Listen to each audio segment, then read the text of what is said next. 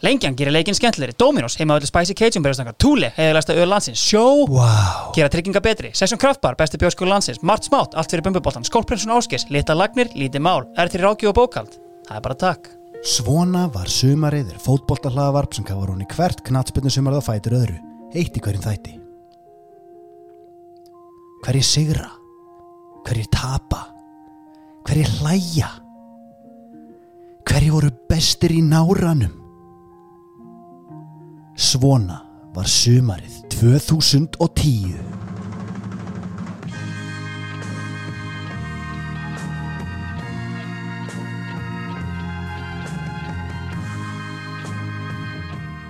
Svona var sumarið 2010, blessaður ári. Sælablesaður, Uh, áður en við vindur okkur í það, uh, okkur er ekkert að vannbúna en að fara bara strax í uh, leiðrættingahotnið uh, á Já. sumurinu. Við erum með sneisa fullan Það þátt. uh, stappfullt, Það er, við höfum engan tíma fyrir eitthvað hérna gerfi chit-chat. Uh, sko, leiðrættingahotnið eru þetta í bóði túle. já, við vorum svo áfjáðar að við urðum að... Ég var löngu búin að opna. Ég, veginn, veist, ég er komin á þriðja hérna og bara, þetta er ekki hægt, sko. Uh, túle eru þetta sá elsti og virtasti. Svo heiðarlegasti. 2,25% uh, ég var á hann í búðinni kefti mér eitt túle og það var svo gott að ég hitti gæjan sem var að sjá um áfyllingarnar það var auðvitað búið að klára allt gallerið var allt horfið og ég er svona að koma og hann er bara rétt búin að fylla í. Það var samt einhvern veginn ískallt þetta var Já. svona draumurinn bara, já, Ég geymdi þennan út í skúr já fyrir þig. þetta er bara allt klárt hérna. Það var helviti gott.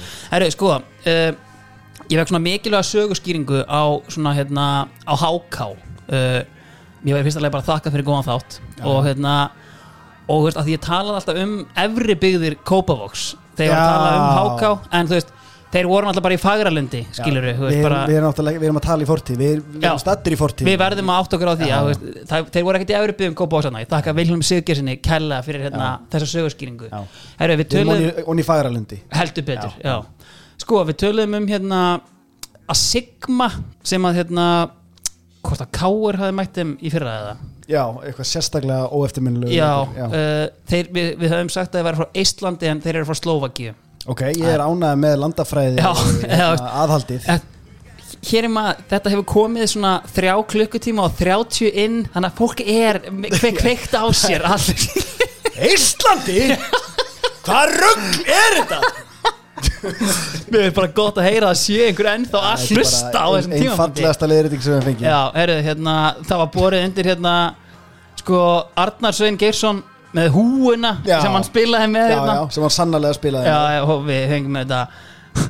Hér er þetta bara hálf sagan sögð.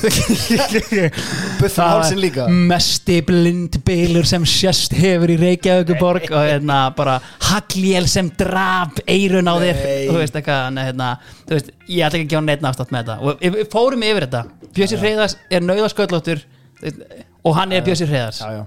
allavega, herru sko, ég fekk sögu fyrir löngu síðan sem ég alltaf glemt að koma að var búin að velja eitthvað moment fyrir það. Uh, misti auðvitað að því momenti Já. en, en ú- ú- ég verði að koma með verður. hérna post frá hérna, miklum höfðingja. Uh, Sveitn Ólafur uh, hann er Magnússon. Uh, hann sendi mér hérna bara takk fyrir góðan þátt.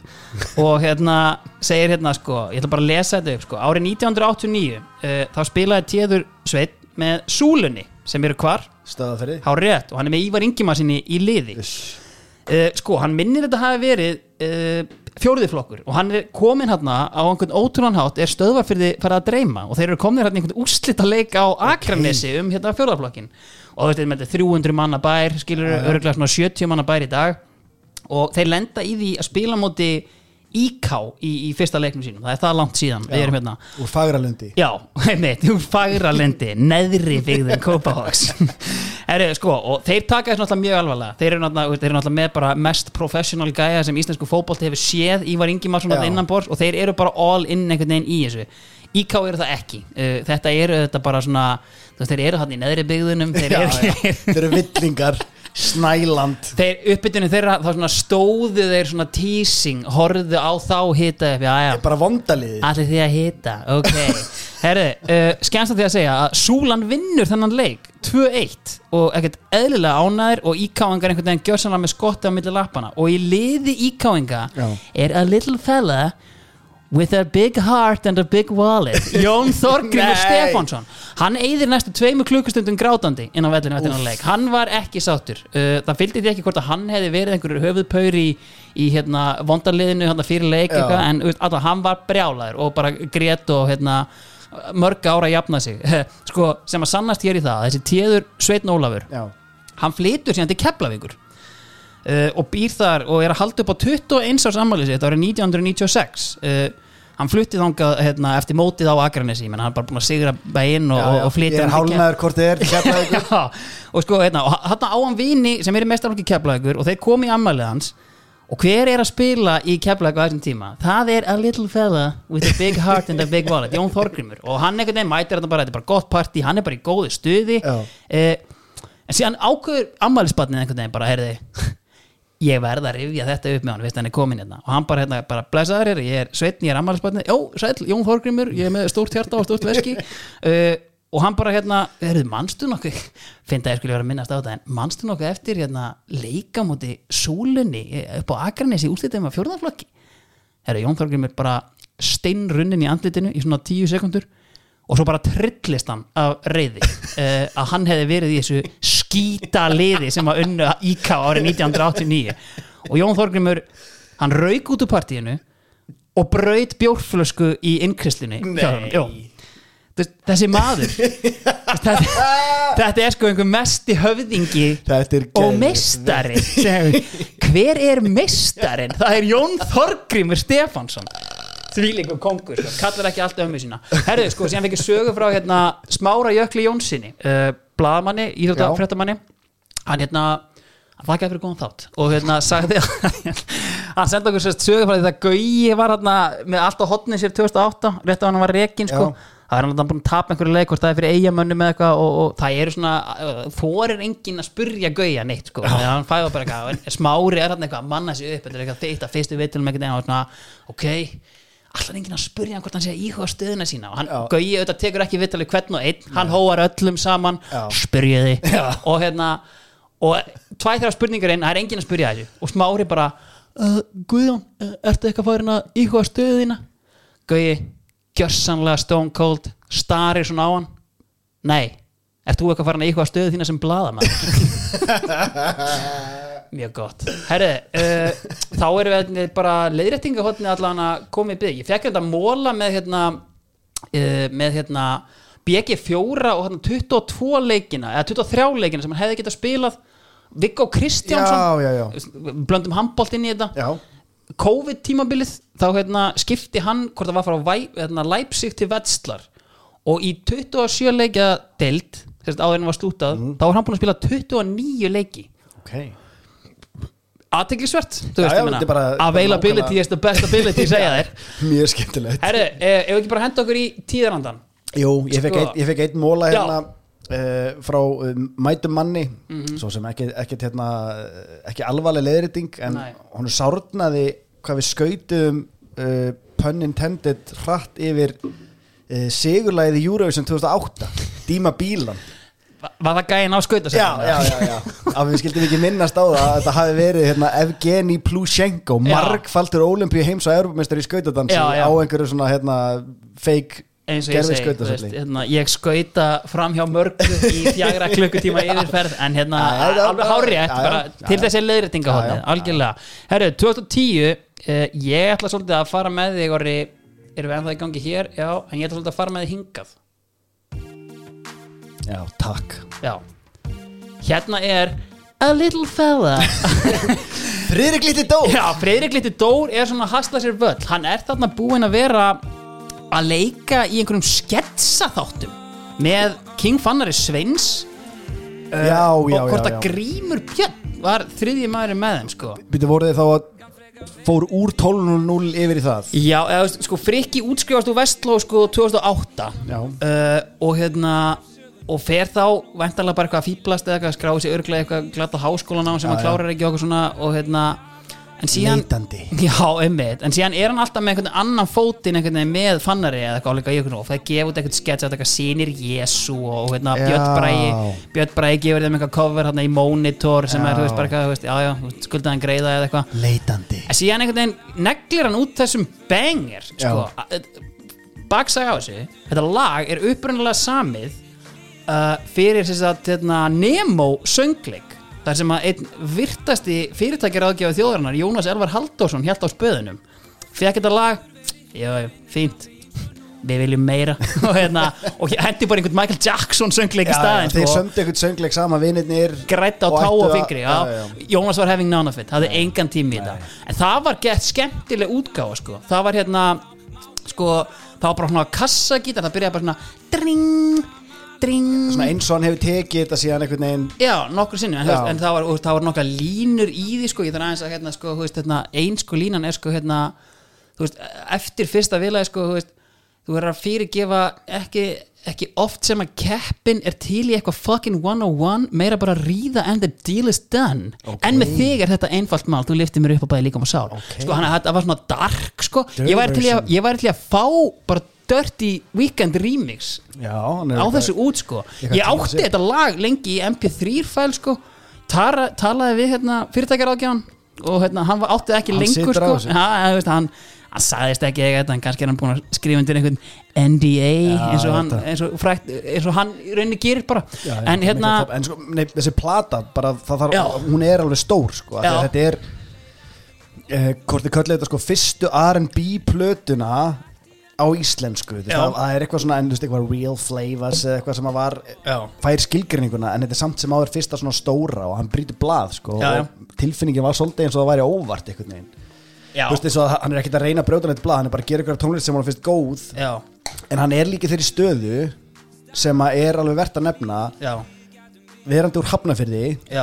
þaðan sem Red Lights hérna, production teimi kemur hafandi verið í Vestló þar sem Stop It Go teimið. Uh, bara hérna hann er með belti og axlabönd hann, hann er með best of both worlds. Hann, hann, er einhvern veginn á milli þessar tveggja turna sem er að fara núna inn í íslenska tónlistarlífið og eru þi, þi, bara eitt hérna, Mhm. production teimi og production teimi er allt í einu markasett sem það. Já. og það hafa bara verið einhverju gaurar í bakarbyggjum sem engi veit hverju eru hinga til. ef ég á að segja eins og er sko veist, ég held að Red Lights veist, gerandi að ég held við myndum ekkert vita hverju Red Lights eitthvað væru ef að þú hefðir ekki fengið Stop It Go bræðuna og, og frendara sæþór í það bara markvisa vinnu Já. að marka setja pródúsera sem bara svona 100%. alvöru dæmi sko. 100% en það voru Red Lights gæðinir þeirra dæmi var að gera bara beats fyrir einhverja rappara Rappara, veist, en, en þeir fá klárlega glóri í gegnum það að, að hérna, fólk fyrir að taka eftir í hver er að búa til lögin Einmitt.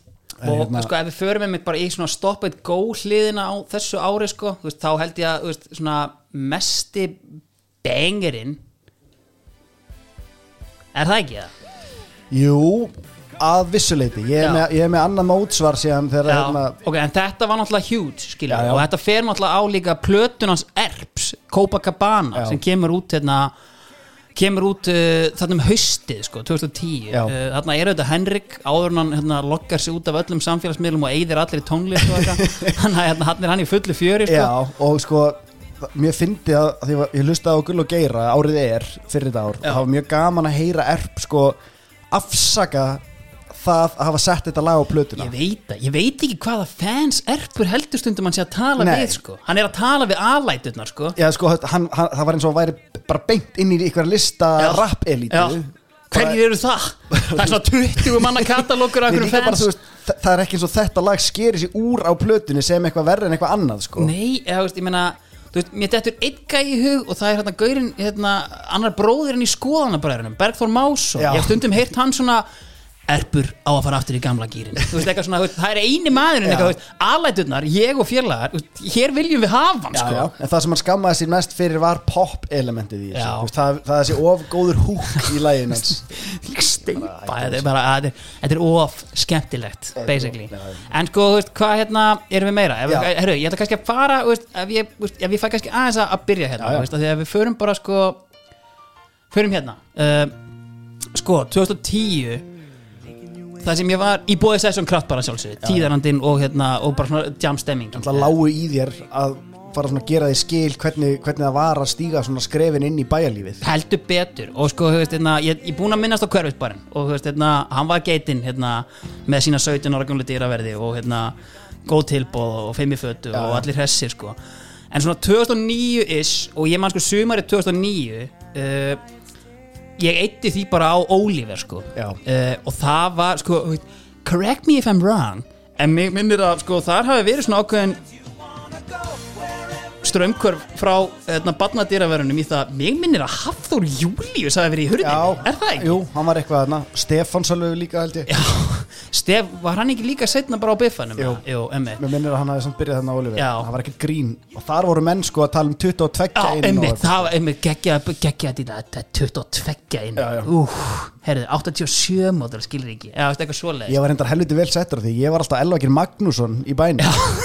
Hann Já, en sko ég man, ég man eftir sko Ég man eftir sko mörgum mómentum á Oliver og hérna, ég man ekki hérna Þetta var alveg svona fótbolta staður Þú veist, þarna voru hérna, þú veist, þarna rakst maður á, á Kjartan Sturluson, Já, Og ég þú veist, Alfreð hitti maður þarna og svona, þetta var, þetta var the shit. Já, ég já. man sko sérstaklega Það var eftir nýji sko, skuggabarinn. Já, ég man eftir hérna, eh, sko, tvær magnaðar sögur. Einn sko þegar ég hérna uh, sko virtasti hérna sjávarútvegs fyrirtækja sali landsins Magnús Já. uh, hann Þetta er hérna ný kynning á hann er- er, ég fekk tilkynning um rýbrand uh, og hérna, einhvern veginn hérna Komið sjávar út vein í þetta já, hann er náttúrulega kongurinn í sjávarútveginum en kemur ekki nálaðt sjó. Nei, hann, er, hann er bara upp á skrifstofu. Ég ætla ekki að tröfla Nei, allavega Sko, hann hérna Það var ótrúlega Á þessum tíma er Magnús, veist, hann er kannski 1.82-3 Hann er svona 65 kíló með skólatöskuna Og á einhverjum mögnuðu mómenti erum við að reyna að sneika okkur hérna inn Alls ekki 22 ára. Nei. Magnús lauma sér inn Sér þarna flýspeysu Oliver. Og bara einhvern veginn Herðu, ég græja þetta bara. Fer í flýspeysuna Kemur síðan út Nikkar hingæjan Ég tek þetta. Hann fer bara, jú, jú. Og Maggi bara, er, strákar, komið hérna Þið þarna, komið hérna. Maður svo skilur ekki hjá okkur. Hleypur okkur svo bara inn Svo bara beint úr flýspeysun og við erum allir konur inn Annað moment, þegar ég sneikaði mér hann á B5 uh, Helgi, B5? Nei, inn á Oliver, Oliver já, já. Helgi Steinn Björnsson, uh, eitt virtasti hvað ég var að segja, spilaútgefandi og, og, og túristi þjóðarinnar Já, Eh, hefur svona, einhvern virtasti veginn- túristi. já, hefur svona Já. sigrað Suður Ameríku í Já. síðust ár hann kendi mér ótrúlegt trikk sem var sér satt sko að hérna, okkur var ekki leift inn hann með þess að eina ári yngri en ég langt frá að vera 22 ára bara, ok, bras uh, Maggi er ekki í flýspeysunni til að finna einhverja laust hérna. Og við sér satt hann segir, græða síkó hann var ekkert að reykja hann vildi bara eiga síkó Já. herri, ok, við græjum síkó og við förum sér satt bakvið sér satt hérna, handan við hotnið þessi staður var notabina sem alveg báski er í dag ef að veist, einhverjir ungir er að hlusta á þetta.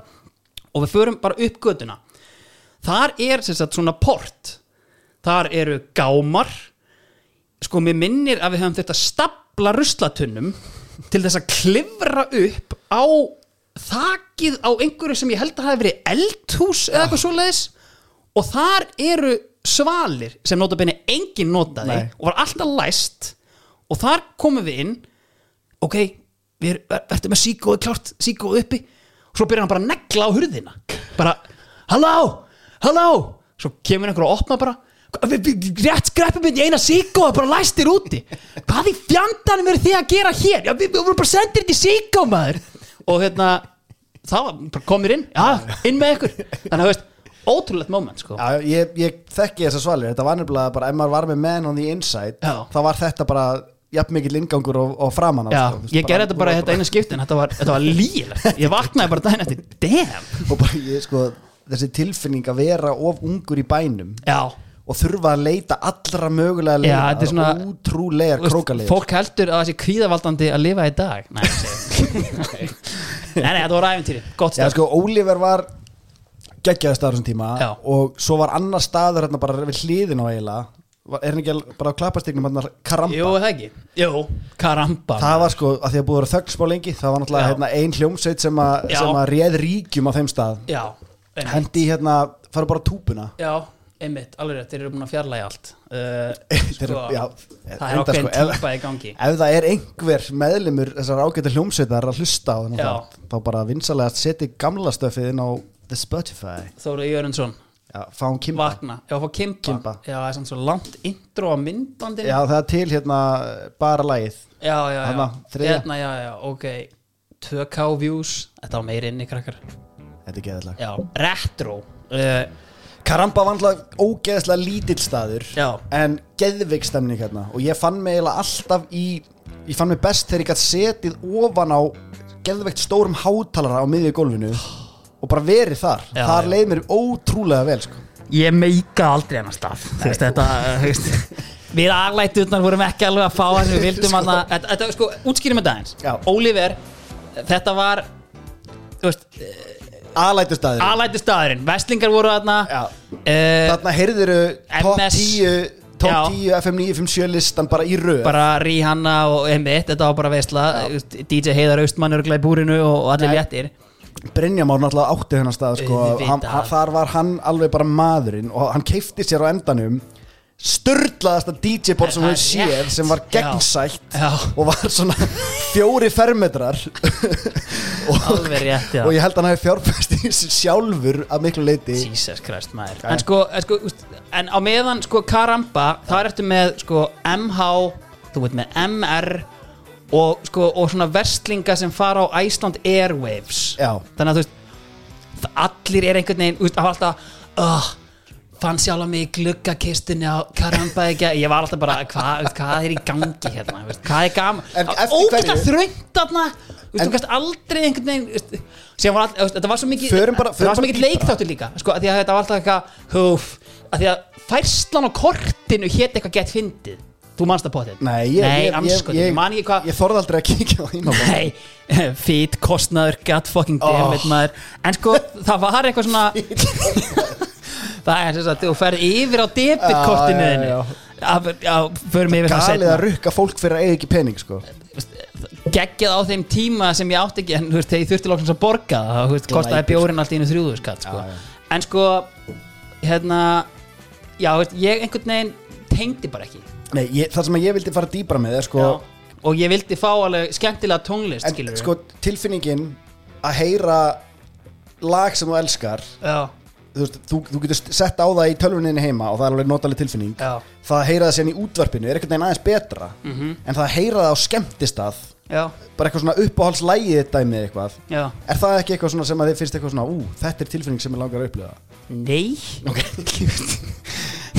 bara ekki vitið þannig að tónlistin er ekki elementi í hvernig þú velið skemmtistað það er Jú, bara eða, ég- ég nenni ekki að hlusta á leiðilega tónlist skilur Ok, ok. Veist, ég, bara, ég, vil, ha, þú veist, ég, vil, ég vil geta þú veist, ég vil geta já, þú veist, lala kalla það getur Já. flautað jafnvel. Já, þú veist, ég meina, hemmi, sungið og tralla, tekið nokkuð spór, en þú veist, það sem var líka gott heyri lag í fyrsta skipti en þú kemur samt sterkur inn í öðru viðlagi að það er nógu einfalt en, en þú veist, hlustaði líka á sjálf hvað það segir, því var svo gott að geta sest ofan á einhvern hátalara Já. Það sem var gott í Oliver var, það var bara dansgólf og svo var hægt að sitja annar staðar, Já. þannig að þú veist, það, þar var steinum velt uh, og hérna hitti til dæmis velti nokkrum steinum einu svona eftirminnilega með hérna Viggo Davíð Brím fyrir um þjálfara hjá FH og annað sko, en sko, láta sjá sjá, sjá mig og sjá aðra. Og þú veist eitthvað, þú veist, ég meina jújú, jú, kongarnir í plastinu uh, Brynjólfur Stefánsson og Björn Blúmenstein Já, já. þú veist, let ekki grípa, grípa sig sko, veist, kalta inn á Oliver sko. Nei, nei. þeir voru allan daginn inn á hérna,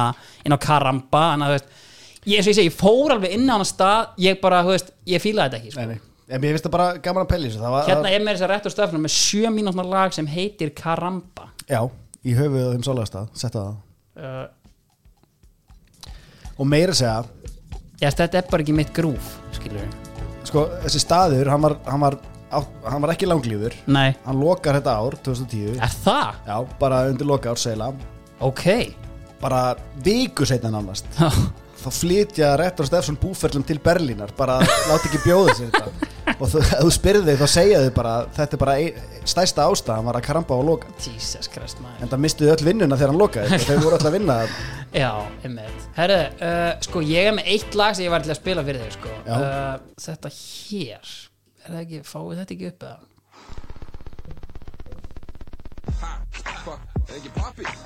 Já, þarna kemur með þriðja skemmtistæðin inn í þetta. Já, sem var mjög heitur þarna og alltaf er það ennþá. Já. mjög langlífur. Priggið Já. Já, Það, Þetta maður tók alltaf eitt ring á prigginu sko. Já, eða, það gerði ég ekki. En veist, hérna, Nei, ok. ég var bara ekkert er velkomin náttúrulega- þar. Nei, veist, ég, ég- Það er líka annað, skilur uh, Ég var ákveðin típa uh, eins og einhver Ég var ekki allra. Veist, ég, var bara, veist, þarna á þessum tíma Þá er hérna, bara svo Ég setjast hérna á sálfræðibekkin hjá þér Þá, sko, árinu áður, þarna haustið 2009 Já.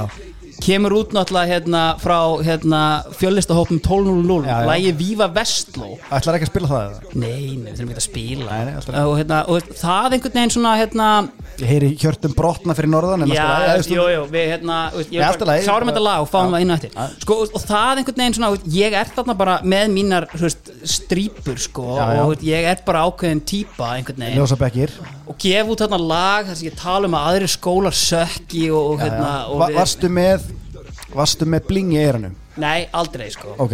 Uh, ég dró línuna við bleika pólóbóli uh, ég átti svona bleik röndótta pólópeysu, bleik Já. og græn. Það var svona eiginlega mín uppáhaldsflík. Ok.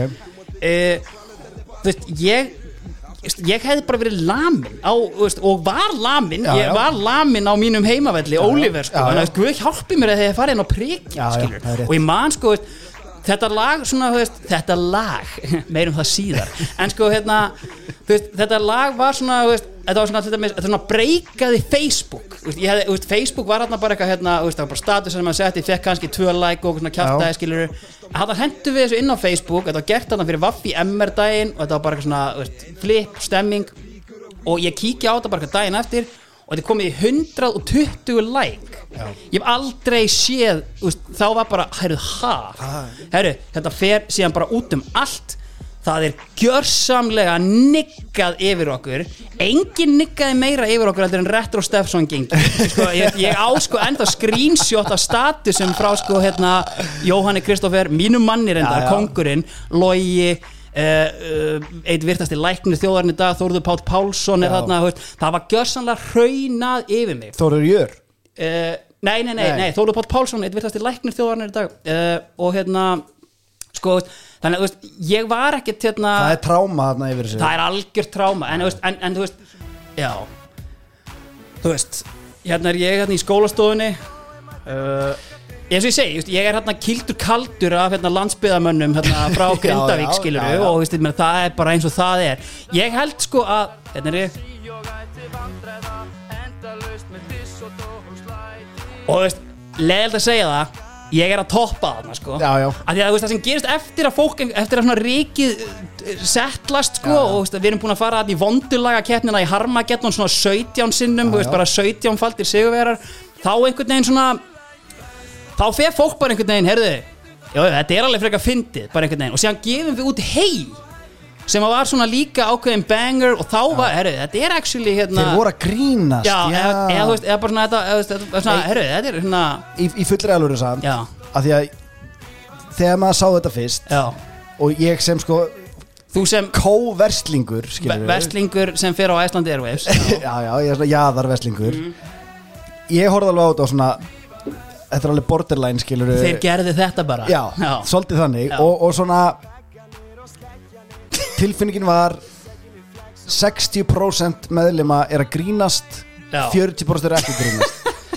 Og bara þekkjandi mennina skilur Já, já. skilur en, en, og það var svona hérna og ég held að flestir sem sáu þetta fyrst skipt sem sáu þetta hafi haldið að vera ekki grínast. Þess að það væri bara hróki og svona hérna auðvitað er þetta yfir náttúrulegur hróki en þú veist, hérna, en þú veist en, ég meina, with a comic value að einhverju tægi, skilur og ég meina, þetta er gert á, skilur Vaffi MR degið sem snýst bara um hróka, sko. e- e- þetta var svona áður en að fólk áður en að hlutir eruðu væral þetta átti aldrei að verða Nei, væral þetta átti aldrei að vera væral og, hérna, þetta var, lokal grín sem að fór síðan væral og við höfum séð þetta gerast miljónsunum síðan. Já, en það sem, það sem þetta gerði samt sem áður svo við törum nú um hérna og segwayum já, takk. Segway.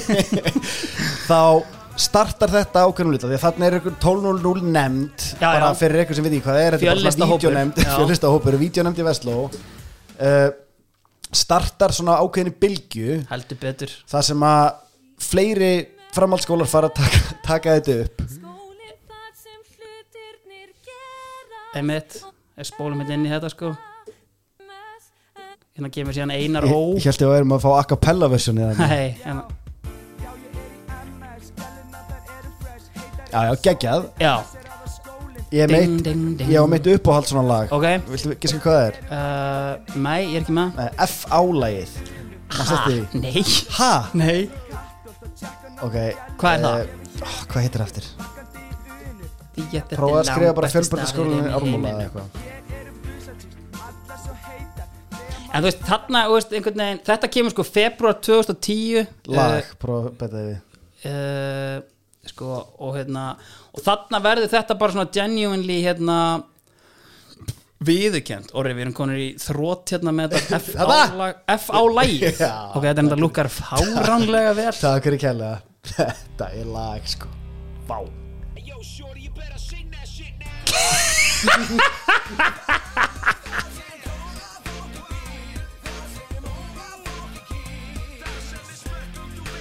Þekkjum við einhverja menn í þessum myndbandi eða? Því miður, ég hef leitað Já En þú veist, F-á er náttúrulega bara þú veist, Þetta lukkar náttúrulega bara eins og gamalt fólk Eða skilur bara fólk með okk eða- Þetta er Ég sé að þetta er Þetta með er í mjög eldri pix, kantinum. Þetta er með pixla vídeo en þú veist Þetta er geðvikt Já, þetta er ruglalega sko. Herru, höfum þetta bara undir Já. Sko, en þú veist, allan Ég er búin að Segwayið lengra Já, sorry. ok, já hérna, það, það er ekki, ba- Þetta er ekki bara áhrifin Nei. Heldur, heldur uh, Er að koma í loft Að fara í loftið á sama ári 2010 Sjónvastáttur mm. uh, að Því að Steindi Er var að starta Steindin okkar Já. Hann var búinn að vera með eitthvað sketsa þætti Og eins og ég skil þetta Og ég held ég sé að fara rétt með Hann sá basically 12.0 eins og þið voru að gera þetta það Gefa þarna hei og þessi lög. Það rétt Og hann hefur bara samband bara, heyrði, Mér langar að hafa svona lög í mínum þáttum. Já þetta er rétt. Og hann heyrir í áskeri og fyrsta lagið sem hann, ég held að það er fyrsta lagið sem að er í steinda þætti. Þetta er ekki fyrsta lagið Þarna er sko en það er alltaf fyrsta lagið sem að gjössalega sprengir já, þetta er bara sko. á FM sko daginn eftir Já. og bara ég er að hlusta á þetta í vinnun upp í helliseðavirkjun bara hérna þvílíkt og bara Já. gæinn á gröfunni Valdimar Gunnar Baldursson bara þvílíkt léttur með þetta bara, en síðan kom það já, já félagi minn er með honum í þessu Varst þú eitthvað með honum í þessu meimbanda kjafta þarna frá vestunarskólanum? Sko, ég held að steindi sko, eins kurteist og er af honum að hérna, spurja og stela konseptinu þannig að bara hérna, fá, fá konseptið ekki lána heldur bara svona má ég gera þetta hérna á aðeins stærri skala? Já, Steindi kom líka einhver sketsa hjá okkur sko. Já, og bara hérna, ger, gerði þetta 12.0. eins mikil toppmaður og hann Já. er bara eins, eins snirtilega hægt er Já. en hjálpaði rosalega mikið til að svona ytta oddin af hatrinu Já. með því að taka ásker með sér inn í þetta og einhvern veginn svona klappunum og kollin með því að hafa hann með í þessu, það var allavega mín tilfinning. Sammála því. Og, og svolítið svona restis history með þetta konsept að vera með grínlag. Því að þú veist, við erum basically með hérna latta og svo Hún er of feit fyrir eigðmerku göngu og svo þetta. Ef, er, ef það er eitthvað hérna á milli þá bara hérna hendið í algjörlega. Gott koncept, heyrðu, tíðarandi það er að næga að taka Já, ég er nefnilega hérna uh, sökti mér í miðlana. Já, fyrir ekki, já, Já. já. Og uh, þar er augljóst að við erum ennþá í uppgjöri sem þjóð. Já, já, og það er bara þú veist, endalaust af fyrirsögnum og forsíðum með öllum þessum orðum sem að faktist triggerið mig bara í dag. Eitthvað hérna milestone og vapningur og Lee Buchheit og Eva Jolie Já, og það er einmitt, sko- Altani sko, og ég vil, Bakkavör ég vil eiginlega segja A little fella called Eva Jolie Lee litli Buchheit Hvað var hún aftur? Hún var einhver svona Var hún ekki eitthvað fyrir alþjóða galdir í sjórin? Einhver, hérna, Jú. einhver, hérna, einhver rannsakandi þar eitthvað Kemur hann inn óháður rannsakandi frá alþjóða galdir Eða eitthvað, æ, man ekki nákvæmlega hvað Já, það var. hún, hún, það Eða er hvort eitthvað hún var bara frá svoleiðis. Interpol eða eitthvað þú veist, Hún, hún, allavega kemur til þess að hjálpa til við sakfellingar, eða sérst hvernig fáum við Já, hvernig, Óla hvernig Spes. Hvernig getum við hent þessum mönnum öllum í fangelsi? Já, Það er. Það er annar mál, en ok, Já, já, einmitt. Og hérna, og Lee, litli Búkhætt hann kemur sem sko einhver svona samningameistari til þess að lenda æsefdílum og fær eitthvað hundra tilröður til áður en að Óla Örn Grímsson segir næ, næ, næ, næ, næ, næ, næ. En sko, er þetta ekki, það er mögulega er aðeins fyrir, mann hvort við vorum búin að tala um það en hérna viðtalið sem Ólaður Ragnar fyrir erum við búin að tala um það eða? Ertu að tala um þegar hann hérna Jarðaði einhvern Við- breskan já, við tókum það í Já, ok, 2008 ok, næsta mál, já, halda áfram. Uh, Nei, nei, þetta voru bara nokkuð trekkar Já, já, sko. já, en hérna, mér langaði nefnilega að fara sem minnst í þetta bara þú veist, þetta uppgjör er í gangi Já, það er alltaf lægi að ekki- hafa það svona í já, huga. Já, það er alveg kreppa hérna ennþá. Já, já, já, og sko, er, ég massíft. fekk alveg móla hérna með þetta sko, þú veist, hérna, Quizard hérna, Elias Karl hérna, Já. uh, hann sendi sko bara á mig þú veist, hérna, þú veist, takk fyrir góðan þátt. Og hérna og, og segi, hann svona, veist, bara það sem kristallar þetta best er skilur bara hérna, góðæri og þetta, úslitin hérna, mastu, við vorum, Vestló var í undan úslitin 2008 vetragarðurinn við erum að tala um getur betur. Já, við erum að já, já, já, betur. Vestló er í undanástum 2008 það er, það er smekkfullur vetragarður Já. það er bara rífandi stemming uh, og það er sem, úst, er bara þúsund áhorvendur. Berlunin fyrir Sigurlið var ferð fyrir 5 með Æslandi er til Berlínar og kreditkortur á kaupþing með 30 skrona innig 2009, það er búið að henda þessi inn í eitthvað myndver 100 manns og það er 20.000 króna gjafabref með Æsland Express. Þú veist, og síðan einhvern veginn svona, þú veist, 2010 þú veist, það er einhver uppleið sko, þú veist, þarna er sko, en, en þú veist, getum við ekki kredita að mörguleiti uppleiðinni uh, I just felt like it's cool?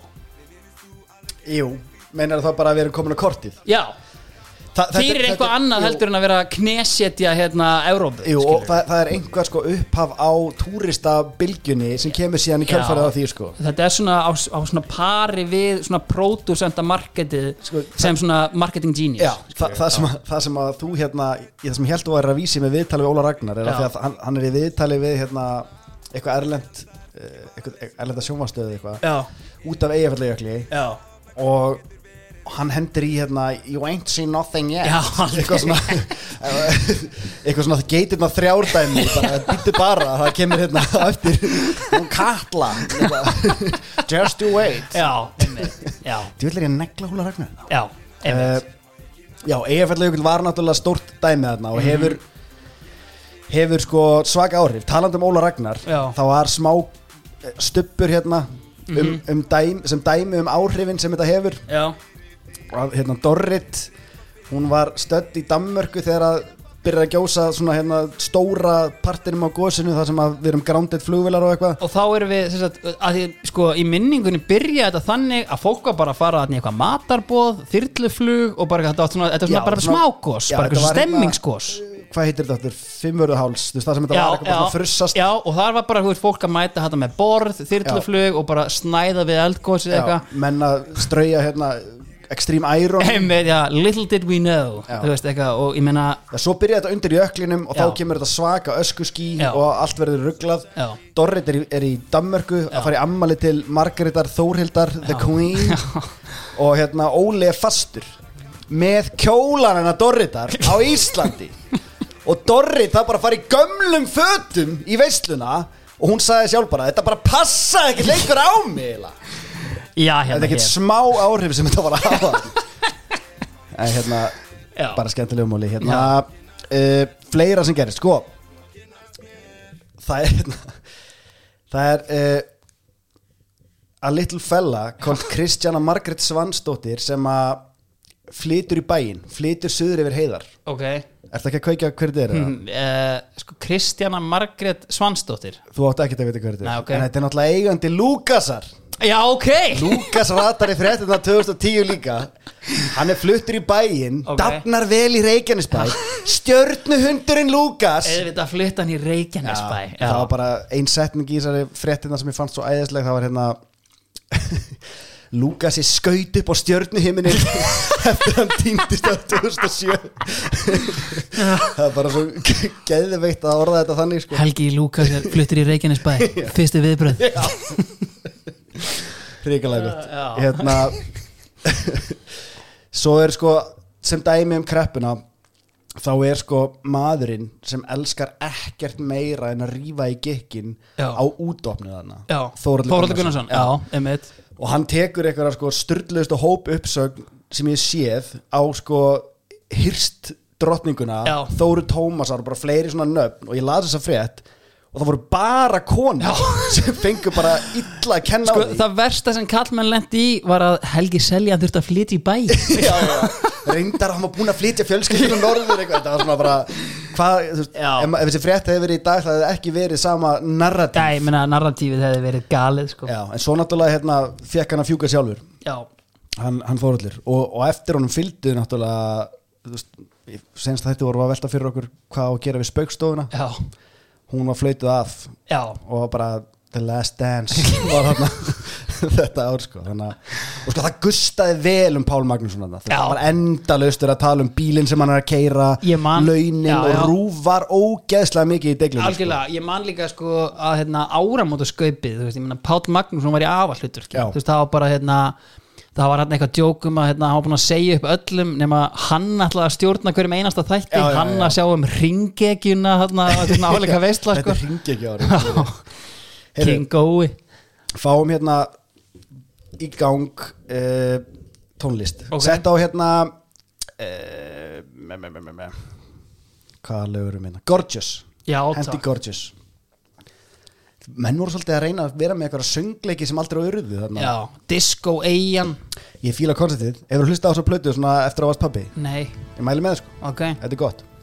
Sko þetta eru þetta hérna uh, Memphis Mafian uh, okkar besti maður, Bræði Valdimar Já, já. Uh, sem að hérna hann semur þetta lag og textan já, já. Uh, og er allt í öllu í allri tónlistar sköpun einhvern veginn Já, síðan. það er mjög svona raka inn stefgjöldum og hann er svo mikill mistari í alla þessa texta sko. það er ótrúlegt. Heyrðu, fleira, já, það er hérna uh, ný hetja sem verður svolítið til hérna á þessum tíma. Það er hún Kristrún Ösp. Algjörlega, já. Og hún svona poppar upp sem fyrirsæta já, hversu sé og heyrt stúlka Já, einhver svona veist, ég man ekki hvort hún var í Ungur Íslandi eða hvað það er sko. ég held ekki, hún er frá Akureyri sko. Já, AK hún, Legend. hún kemst sko mest í fréttunar þarna fyrir samband sitt við Dwight, Dwight York, já. og það er náttúrulega enn einn meistarinn sem við erum að fá í, í tengda heldur svona myndi sko. Tyson, minn uppáhalds já, tengdasonur er hashtag þinn York. já, það er semlega Dwight York. En það sem er áhugavert er að hún, hún sko er fréttina það sem hún er sko að kynna einhvern svona viðskipta díl hún er rosa mikið að reyna að fá hérna fólk til þess að kaupa sig inn í eitthvað sem heitir Yugo. Já. Og fólk er svona já, er þetta, þetta pí, píramítasvindl eða ekki? Og hún svona ég held, ég held að þetta sé öðruvísi sko. þetta er ekki kynnt sem eitthvað sérst að píramítakerfi en þú veist svo lýsir hún píramítakerfi þetta er bara svona we've seen it before, we've been here We've been before here before. þannig að mér fannst það áhugavert uh, Hún er bara eitthvað, er hún ekki bara jafngumil þér eða eitthvað? Hún er bara tvítu að eða eitthvað? Jorkarinn, what a dog. Já. Hann er sko, Jorkarinn er örgulega sko 70 og eitt. Er það ekki bara, eitthvað álíka? eða eldri, 60 Nei, hann er, hann er, 70, Já, hann er samlega 71, hann er örgulega komið til United svona 27-28 ára, Já. skilur við Já, einmitt. Sko það sem að mér fannst áhugaverðast sem að þau tvö voru að bjóða okkur upp á þarna þetta ár er sko frétt hérna uh, Ástfangin York setur afarkosti. Já, ok, hann var það ástfangin og þá er það bara staðan. Og hún er að tala við blaðamann uh, um þetta allt saman Já. bara, þú veist, og er rosalega hreinskilin Mhm. og basically segir bara sko, þetta er eiginlega þannig að hann vill að ég flytja út til sín og bara by- við byrjum saman og Já. allt þetta ég er ekkit alveg viss hvort ég vilji það en og, og svo er náttúrulega alveg í stöðinu fyrir mig að flytja bara út og halda áfram sambandinu eins og það er og vera bara þú veist eiga e, e, e, heima þarna úti og það er fullt af mögulegum fyrir mig þarna úti og eitthvað svona og eftir því sem ég les meira af þessari frétt þá er ég bara af hverju eru við svona djúft inn í þessu samtali? Þarf þú ekki að ringi Dwight og vera að ræða þessu hluti? Af hverju Hún er basically bara leggjast á sófan hjá einhverjum blaðamanni já, bara já, sálgrænir bara hérna, þú veist, þetta, er- þetta, er- þetta er staðan. Hvað á ég að gera Já, hérna? og þetta var bara svo innilega djúft inn í þessu Getur og, þjóðin hjálpa mér? og, já, getur við lagt þetta spyrja vinn Já, Getur Ólafur Ragnar kannski vísa þessu til þjóðurna 27. greinin eða hvað það var. Þetta var bara það var svona eitthvað sem að já, þetta var bara of mikið fyrir mig. Já, já, algjörlega. Herru, svo var einn skemmtileg greinin það og ro- rosa mikla pælingar. Sko eftir, að, eftir þetta hrun þá er náttúrulega svona þessi þetta innilega vantraust sem að hérna ríkir. Já, og ógeðslega fyndin hugmynd sem ég heyrði ykkur tíma hérna í ykkurum hérna ykkur ölæði já, frá mjög fyndnum manni. Mhm.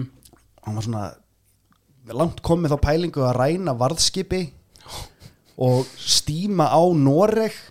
Já, og bara svona lýsa, bara svona aggressíft já, og um leið og norski herin mætir þarna þá bara, við uppgefur, við uppgefur og þá er einhvern veginn Noregur búin að Já. öðlast valdi yfir Íslandi að Já. við erum eiginlega búin að gefast upp í Taka stríði okkur við þá. yfir. Já, Já, það er svona já. fyrst, allavega það er ein hérna, eitthvað norræn samtök sem er að, að berjast fyrir saminningu Norðurlanda Já, þetta er já, eitthvað, já. þetta er eitthvað stór frétt þetta var alveg svona þú veist, narratífið einhvern veginn á sko hérna, þú veist eitthvað hérna af hverju vorum að fara frá dönum? Mm. við eigum ekkert skilið. Veist svona, það var alveg hérna það var virkur brandari sem virkaði vel fyrir fólk einhvern veginn. Það sem ég fannst samt mjög skemmtilegt við þessa tilteknum frétt mm.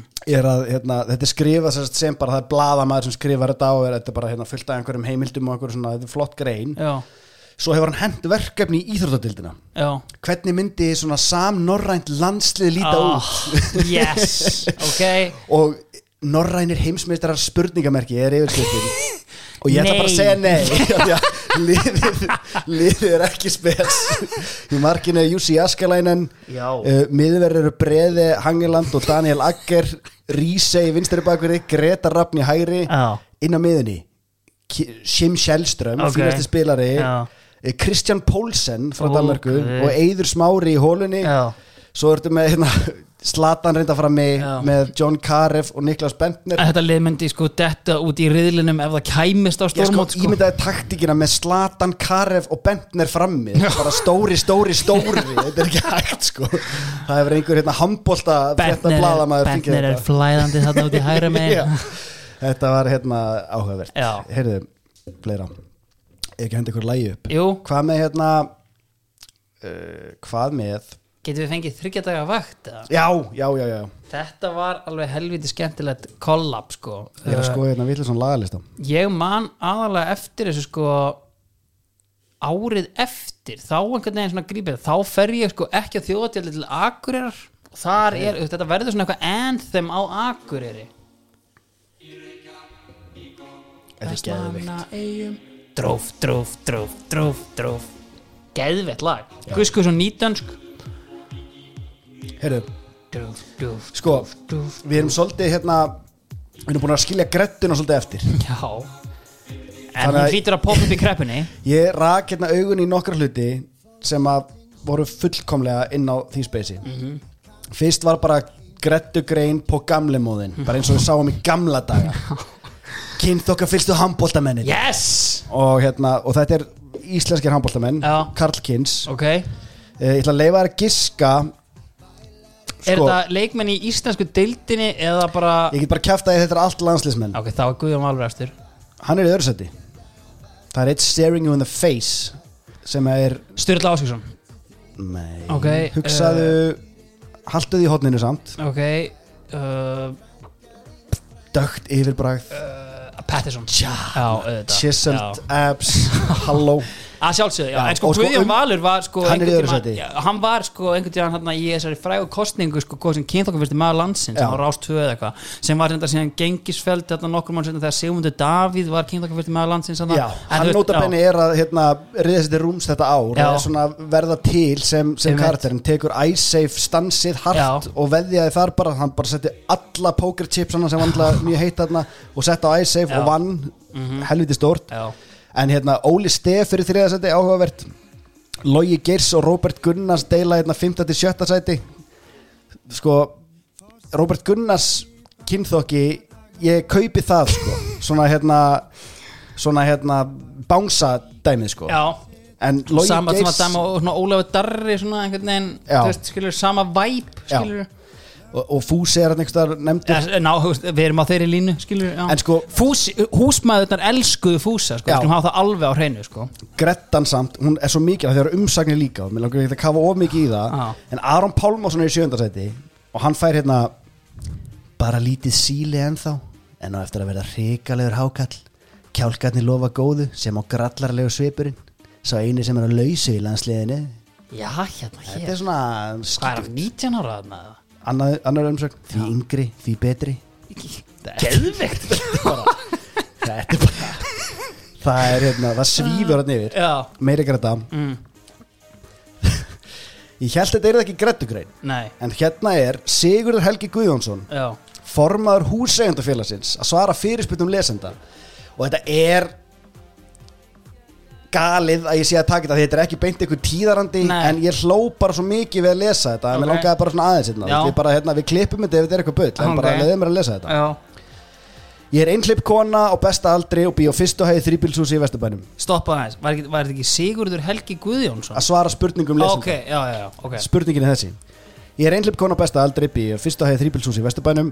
Síðastlegi vor keiftu risaðina ung hjón sem hafa valdið mér ónæði með kynlífsljóðum Ég hef reynd að tala við þau en þau hæða mig og reyta í mig ónótum segja mig öfund sjúka og sínöldrandi piparjóngu og þau séu fullum rétti og mér kom ekki við hvað þau gerir sinni íbúð segja þau í njúsnum ástalíf þeirra til að bæta upp vesæld mína í þeim efnum Þetta fólk stundar ástarleiki með þvílíkum ópum og látum að það hálfa væri nóg. Þetta eru öskur og vein af ómennskum toga. Ég fengi fólk til að hlusta á ósköpin og hefur enginn heyrt annaðins. Gestkomandi börn held að vera að vera að slíta í sundur kött. Ég tek fram að ég er frjálslind og, og pjattlaus í kynferðismálum en það ekki alveg syndlaus sjálf. Ég hef átt mína spretti og var forðum í mentaskólanum við tjötnina hvað í fjandanum sem það þýðir. Ég spyr hver er réttur minn? Þarf ég þegjand að búa við þetta og þóla vera nánast nauðug viljug dregin inn í hjónalífa sem fólks? Og okkar maður hann, hann lítur út eins og sökudólkur í þessum bankamálum. Hann er, svona, hann, er, hann er mjög svona í eldri kantinum Ok. að segja þessi maður. Uh, það er margt sem bendir til að kynlíf sé, stund, sé stundað í allríku mæli í fjölagnarhúsum og hefur verið svo frá öðli alda. Réttur fólks í því efni er álitin sjálfsæður hluti af eignaráðum þess og er venju helgaður Megin reglan er svo að fólk má stunda kynlíf í íbúðum sínum og það jafnvel með tilþrifum og þarf hvorki að fá til þess leifi nýja að standa no, no, nokkur um reikningsskap gerða sinna. Á móti kemur réttur annara íbúa húsins til næðis og friðar til að þurfa ekki nauðugt viljugt að vera áheyrna fulltrúar að kynlífsbröldi nákarna sinna. tvítryggir sig þarna Já. Hávært kynlíf í fjölbíli er eitt gleggsta dæmið um að það, er ein, það sem er einum til ánæg og indis getur fyrir öðrum til og leiðinda. Þetta eru oftast óþægileg feimnismál sem grannar veigra sig við að kvart yfir. Og það er afstætt í tíma og rúmi hvað má og má ekki og hvað er viðeigandi og eld þannig að komin í einhverja algjöra þvælu. Já. Þetta svar er nota bennið talsvöld lengra það sem að hérna það sem að hann kemur sér inn og er hérna einhverja öfgar og náttúruhamfarir uh, og svo hérna tekur hann dæmi. Uh, það sem hann basic bara fer yfir, yfir þetta hérna uh, grúndíkt Já, uh, safaríkasta málið af þessum toga er óp og stunumál í Kópavogi sem kom upp fyrir hálfum öðrum áratug og allir því að þjóðin stóð á öndinni yfir lýsingum fólks á rekkjulátum nágrana ástarleikinni voru þrýra dag og stóðu í þrjá tíma hver og hafði verið svo í sjö mánuði áður en að sambilsfólki bugaðist.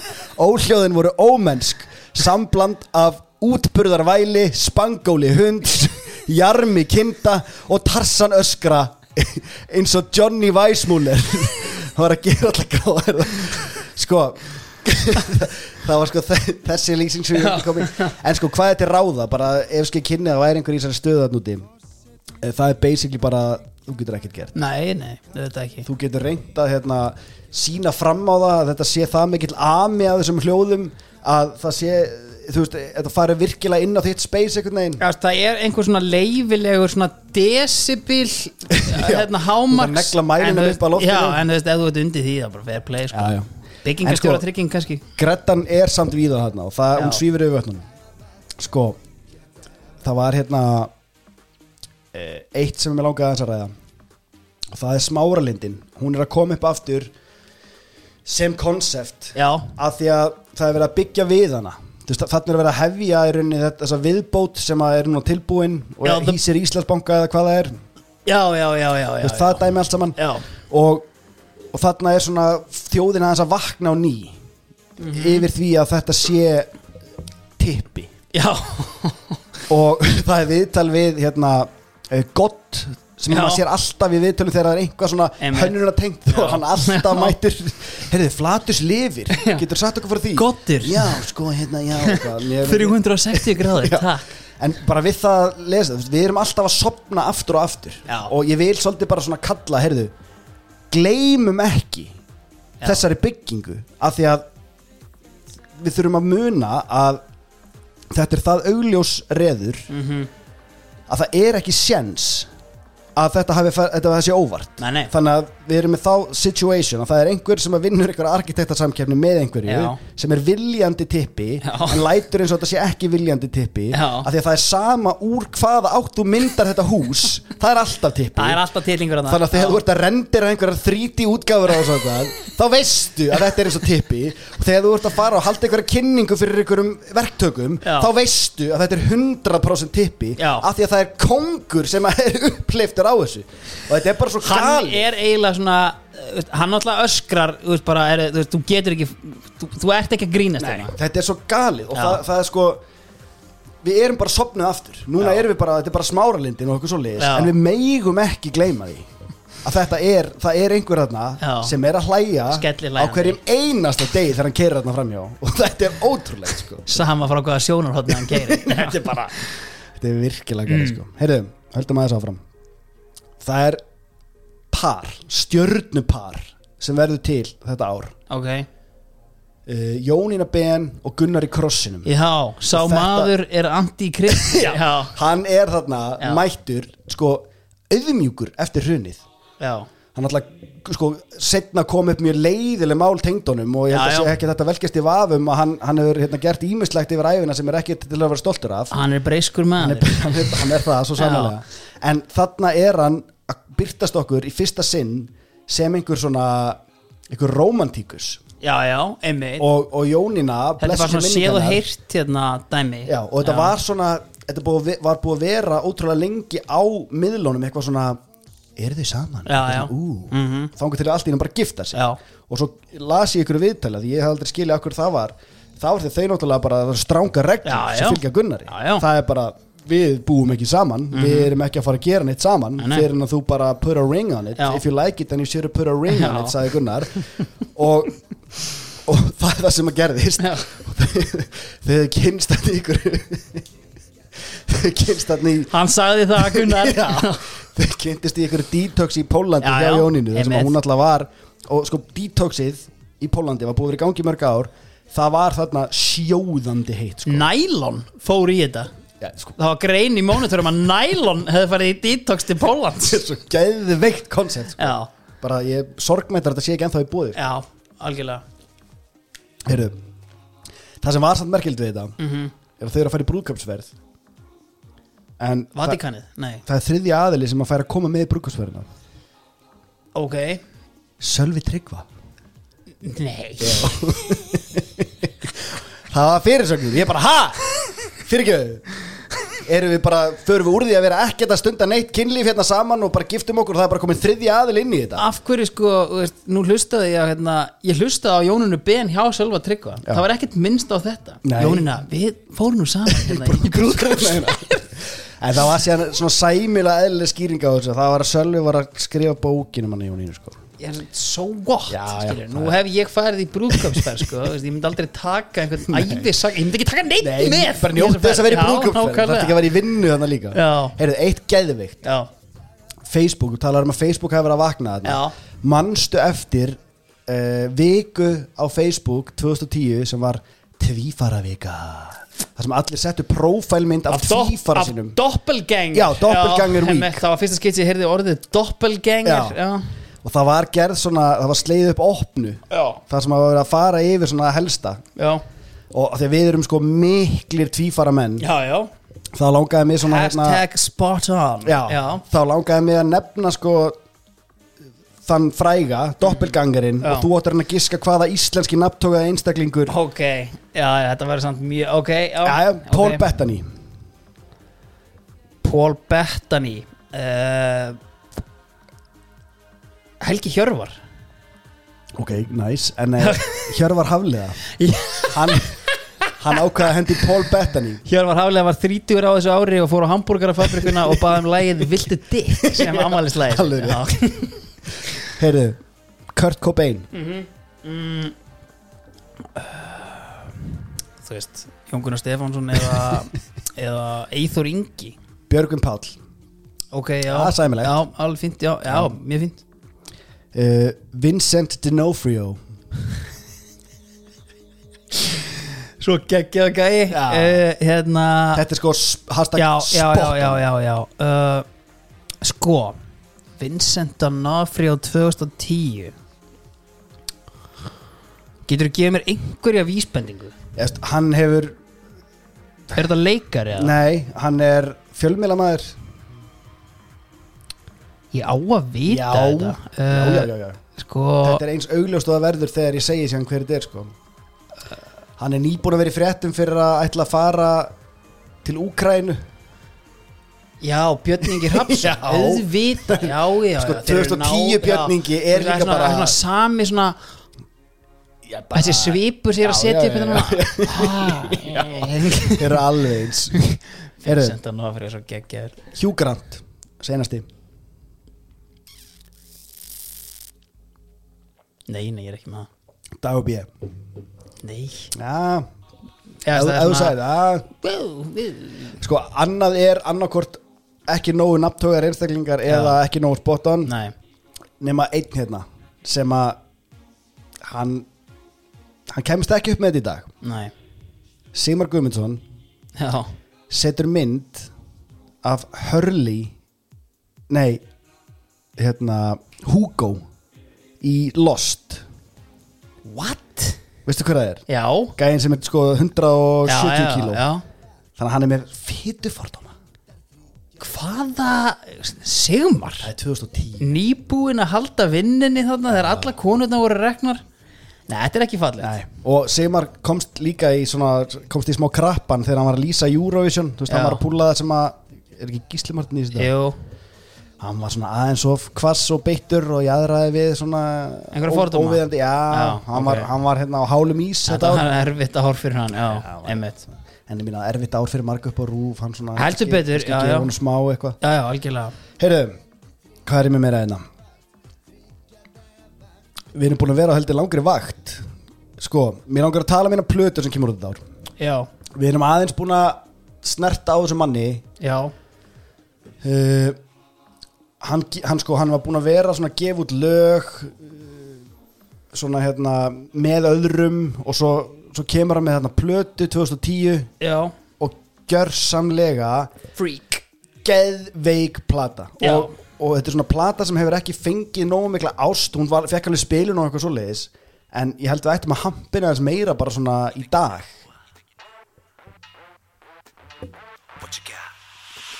Og þetta er auðvitað Haffi Haff og sko eins og þetta lag. Jealousy. Það er ekkert lag sem fær mig meira til þess að vilja lappa mjög ákveðið Inn á Oliver. og svona strötta. Já, er fólk sæja okkur núna sko. Við erum í gýr sko. En þetta sko, er geggjað. já, og þessi plata, við vorum eitthvað að ræða hana og þú svona, já, þetta er hérna One Hit Wonder, Já. hérna eitthvað eitt lag. Boy was I wrong. Já, þegar maður fyrir að skoða í þetta Já.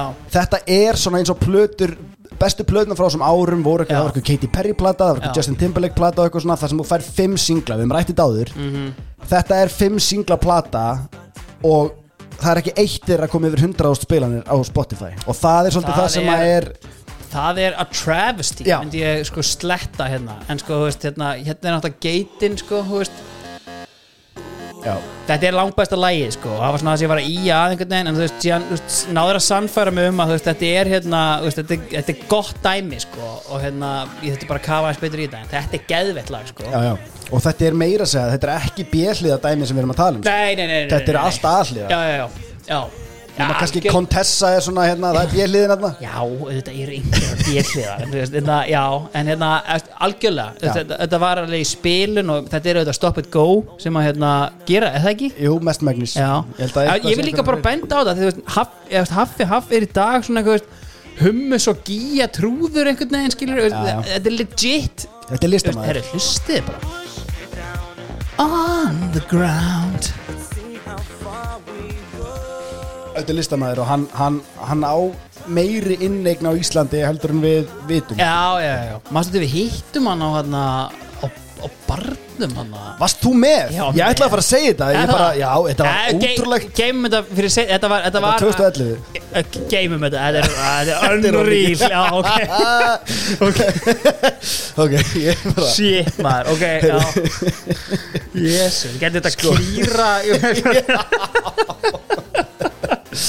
ok, ok, já, geymum Hérna- þetta já. sko fuck me man.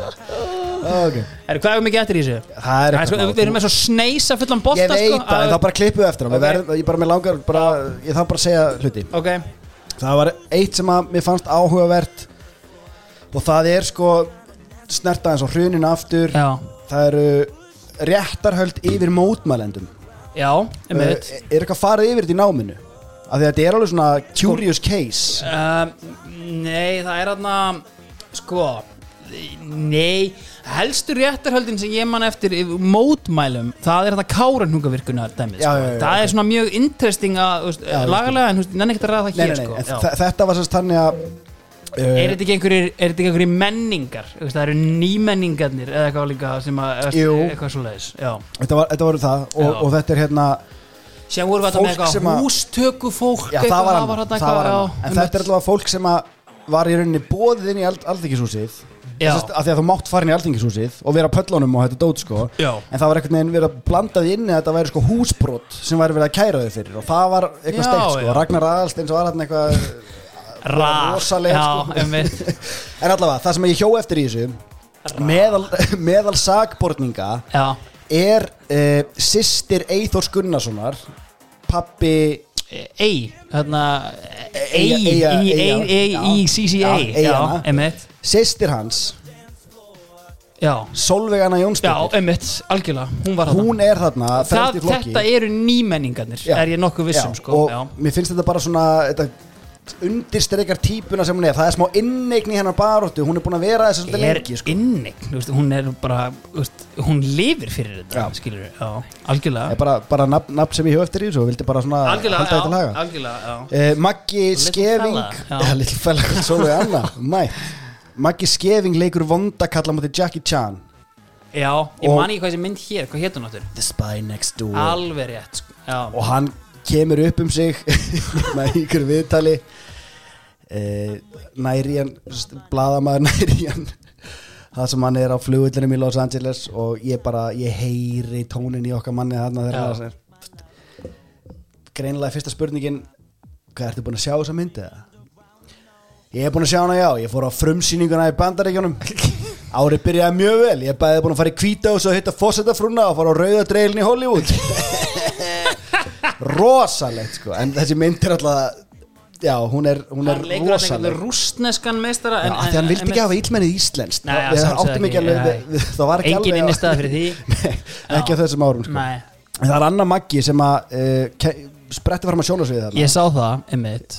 The Mixer. Já, og Magnús Valdimarsson hann er sko, það var svona hinhliðin viðtöl ala fókbólti.net í djefa fanna já, ég sá þetta, einmitt, já. Hann var svo geggjaður Já, í sínu viðtali Já. og það var sko að því að sko hann kemur heldur vel út úr þessu bara, með hvað maður myndi hérna algjörlega, já. Hann gæti hafa, fa- þetta gæti hafa farið miklu verð sko. Já, og, það, og það er sko skemmtilegasta svarið er sko hefur látið spá fyrir þér nei, ekki svo með minni. Ég tel að engin manneski að viti hvað gerist í framtíðinni. Þau segir líka alltaf það sama. Peningar, börn, ferðalög. Þannig að hann er búin að láta spá fyrir. Hvað svona áhugaverð. Svo Já. sko í sambarlegu viðtali var náttúrulega Alfred Fimboðarsson ok. Og það er spaði Já, á þessum tíma náttúrulega. Og sko e, nafn og aldur, atvinna, hjúskapastæða allt eitthvað svona basic, fjöldi badna ekkert sem ég veit af. Ok, já, hérna. Svo hérna e, nýlegt prakkarastrygg plataði Guðmund Kristjánsson leikmann breyðabliks yfir í heimsókn í dulagerfi stelpu á Facebook. Já, sko ja, meirum eftir Já, já. já allavega e, bara Já, skemmtileg, já, al, al, skemmtileg dæmi algjörlega, ég ætlaði bara ég ætlaði að að segway þetta Nei, eftir. nei, þú, nærði ekki að segja Nei, þú nei. fastur Nei, algjörlega Heyrðu, uh, sambarlegt mixarans, það eru fleiri svona hetjur að spretta fram það er Ok. meðal Vala Grand Já, algjörlega Og að Baldvin vera- Baldvin. Baldvin náttúrulega uh, direct quote í hann draumur okkar beggja að rætast en hún var sérst Já, fór já. í kynleðritinguna þetta, þetta ár Mhm. og gat þar leðandi kalla sig konu eitthvað sem hún hafi beðið eftir mjög lengi. Já, og bara óskum henni til aðmyggi með það heldur betur. henni já, já, bara, hérna, en þú veist, ég man, veist, svona, þetta var bara svona, veist hún var, sko, veist ég veit ekki hvað getur líkt þessu við hún var algjörlega bara þú gast ekki bara gert neitt án þess að bara mynda völu grandi eitthvað viðtalan færi andlitaður Já, ég man eftir hún talaði einhvern tíðan gerði einhvern status um það að pappennar hefði óvart notað eitthvað pjöllu sjampó sem hún kipti og eitthvað, sko pappennar er algjörlega sér kapitul sko, af því að hún var með vefþætti já, einmitt pappennar var reglulegur og bara einhver besti aukalegur þetta er svona edduvelina dæmi sko, hvað hann var ógeðslega góð sem bjóð til þetta sko pappi völu grand Já, já, sem að já, var alltaf já, svona já. eða það er eitthvað svona spurningar eitthvað svona könnun á netinu og þú Já. getur bætt við möguleikum Já. það var alltaf eitthvað sem bætti Pabbi við pappi völu grand Grand. ríkalega gott. Heyrðu, það er ekki farið við tíðaranda nema Bubbi komið við sögu. Já, já, hann er náttúrulega bilaður hrunbubbi komið þarna alveg bara já, á full hann er á rástu og... og það sem að kannski uh, rammar það svolítið inn hvernig, hvað Bubbi er að gera þarna. Hann byrjar að prenta bóli já, sem eru bara pillubólir á Davíð Oddsson. Þannig að hann er búin að staðsetja sig vel þar. Um, bara mynd af Davíð Oddssoni með orðunum ég elska bónus af því að hann var búin að fá nóa því að hann Já. var að urði yfir, yfir sko seniorinn í bónustæminu sem hann fannst ekki neina einnig fyrir því. Og að færa rauk fyrir því. Mm, svo fer hann á listamannalun þetta ár. Ábygglega ekki búin að gera það heil, lengi ger ekki ímynda mér. En Bubbi er svo mikill alþýðu kongur já. að hann nýtir listamannalaunin engöngu í það að spila fría tónleika um allt land.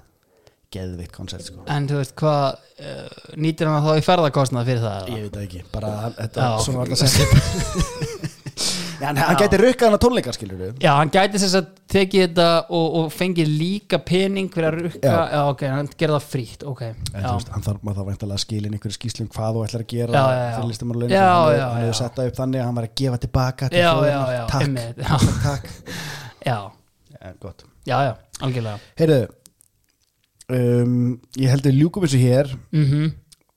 Fólk hlýtir að vera búin að staðsetja sig helviti vel í árinu 2010 Já, sennilega. Já. Það er hérna Já, förum yfir í Eurovisionið. Ok, og það sem að kannski er ennþá betri gefur ennþá betri mynda eitthvað Bubbi er að gera þarna. Já. Hann sendir lag. Ert að grínast í alvörunni? Bubbi er í undakefni ok, sem lagahöfundur. Já, já. Hvern fær hann? Jegga.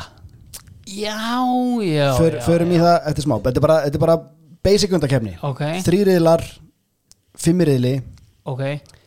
Uh, ég ætla að finna þetta hérna. Maður sjá? Já, þú getur stjórna líka á þinni tölvu.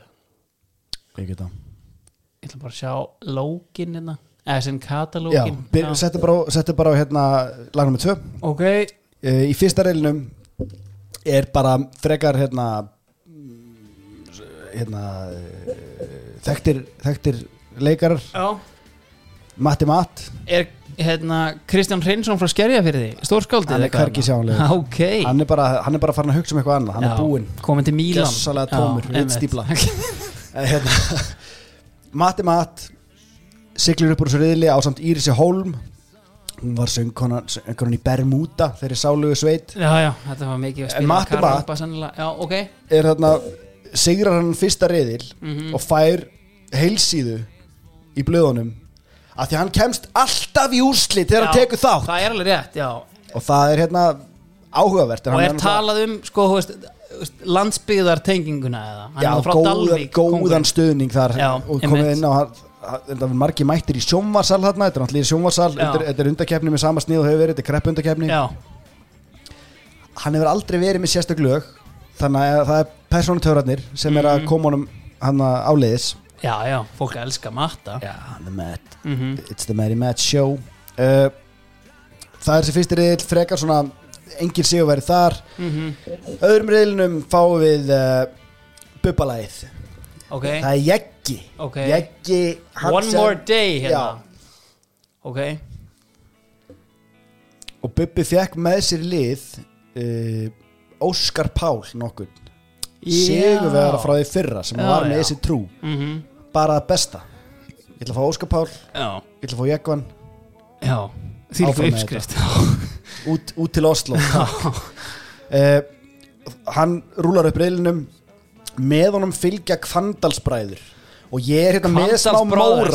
Ok, af því að ég held ég hafi verið svolítið harð orður í garð þessar ágæti sveitar í senst á þetta þú varst það, já. Já, þetta var aðeins of mikið sko, því að hérna, það sem að skeina ekki gegn er sko hversu mikið ég kann að meta þetta líka því að þetta er náttúrulega rusl en þetta er fallegt rusl. Já, nice save. En það sem að, að sjokkeraði mig pínu Ok. var þegar ég var að hlusta á hérna, árið er, okkar bestu menn. Já, Já, uh, árið 2010 gáfu Kvandalsbræður út sína sjöttu plötu. Ha? já. En, hérna, en platan segir gefið þetta ár mm. Þetta lag er á þeirri plötu. Íttu bara aðeins á Kvandalsbræði fyrir mig. Já. Bara tökum smá sidetrack Bara til þess að gefa þeim smá hérna Farið í þessa plötu þannig Þetta er nú eitthvað fyrir aðlæturnar uh, Lala Já, það er, það er Já, ok, Skástoff, Hraundrangi. Nei, Kvandalsbræðurs hérna, Samnemt albúm hann 2010 Já, ok. Sko, Lala-lagið Nei, byrja á vinsæl, sorry. Þetta er nefnilega að því við erum að tala um hérna, bangeraplötu. Já, gott lag. Þetta er fínt lag. Þetta er banger. Já, uh, Þurfum svo sem ekki að heyra meira af þessu lagi En ef þú fær beint í vinkonu Þetta eru trúbótara textar. Já, já Já, já, nú man ég eftir þessu Já, já, wait for it Þú færð eitthvað fyrir þinn snúð Býtu, Er þetta ekki la-la-lagið? Nei, nei, það er svo Þú eru þeir svo með annað fyrir, fyrir Þetta er bara, þetta er bara aðlæti Sko, ég er eiginlega honum brjálaður út í þessar ræðina hérna síðast, sko, veit þið. Já, þetta er la-la. Já. Já, já, hérna erum við. Ég er sko Þetta að er- verða einhver harðasti kvandalsbræður að maður Ég, bara, landsins. ég var með móral að þetta er bara Já, ég, já, sko, þú getur bara- ekki haft samt neitt meira að segja um þessa undankeppni. Ég er að horfa Jú, á jú, jú. katalógin hérna. Þarna eru Luxor-bræðurnir, sé ég. Það er Eh, bara máli Þeir sko lepja, eða þeir sko skrapa botni í þessari kefni Arnar Jónsson er náttúrulega bara að fá sko þvílíku Hann er að fá Subbu. mikla umfjöllin, sko. Já. En þú veist, einhvern veginn, hún er ekki að skila sér til þjóðarinnar Nei, sko, þetta eru sko geggjaðir gæjar Já. Þvílíku, hérna snoppunar sem þeir eru með Já. og þessar rattir Já. En þessi lög, þau eru bara ekkert góð Nei. Sett á hérna bara þúsund stjörnir. Sett á það Þú veist, þetta, þetta er ekkert lélegt Ég en er þú veist, sopnaður hérna strax, Já, sko. þú ferð ekkert áfram á þessu skilur. Nei. gefið gæjanum einhvern banger og hoppar að sigrum Já, Just, bara, mjög falleg rödd. já maður bara um leið og hann hætti að berja fólk í stúkunni fór alltaf taka sér hausinn og fara í síkó og, Já. já, einmitt. en á það veist, já, sorry, Sigrun, þetta er hérna, döðariðlin já, Arnar Jónsson er þarna þó ekki leikarinn ég langa að setja þetta á sko. Þú veist, ég, ætla ekki, ég ætla ekki Nei, að nei, tala um ja. hérna, eða, veist, eigum við að tala um Hina The 16 ára- Travesty eða, hina já, 16 ára já, Páls. já, sko, það er náttúrulega ekki hægt að henda einhverjum fyrir rútuna sem er 16 ára að taka þetta í söngvagerð algjörlega ekki, nei en hún ætla að hérna, það var þarna sem hún neldi ekki. Ég held að hún hafi bara lendið í sama og gæinn í ædolinu Já. Bara með réttri uppbytun já, Þá er það tæk Og hún hefur bara ekki hitta nógu vel upp. Hún hefur tekið Jón Þorgrim á þetta. Já. Og bara það, það, hún var að horfa í uppbytunni mm, þetta er sko, e, sko er með að mismina er þetta ekki valið sport eða?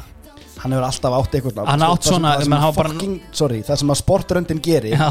Hvert einasta ár síðan Er að hann fer bara í framhaldsskólana Hver er efnileg söngkona Já. þetta? Ég get gert stjörnúrinni ég, Þetta er næsta stóra já, Og þessi gæl, hún er að gera eitthvað í dag Karin Páls, er það ekki? Ég er allavega ekki með það en ég meina þú veist Eh, þa- þetta er nei. ekki léleg söngkona þetta er ekki, 100% ekki, þetta er ekki nei, nei, nei. lag einu sinni hún var í bara- hérna hún var greinilega í sko hérna stóru stundin okkar sem krakki sko og Já. hérna, veist, þetta er svona Já. algjörlega, en, En- uh, uh, fínt lag. Já, í, í dauðareilinum já, eru Arnar Jónsson já. Svo ertu með Sigurinn heitinn Brink Já. með geggja lag sko sem er alveg þessi virðið að spila. Og er svona vintage Sjonna Brink lag. Já, bara gleði og gaman. Mhm. gott ef hann var ekki berfættur þegar hann spilaði þetta á kassagítar bara á stól. Einmitt. Og þetta var bara svona algjör gleðibomba. Og þetta var svona alveg bara in the running. Já, en með honum í döðarilinum er náttúrulega örlegur smári með drottningunni.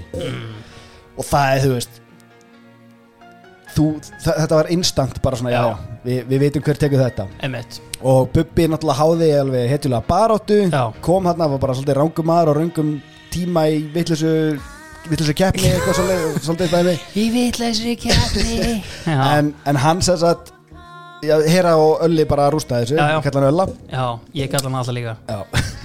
og þau fara til Oslo með bara ready-made Eurovision lag. Og ég held að það sé bara hérna og það er líka gýr í þjóðinni. Þarna erum við að koma aftur af, af öðru sæti og Eurobandinu þar áður já. Sem þýðir við erum bara svona við erum komið með þetta, við vitum, við erum búin að negla þetta. Já, við erum bara, við erum með uppskriftina. Já. já, þannig að hérna við förum svolítið bara svona bröttan út. Við erum ekki lengur jafn lítil í okkur við vorum 2009 Nei, nei.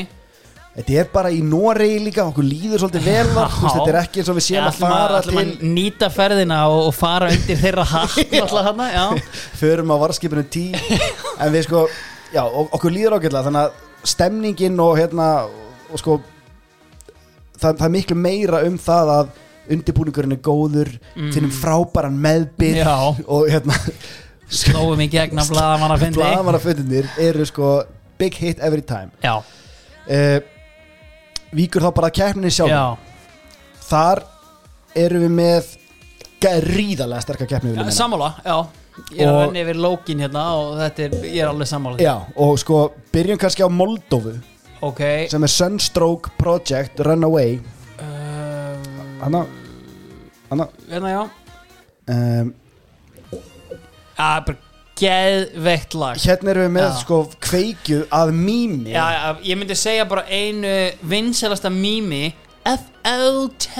Já, já. bara 100% sko og þú veist, við verðum meira bara svona spá geggjala og sko, Moldóvar eru svona, þú veist, þú veist þetta eru Eurovision Þetta eru ólíkindatól já, Þeir- og hafa alveg komið með geggju dæmi Já.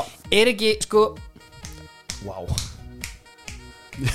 og þetta kemur náttúrulega því epic sax guy, Já, já. sko, er ekki að spila er með frekar lítinn saxofón einhvern veginn og þetta En er bara þykkan. geð já, ég er með lítinn djöfil en ég er með þykkan djöfil svo geðvegt sko.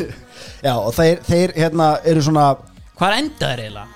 Mástu það? Moldóvarnir, Já. 22 sko þú veist, þeir, þeir, já, já, já, þe- Það er bara, við erum með sterkar keppni En við erum ekki alveg að kveikja heldur Sem, Nei. sem sko heimsá, nei, sem heimsálfa jú Já, uh, Annar lag sem að Evrópa kveikti ekki á ok. í keppninni er uh, Ale Ola Var þetta samt ekki top 10 eða? Það var sjönda sæti eða eitthvað? 12 Já Og Hvað er, erum við að kjósa hérna? þetta er eiginlega stærsta snuð sem hefur nokkuð tíma verið Já, já, þetta er a legit banger já, já, já. Og þetta var Þetta var náttúrulega bara vinsast að lægið á Íslandi Á sko. Oliver allavega. Já, já Ég dillaði mér við þetta áður en ég tilti mér niður á, á setursvæðinu og flautaðir og ég veit ekki hvað og hvað með þessu lagi sko. Já, sko ég ég veit, ég nú ég að sko, ég er að taka áhættu með að láta það spila næsta lag ég, ég, ég, ég menn bara stakku á því ef, Já, ok sko, a little fella called Tom Dice. Tom Little Dice frá Belgíu. Kom þarna, einn með gítarinn. Ok eh, Ok, fólk var ekki það held að myndi ekki ganga vel hjá belgónum sko. Nei. En er þetta ekki þarna eða? Nei. Me and my guitar. Herru, ég man Jana? eftir þessu. Ég man Jú, sko, Tom man Little þessu. Dice Já. hann var kornungur já, okkar Karin Páls. Einhver valli sport búin að ganga millir mentaskólana þarna í Belgíu Ég horfði á þessa keppni í Já. útskriftaferðinu minni já. og hann náði mér. Var Artur Ingi Kristinsson þar eða? Nei. Hann, var að reyna að fá mínúti á skæðanum hann Fékk ekki. Nei, það gekk ekki Nei, já, einmitt, allavega. Já, sko Svo erum við með banger frá Aserónum okay. og ég er alveg að fara að tala um Aserona en það er ekki þessi þáttur. But this is not that day. Já, það er ekki núna en það fer að koma því því að það eru magnaði hlutir í gangi hjá Aserónum og þeir eru í 15 seti þarna. Ok, Eh, Þú mátt alveg henda á það samt, drip drop Þetta er eftirminnilegt sko.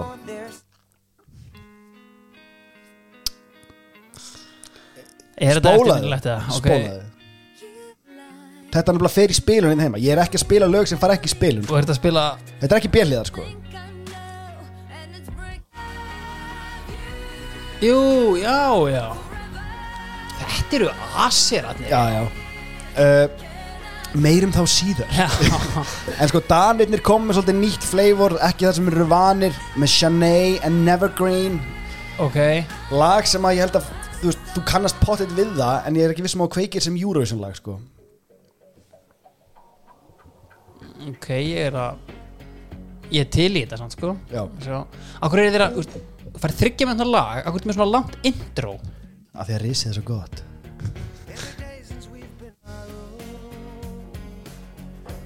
Aðeins lengra.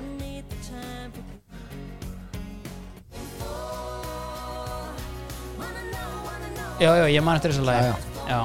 Gott stöf, þau Já. lenda hann í fjóraða uh, Í öðru sæti eru Tyrkirnir Ok, með, þetta? Já, eiginlega Manga? Eitthvað svona númetal eða eitthvað.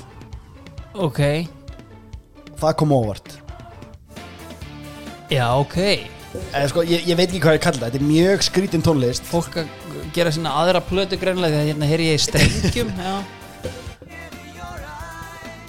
Ég man ekkert eftir þessu Nei, lagi enda ekkert sérstakt. Ok, sigurlagið er samt Ég er mikill aðdáandi sko. Já, og einhvern óskiljanlegan hátt vinna þarna þjóðverjar sem eru ekki vanir að gera. Nei, en ákveða að hendi breskan hreim.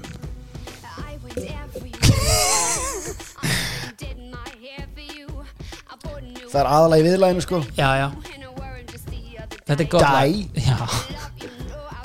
Þetta er allavega sigurlægir við Oh love. Þetta Ólaf veit það. Ólaf En En Ólaf. Ólaf Já. Sko, við hérna við vorum að elska uh, Danina við, það var okkar lag, við, það var tólstig frá okkur þar Ok. Bois. áhugavert Já, að þegar voru nefndir það í seinasta þætti að við höfum verið seinust upp úr hérna, Já. umslagadæminu Já. það gerðist þess þetta ár í annarskipti í röð þannig að Jóhanna Guðrún fór Já, seinust já, upp já. hún rústaði. Under the Lights já, en hérna, var samt seinust upp úr alveg rétt dæminu já. og En við fórum lendum í upp aftur í úslitin Við fórum á, hérna, ú- í úslitaleikin já, Ok, við myndum að við hefum ekki ger, að Við gerðum ekki neitt, ekki 17. sæti eitthvað sluðis Jú, átjónda, nei Við gerðum ekki Á- neitt 19. sko. sæti, Já, 19. við vorum bara í þvælunni sko. En ég minna við En þetta gained, er- gained promotion, við byggðum ekki meira upp úr Nei, riðli, nei, skilur. það, það er eina sem er beðinum og sko þrísar í röð Tryggja núna sæti sitt í dildinni Já, já, þú veist, eftir gítarsýninguna 2007 Já. er þetta búið að vera heldur gott sko. við, við erum að negla ákveðna formúlu Já. sjáum hvað gerist á næsta ári heldur betur Eru það ekki bara konir í boltana? Veginn í boltann. Herðu, ok, erum við ekki heldur betur Sko, uh, ég er með sneisa fullan bolta fyrir þig sko, að því að hérna Prísísson náttúrulega byrjar á sorglegum fréttum þegar hérna uh, sá mikli kynlífskongur Garðarard Hinriksson leggur flautin á hillina ok, Eh, Stórt skarð, stórt drotningaviðtal allir léttir uh, En þú veist, hérna, hann fer hann eitthvað viðtal og síðan er hann mikið svona um sumarið að láta gamming geisa Óli Þjóruðar á að grjótalda kæft hann ætti að horfa meira á bróður sinn sem potið síður ofta á. Hann ætti að grjótalda kæft hvaða, hvaða vett og gerðin að nota Fóbalta.net þetta sjálfsög málpípuna. Málgagn. Herri, sko, ef ekki bara byrja þetta á hérna F-fáingum, af því að F-fáingar áttu kannski svona, eru Íslandsmeistarar. Uh, þeir hérna uh, uh, rústuðu deildinni hérna og þeir áttu kannski svona sennilega með stærri félagskiptunum, af því að sko í B-deildinni hafði verið að dútla a little yet old fella called Gunnleifur Gattem Gunnleifsson og hann ákveður loksins bara, erðu ok ég yfirgaf hérna Keflavík sem var hérna í einhverjum málum, ég var náttúrulega í auðvitað fyrir áratug ég ætla að gera þetta aftur, hann er komin í landslið þarna, hann er landsliðsmarkmaðurinn. Ég verð að halda einhverjum standard, ég get ekki verið að dútla í HK endalaust. Og hann semur við Ok. FH en þetta er náttúrulega Kom, hann var komin í landslið í neðri byggðu Já, Ok. hann var í neðri byggðum Kópavóks starter, en þetta var svona þetta var greinlega er komið já, og Já. bara, þeir með, ok. En þú verður ekki þarna lengur eða nokkuð. Þetta var svona þannig Já, dæmi held ég sko. En þetta er náttúrulega erfitt, af því að hérna er sko, þú veist, í kjölfarið er náttúrulega Daða Lár, a club legend hent eins og hverri annari kúkablegu, Já, hann er ekki að taka þessi ákvörðin Nei, nei, það er bara ekki endur sami við Daða og Gulli bara tekin inn. Og Daði fyrir bara í hauka þú veist bara, ég ætla ekki að hérna ég á nóg eftir, en Daði er svona þú veist, tröll, þessi Já. gæði skilur í störtluðu standi og hann fer í haukana. Síðan eru háværir orðrómar um að teki nýju sig að fara frá félaginu. Við munum hvernig það var í fyrra sögð á honum, hann gaf samt ekkert færa á sér vann sinni lið og var bara geggjaður. Já, hann, hann var svona, hann var svona lengt og ljóst svona, hann var að trygg, tryggva legur í svörum. Við menniti sem hefum setið á Já, bekknum. já. og þessi, já, þessi típa. Herru, hann, hérna háværi orðrómar hann sé að fara. Hann segir bara nei, þú veist, eh, vera hann einhverju viðtali bara við fanga.net eða eitthvað bara, ég er ekki að fara neitt Já. svo fer hann. Þannig að hérna, það var ekki veist, en hérna, meirum það síðar. Ok. sko, og kjölfarið hérna uh, fæði Björn Daniel tíuna. Uh, uh, stærra hlutverk uh, allir léttir. Uh, Davíð Þór, hann er síðan seldur hérna til Öster. Og Dennis Sím leggur skón á hilluna og teki, ef það er eitthvað sem hann er ekki feimin við það er að gefa álit sitt á einhverju öðru en sjálfu sér Já. sem er svona geggjaður eiginleiki að fá frá einhverju geit skilur hann er alltaf tilbúin í að kommentir á einhverja aðra. Og, og bara eitthvað hérna og meirum það síðar en, en á, á þessum vettvangi skilur hérna, þá tala hann um sko, það sem ekki margir vita er að ekki nóg með það að ég, Daði, Dennis og Daði erum geggjaði spilarar það eru einnig geggjaðir í klefanum. Þannig að veist, hann hafði svona veist, hann, sagði að það væri ekki, veist, að vantaði smá balans í þetta. En ég veit, þetta er- þetta er nánast eitthvað hryggjasúla sem er að fara. Algjörlega, ég meina það er að fara en ég meina, eins og ég segi Björn Daniel fær stærra hlutverk uh, hérna, þeir eru ágætlega settir hérna í sóknarlínunni eftir að náttúrulega hérna, Allarnir og Óli Palli var leistur úr snörunni hérna frægu og hérna, sjáum hvernig það fer. Hjörtur Logi, hann mætir hálfpartin svona meitturinn í mótið, er ekki með í fyrstu leikjunum uh, síðan kemur Bjarki Gunnlaugs frá Val, það er náttúrulega hérna verið algjörlega stórkustöfur, það var enn einn stittan sem við reistum hann hlýðarenda uh, en annars er þetta frekar rólegt og það var sem tryggvi benti á líka það er hérna, veist, gríðarlega sterkir menn og klefanum að fara. Og þú veist, veist, þeir fá hérna no, Norman minni mig, Torger Mottland ég kæði alltaf það mjög skemmtilegt. Og síðan fá þeir hérna annan gæði sem heitir Jakob Nestrup. Og jú, herru, síðan fá þeir líka annan funheitan bita, Herra Fjölnir uh, hann kemur þarna uh, frá fjölni að sjálfsögðu. þeir fjallu náttúrulega. Og en, eins og ég segi, menn hafa samt áhyggjur af breyttin einhvern veginn, herðu uh, F-fáingum var samt spáð öðru sæti. Uh, Ok. heyrum af hverju á eftir. Sko, valsararnir, mínir menn uh, Gulli Jóns. Uh, veit ekki hvort þú bjóst þess að hann hætti bara fyrir hálfa ári nánast eða eitthvað, hálfum þætti. Já, hann er ráðin þjálfari uh, eftir uh, að hafa framkvæmt þarna eitthvað kraftaverk á Selfossi uh, hafði hérna hent þeim um deild, nýlegari deildinni, meirum þá eftir. Og það fer af stað eitthvað gjörsamt rýbrand. Bara, byrjum þetta bara. Meti, hann fer, takk og bless. Helgi Sig, takk fyrir þitt framlag. Þú íttir þessi yfir línuna í það 2007 takk og bless, Helgi Sig fyrir heim í Fossvæn uh, Viking Reykjavík uh, Káur reynda að fá hann. Uh, það voru allskis pillur þar á milli eitthvað að Vikingu væri með dýrasta leikmann landsins og okkur svona og þetta elskaði þetta og eitthvað. já. allana meira, Marel takk fyrir þín þrjú mörk í fimm leikjum 0 í 13, takk og bless. Uh, hver er þessi sköllóttu menn hérna sem eru á vergangi, losum okkur við þá. Arnar og Bjarki, takk og bless. Allir eru einhvern veginn bara farnir. Engin tími fyrir sunnudagskóla Pétur Georg Markan, takk og bless. Fyrir fjölni, meirum það já, ah, Herru, Baldur Bett komið gott. Uh, veist, vannst þarna fjóra titla í röð með tveimur liðum, takk og bless. Uh, síðan sko sem er náttúrulega algjör ég man ekki hvort þú myndust á það, en það er geggjað. Hann, þetta er svona Soron tölfræði. Hann verður Íslandsmeistari þrjú ári með FA fyrir val og verður Íslandsmeistari. Já, já, já. Hann er einn af einhverjum tveimur eða þremur sem hafa tekið sko back to back Íslandsmeistartitil með tveimur öðrum liðum. Mm, allavega Bjarni Ólafur síðan seldur í atvinnumennsku uh, Kjartan Sturlu fær einhvern svona last dance af því að Halli Björs er lánaður í þrótt í bjedeldina og þetta svona einhvern veginn þetta orkar smá tvímælis af því þátt að yngja liði mjög mikið upp sko. en veist, Halli var á wild card Já, veist, það var mikið af útlaupum og, og svona, veist, einhvern veginn byggja á traustum grunni Já, basically, já, einmitt og góðum útspörkum. Og veitna, einhvern veginn, hann, fær hann að last dance og eins og Matti Guðmunds á okkur í síðasta þætti þetta var alltaf gamall lið. Og það er, þú veist, Markus, sér hvað, við erum að losa hann meðalaldur upp á einhver 42 ár, skilur og inn koma uh, ferskir vindar. Og það er skoðað bjedeldina og það er skoðað falliðin og hérna byrjar Verkefni Já, og, og svona verkefni sem var svolítið ongoing í nokkur ára sem voru alltaf að sækja í bjettildina Já. eða svona fallið, svona eitthvað það er ungur og spennandi eitthvað? Og hérna byrjum við, tökum hérna Stefán Jóhann Eggertsson úr falliði Kópavós Ok. Úr HK sækjum við líka a little fella called Rúnar Már Sigurlaugarsson. Uh, kemur þarna 19 ára gammal króksari búin að vera þarna í HK og ógna með hraða sínum og krafti. Hann kemur þarna inn, fær hann á miðuna með honum inn á miðunni, úr falliði þróttar Haukur Páll Sigursson mögulega eitt besta sæning í söguvals Já, já. uh, en meirum það hérna, meirum það síðar, þróttarar hendu þetta því að þeir voru með sko tvo leikmenn free agents mistur þetta helling líka, voru eiginlega allir. En þú veist hérna en, en það var hend, Jón Ólafs hendi þetta einhverja Facebook grúpu Já. strákar, ekki fara. Byggjum þetta á traustum grunni og með gleðin að vopni. Einhvern veginn, they were having no one fit Rafnandri fór í blika, meðan þá eftir.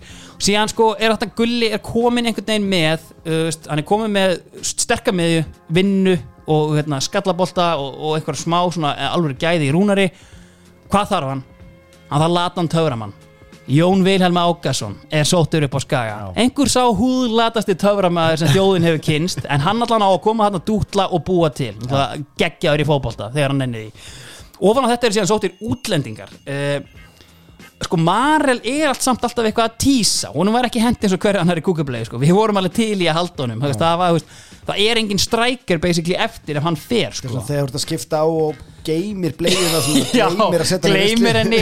Hún er þarna, hann mætti hann tilkynnti bara til tímabli að hann var í hættur. Uh, fór síðan eitthvað að æfa með val og eitthvað enda síðan á að skrifa undir hjá stjörninni bara eitthvað, þú veist samningatækni Já, eitthvað 103. ko- korter í mót bara eitthvað hérna, Ok. allavega sveik okkur það. Það er tala í mig þetta, Garðar Gunnlaugs hann á að að koma heim á hlýðarenda leiður náttúrulega vel hér og á heima þar.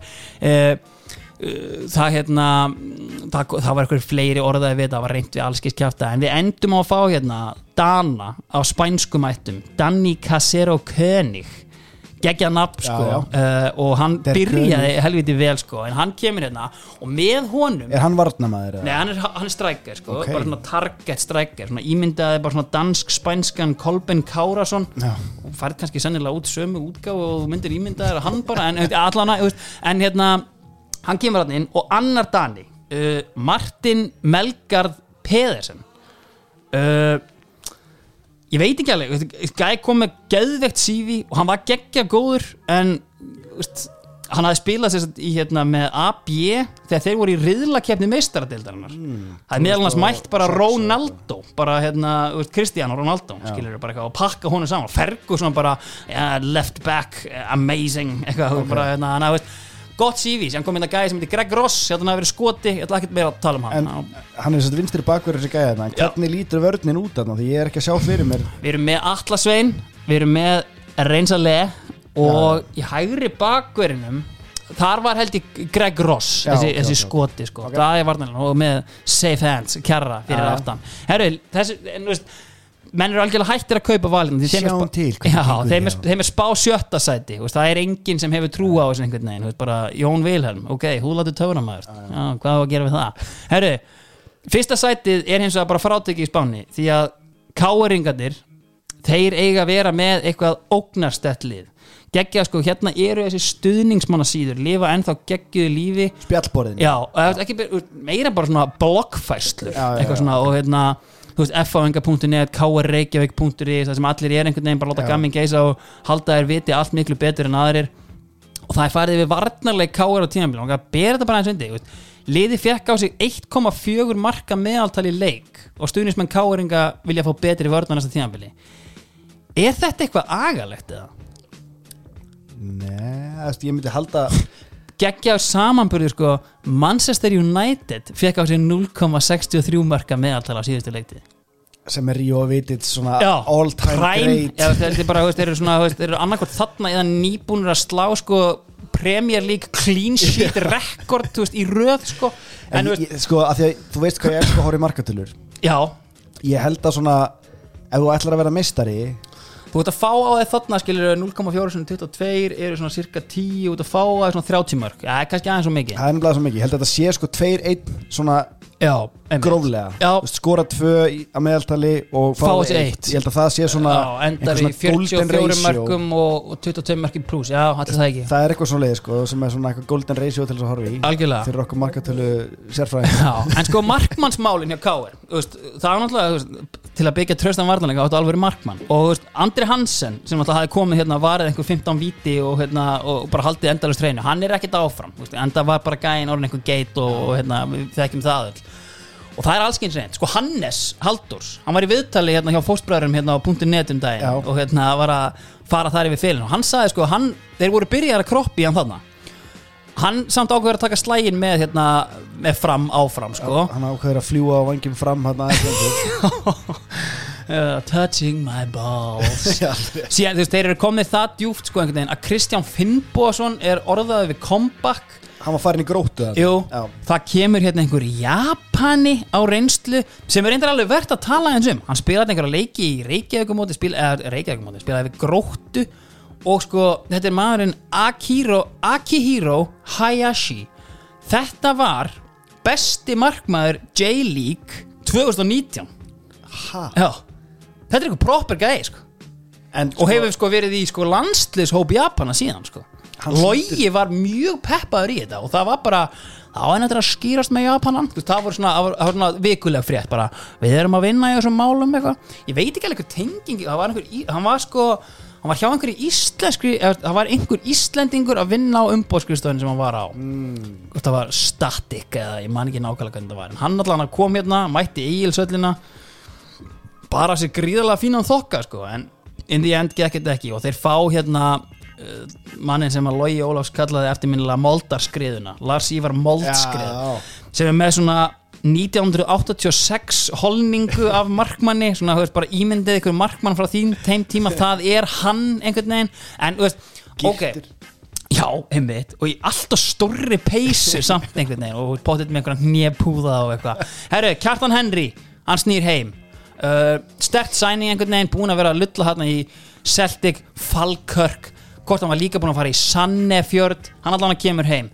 Guðjón Baldvins kemur tilbaka frá Guys uh, þeir fá Viktor Bjarka í þetta skipti for good, búin að gefast upp á platinu mennskun og vill bara koma aftur heim í hlýjuna. En það logar gjörsanlega allt í vesturbænum einhvern veginn. Veist, Bissan og félagar, þeir eru brjálaðir yfir því að hérna getum við komið inn á það sem við rættum ekki sérst að þetta, að káringar skiljanlega rættum við það ekki en þeir eru ríkjandi íslensmestari í öðrum flokki.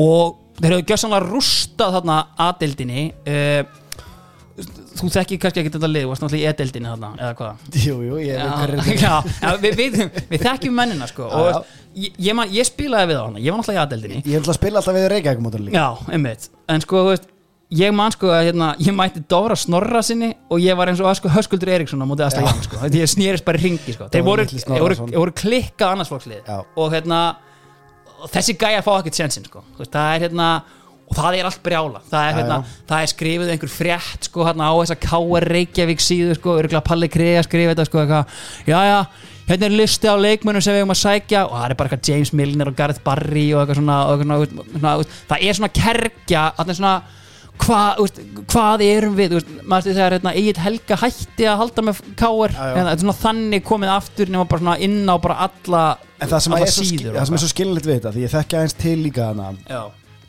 Að þegar að menn er að ganga upp já, Þú veist, þú ert með Íslandsmeistralið já, Þú ert með lið sem er bara við toppin í, já. í þrjú, eða tvö eða þrjú ár í röð. Eru þeir bara, þú veist, þetta er bara Þetta er ekki svo að sé ykkur einn árgangur sem er að blómstra þarna. Þetta er bara 91, 90, 89 held ég að sé Sem er bara, það, það er proper leikmenn hana Sem að eiga að fá sensin í að gera eitthvað og sína eitthvað. Já, og það er þetta færi rauk fyrir að Davíð og hérna Dabi Birgis og Eggert hafi fengið veist, snemma alveg bara svona eitthvað, að sjensa en óanægjan snýr líka að því að þeir sem ganga upp og eru búinir að veist, fara go through the ranks, eru búinir að spila hvern einasta leik hérna og vera bara frábærir þannig séð já. Það er svona samskiptaleysi þarna því þarna er þau bara að fara þér af einhverju, einhverju bjargi þeim er hent eins og hverju annar í kúkabrið Já, þú veist, það er ekki einu sinni tala við það og sagt, heyrðu, þú ert ekki að fara að fá hérna Nei. að æfa með okkur, þannig Já. að viltu ekki bara finna nýtt lýst, það er ekki, það er, e- það er bara bókstaflega ekki Já. nýtt og það er bara staðfest og það, þessi strákar sem komu þarna, þeir fengu bara ekkert og svo margir þeirra sem að hefðu allavega átt að fá þá knúsið og segja, þú ert ekki nógu góð fyrir KR get ég hjálpað þér að fara eitthvað annað, get ég bentir þarna viltu fara á lán eða eitthvað svona já. það er ekkert development í gangi og þessum gæjum, þú veist, jú, jú, það voru einhverjir svo Dofri og Eggert og Davíð og einhverjir sem Egil fengu Jóns fekk náttúrulega eitthvað leiki sko já. einhverjir sem voru tekni strax inn í meistaraflokkinu og fengu bara það, en restin sem var fullt af einhverjum proper leikmönnum þannig séð sem hefðu Já. getað orðið eitthvað hugsanlega tveimur eða þreimur árum setna Já. það var bara gleymið þessu strákum, bara þeir þurftu bara að bera ábyrða sem einu ferlum og fullt af þessum strákum hættu bara skilur þessi menn vildu bara vera latt og þeir vildu sinn part og þú veist, ég meina Já, þeir sem fengur sjensin Já, nei, þú veist bara ég meina, þú veist átti bara eitthvað að keira á það að vera Íslandsmeistari með einarbjarna í linkupinu eða Nei, en sko, eh, mér finnst þetta samt sem áður klassíst káður og ég skil kergjuna í beisinu Já. af því að þetta eru vinir þeirra og Já, þeir já. vita disrespektið sem er fólki í því að basically bara þú, þetta er eins og útskrifast þú fyrir útskrifstar árið eitt einhvern veginn þá bara svona, og hvað? Já. Heldur að þetta fara að komast í þennan hópið, skilur við, bara Já. glimti þessu Nei, algjörlega Þannig að þetta er svona Ég skil, að, þú veist, auðvita og ég meina, þú veist, auðvita er þetta allt skilur, veist, ég meina, við erum með þessa deild skilur sem er rekin á einhverju tippakeppni skilur og þú veist, einhvern veginn þannig að þú veist, ég, þú veist, ég hef alveg tekið þetta rant nokkur sinni með val sko, þú veist, Já, en ég meina, að, sko, po- pointið mitt er bara til þess að undistreka það, sorry, að, að það var ekki nógu skýrt en þú veist, mér finnst ekkit að því að það sé hérna annarflokks leikmenninir sem eru fínir leikmenn eitthvað svona séu ekki nógu góðir fyrir minnstaflokki, það er bara sjálfsagt og það Já. er bara mjög algengt og það Einmitt. á ekkit að vera þannig að þú sést Já. eitthvað, eitthvað tróðamönnum að inn já, en þú vilt samt búa til félagsmenn og þú vilt búa Já, til, já. þú veist, ste- og það, þarf að vera eitthvað svona einhver communication á milli þeim hefur samt gengið ágætlega að gera Davíð Guðrunarsson að félagsmanni það er ekki til sá maður sem er háværar á samfélagsmiðlum. Allavega, GBN leggur skóna á hillina og farewell to a goddamn legend eins og ég saði í síðasta þætti. Já. en þann dag í dag stóðsendingast er leikmaður eftir dildar frá upphafi þeirra bestu og þú veist bara takk fyrir þitt framlag og, og hérna, allir sá baki. Það eru stjarnan uh, Spútnik liðið í fyrra sem einhvern veginn fattaðist flugið uh, menn voru ekkert ennþá að kaupa þetta heim spá nýjunda sæti. Þeir fá talandum Káer, þeir fá Alla Jó uh, hann er samningslegur, hann voru mér var mjög fyndið viðtal sko, upphaflega vildi ég vera áfram og stjórnin og allir vildu hafa mig áfram. Síðan fór ég að pæla í þessu og þá fannst mér ég bara ekki alveg fá nógu mörg tækifæri í sumar. Þannig ég ákveða að fara. Veist, hann er svona einhvern veginn fer veist, ótrúlega marga ringi einhvern veginn með sjálfan sig sko. það vildu allir að hann er áfram hann sjálfur og síðan bara veistu það? Nei. We've been here before. Og hann fer í stjörnuna. Uh, þeir höfðu svo hægt um sig alveg í einhvern tíma en í lok mars þá hérna sækir ma Bjarni Marel hérna, og, og sækir annan hérna mann, Dennis Danri í hérna þrótabú þróttar. Uh, og þarna kannski byrja svona þessi danska vegferð einhvern veginn hjá, hjá samt. Nei, ég, ég veist, Jú, svona aðeins einhvern veginn veist, En, en veist, nei, ég, ég verða að veist, Þetta var svona smá, já, alveg rétt Já. Og síðan fáið líka tilbaka frá hérna uh, A little fella called Ólafur Karl Finnsen Og hann verður svona hálgert sensation Já. á, á að fara að haflið Ætlar að taka hann í eitthvað viðtal sem endur á að vera fimm mínútur af honum bara eitthvað, ég get þetta ekki Já, eitthvað, hérna, og veist, skemmtilegu gæi og hérna Kemur frá Aseta Aseta Alkmaar, já, eftir að vera uppalinn sko.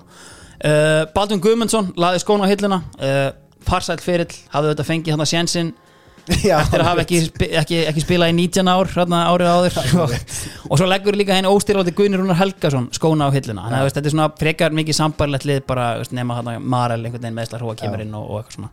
Herru, uh, Keflavík. Kristján Guðmunds er einhvern veginn bara svona andlega búin á því og flýr til Færeja og tekur þar við HB okkar mönnum Uh, og keflingingar veist, það var eiginlega bara klárt. Veist, bara strax eftir mót bara viljum tattu bjögga með þér. Þú ert að koma til keflavíkur. Ok, og hann tekur hérna við Keflavík. Uh, sko sagan segir einhvern veginn að Willum hafi keirt á fundi í Keflavík, stíð út úr bílnum þefað út í loftið Já. og svo bara rankað við sér að keira tilbaka bara með samningin bara á mælaborinu sko. bara lyktinn sem umlikur Keflavík bara einn fótbolta víma Já. vandamáli samt hér er að Willum þarf að byrja mótið í Njarðvík? Uh, þú veist, þeir þurfa að taka fyrstu umferðanar á Njarðtaksvelli að því það er að gera upp Keflavíkuvöll uh, það er ekki ennþá vitað hvernig lyktin er í innri Njarðvík en, en þú veist, þetta var svona smá, smá högt ekkert að ná þessi það eru litlar mannabreitingar uh, sko, mistu þetta danska markmannin uh, eða mistu, Ómar Jó var bara klár hann Já, er já. bara svona allt í góðu en síðan alltaf stórt skarða Simon Samuelsen hann er ekki áfram Já, uh, hann fer náttúrulega til HB með Kristjánu Guðmunds. Já, Sko, ég hef mynd að raka augun í sko frétt Já. um kveðjurnar sem hann fekk ok. Uh, Voru þær kaldar, Þær eða? voru sko kalt varðað Nú, ok. klara af því að sko það er eins og hann hafi gleymt að Keflavík í Keflavík er víst alltaf Keflavík. Já. og það er haldið þarna lokahóf bara kveðihóf fyrir hann. Bara þetta er alltaf geggjaðu gæi. Já, það fer ekki betur en svo að hann er bara kildur bara eins og maður sagði í gamla þetta smettaður og nefbrotin og bara sendur á landi bara daginn eftir. Ha? Já, það er bara einhver, einhver ófyrirleitin maður í sinni nálgun sem nýkomin að- af Já, og bara kýlir hann tilefnislaust segja þér Jesus og bara hérna og þetta er bara daginn áður en þar- er fer, Ég held að þú væri sko að tala um enn eina grjótarða yfirlýsinguna frá stjórn Keflavík Nei, nei, það er bara hérna hann var bara kýldur, nefbrotinn og bara upp í flugvill daginn eftir. Pældu í passjóninu sem er það við verðum eiginlega kall eftir Já, það var einhver, það sko. einhver að segja mig meira frá þessu sko. bara Ljón Harðsson, er hann ekki að einhverstað til að verja okkar mann? Já, algjörlega. Sko, blikarnir uh, Ríkjandi byggamestrar Þeim er spáð þriðja sæti Og hérna, það er samt svona smá veist, sérstætt einhvern veginn Í ljósi þess sko að Endur náttúrulega tímabili í deildinni Bara sjötta, sjöunda sæti eða Já, eitthvað mikið upp og niður. Já, þú veist, hérna Sko, uh, prófessorinn er auðvitað þarna þá Og He doesn't know if he's wrong. En þú veist, he's only just gone. Og hann þá tala um Arnar Gretas Já. Sem að leggur skóna á hilluna. Uh, Guðmann Þórisson fer síðan til hérna, Nýbergsund í Norri uh, platt eða at At myndi ég segja En það er samt, þú veist, eitthvað, bjedildalið í Norri Viktor Bjarki hefði verið þarna Þannig ég verði að setja á platinu með sko. Sko, na, sko herri Við hérna Sko, við verðum bara að koma Við skoruðum viðtal við hérna Við prófessorn uh, Sko, fáum bara aðeins að heyra Hvað prófessornum fannst um Hérna Um bara svona prísísonu Og bara svona, þeim er spáðan Þriðja sæti Hvernig er bara svona, hvernig eru væntingandi hjá þeim? Við ætlum að hafa prófessorn svona gegnum gangandi bara út þáttinn Byrjum á að fá bara hvað hann hafði að segja um prísísonið Óli, ertu nokkuð upptekinn? og glæpa á maður Sko Óli, við byrjum þetta bara á uh, ég meina þið verðið byggamestrar 2009 en gengi í deildinni er svolítið svona upp og niður þú veist, þetta er svona spennandi sem er í gangi, margir spennandi leikmenn en það eru líka svona teiknalofti um ákveðu svona kannski veist, sem að enginn er unglið, þú veist, þeir að tapa mörgum leikjum hérna, sem þið eru með kannski unna, veist, var þetta eitthvað sem þú hafðir svona áhyggjur af uh, eða ekki, ekki áhyggjur en sem þú laðir svona áherslu á að laga á undirbúinstíðanbylinu Já, það var svolítið svona þroska leiti sko, sem sagt,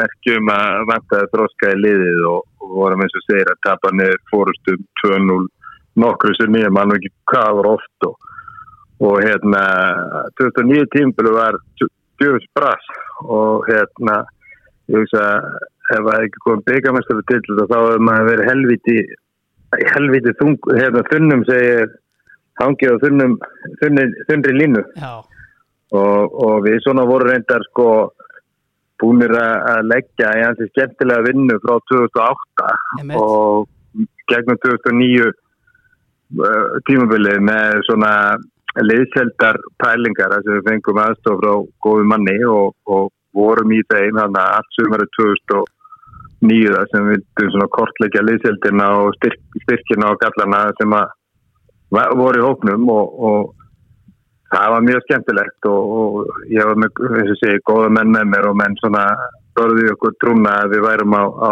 rétt róli og, og þetta var það svona kísuberið ofan á tertuna að vinna byggarinn en, en þetta var helviti stróks að stímabili. Við höldum líka bara áfram inn í þú veist, á þessu undirbúinustembili þið missið þarna Arnar Gretarsson sem er kannski komin á aldurinn fyrir mikil reynsla út úr reynslu litlu liði. Uh, Guðmann Þórisson fer hann í atvinnumennsku.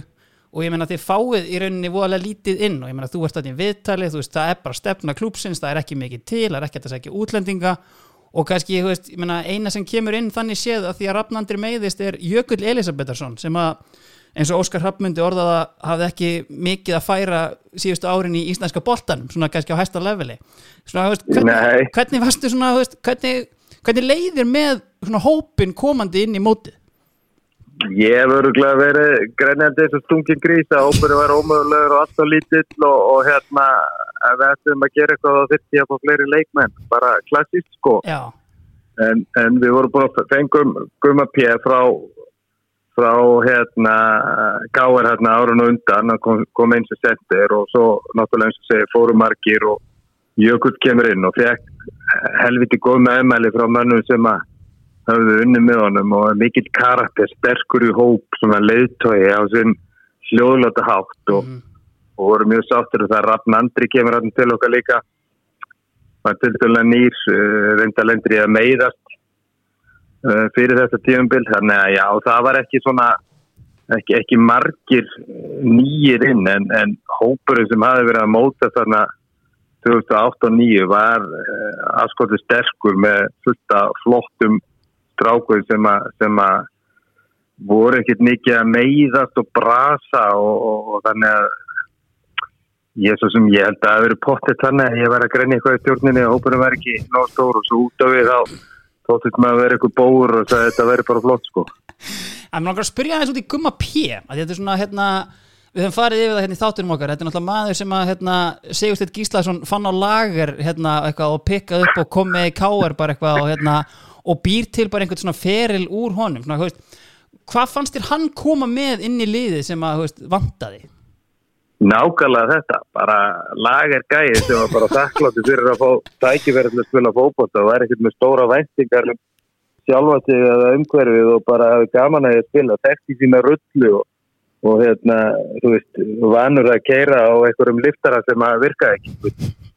var ekkert vesin á hann, hann bara deliveraði, góður í hóp uh, og, og, og algjör topp náðungi, þannig að, að þú veist, ég held að hann hafi ekkit, ég held að hann á þessum tímpunktu þegar hann kemur að verið búin að svona kasta frá sér, hafið ekki að vera öllu svona úha, ég verða uh, ferillinn og, og var í atvinnum með og allt svo leið, það er bara nautist að spila fókbalta, var í góðum hóp og, og æðið vel og skemmtilegu trákur.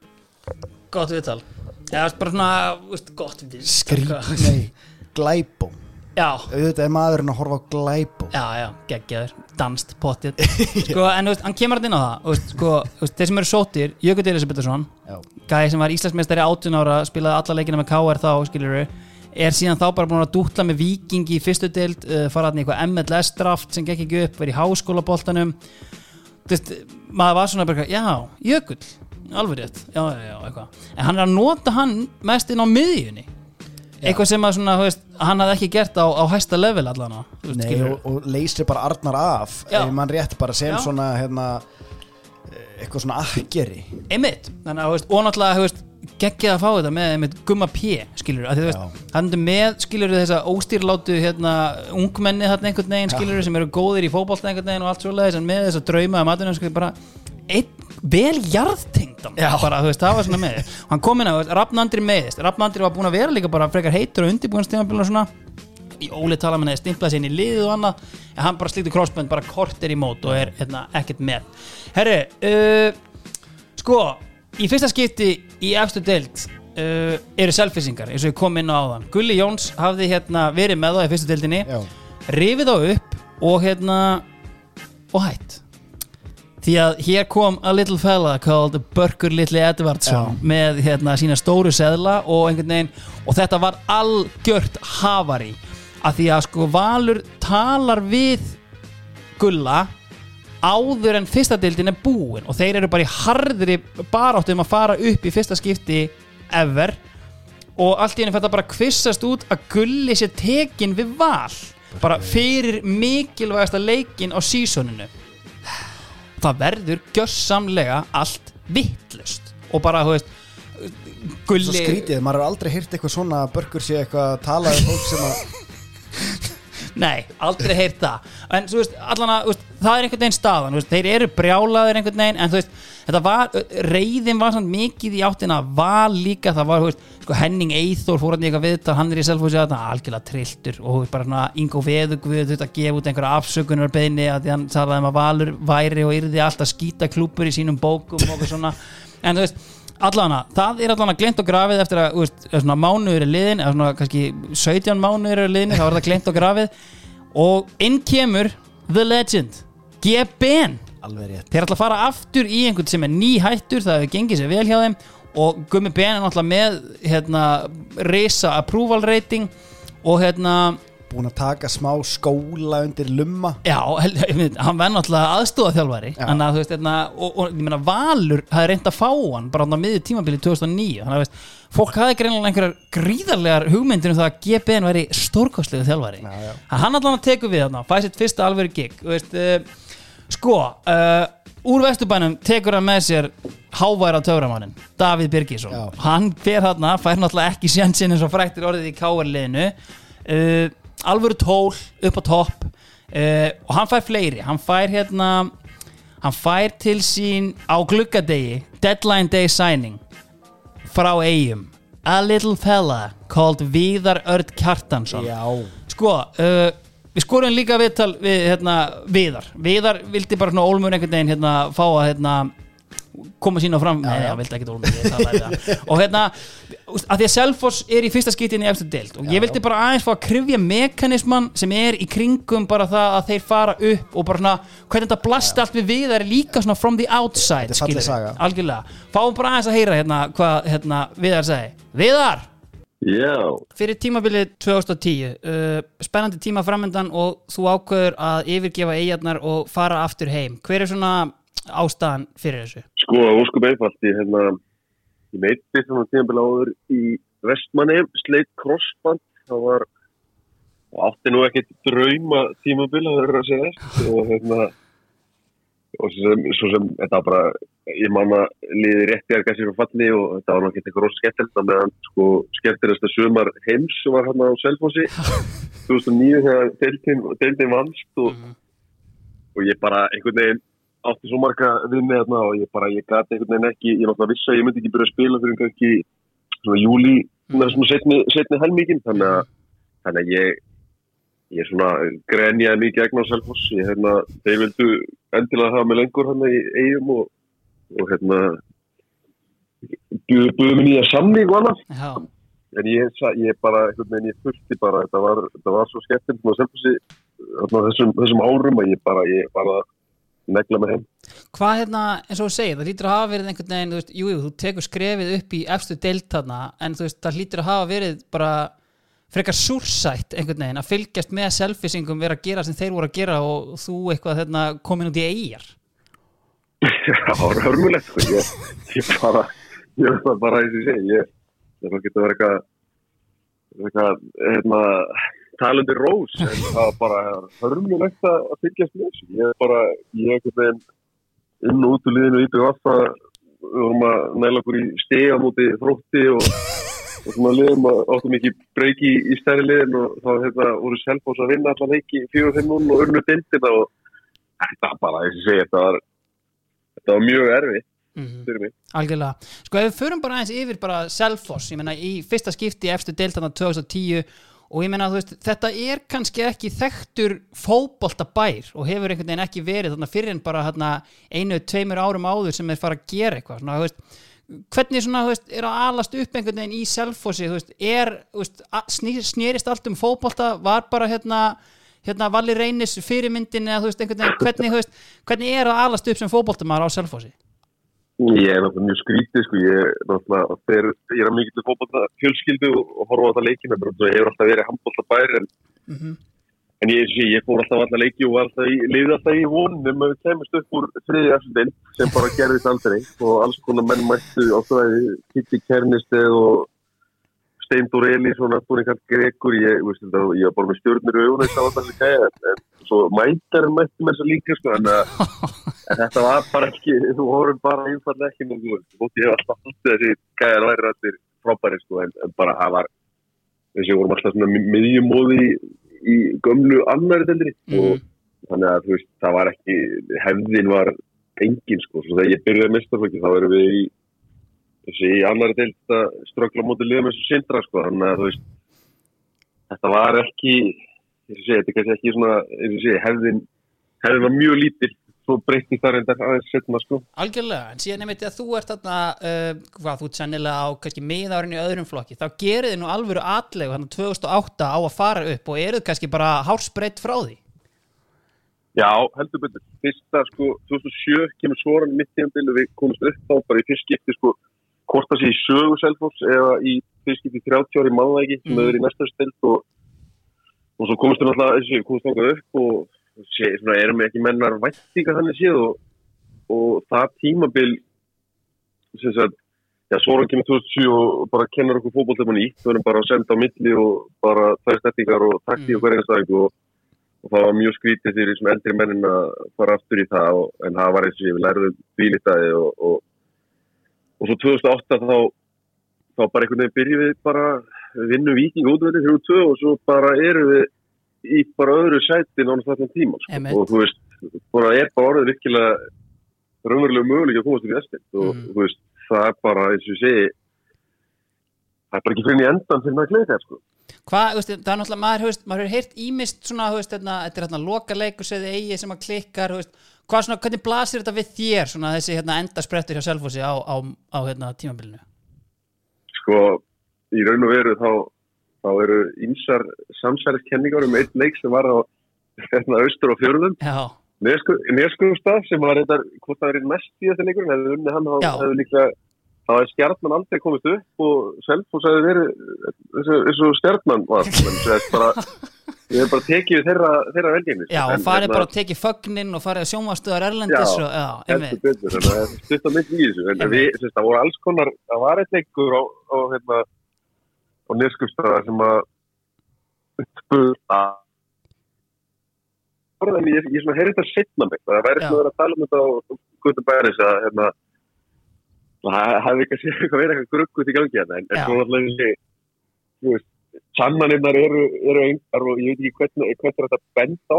Nei, en þú veist, ég meina allan var bestu bakur í dildarinn á kvíldur þarna í þessu leik og ég veit ekki úr hverju og, og já, og fengum rautt spjald og, og svona. Já, svona það klá, klúraði hérna Kristján Óli Víti. Já, það er nöðsilegt að minnast á það, hann gerði það að- náttúrulega, já, hann, hann reif boltan af Henning Eithor og, og hérna og hérna klúraði klúraði Víti þetta var leikur sem að var þess bara komst ekki og fóru einhverja sögur í gangum að aldrei verið veðið mikið á leika utan og eitthvað svona bull sko en en menn svona, menn voru fljóttir að skrúa fyrir það ég, er alltaf, alltaf, ég er mjög gaman að, ég er mikið svona samsæðiskenninga maður og hérna, þannig að ég hérna, ég, ég er svona verið að pústlið svolítið saman í hérna árin og var svona margt, margt í ímuslega skýtur sem gerist þarna á leikdag. Já, algjörlega, sko ég meina en síðan eins og segir, árið hérna eftir er náttúrulega bara draumi líkast fyrir Selfoss, þanga til einmitt aftur kannski í, í loka umferðunum og hérna, þannig verður allt vittlust þarna einhvern veginn þegar Gulli Jóns hættir.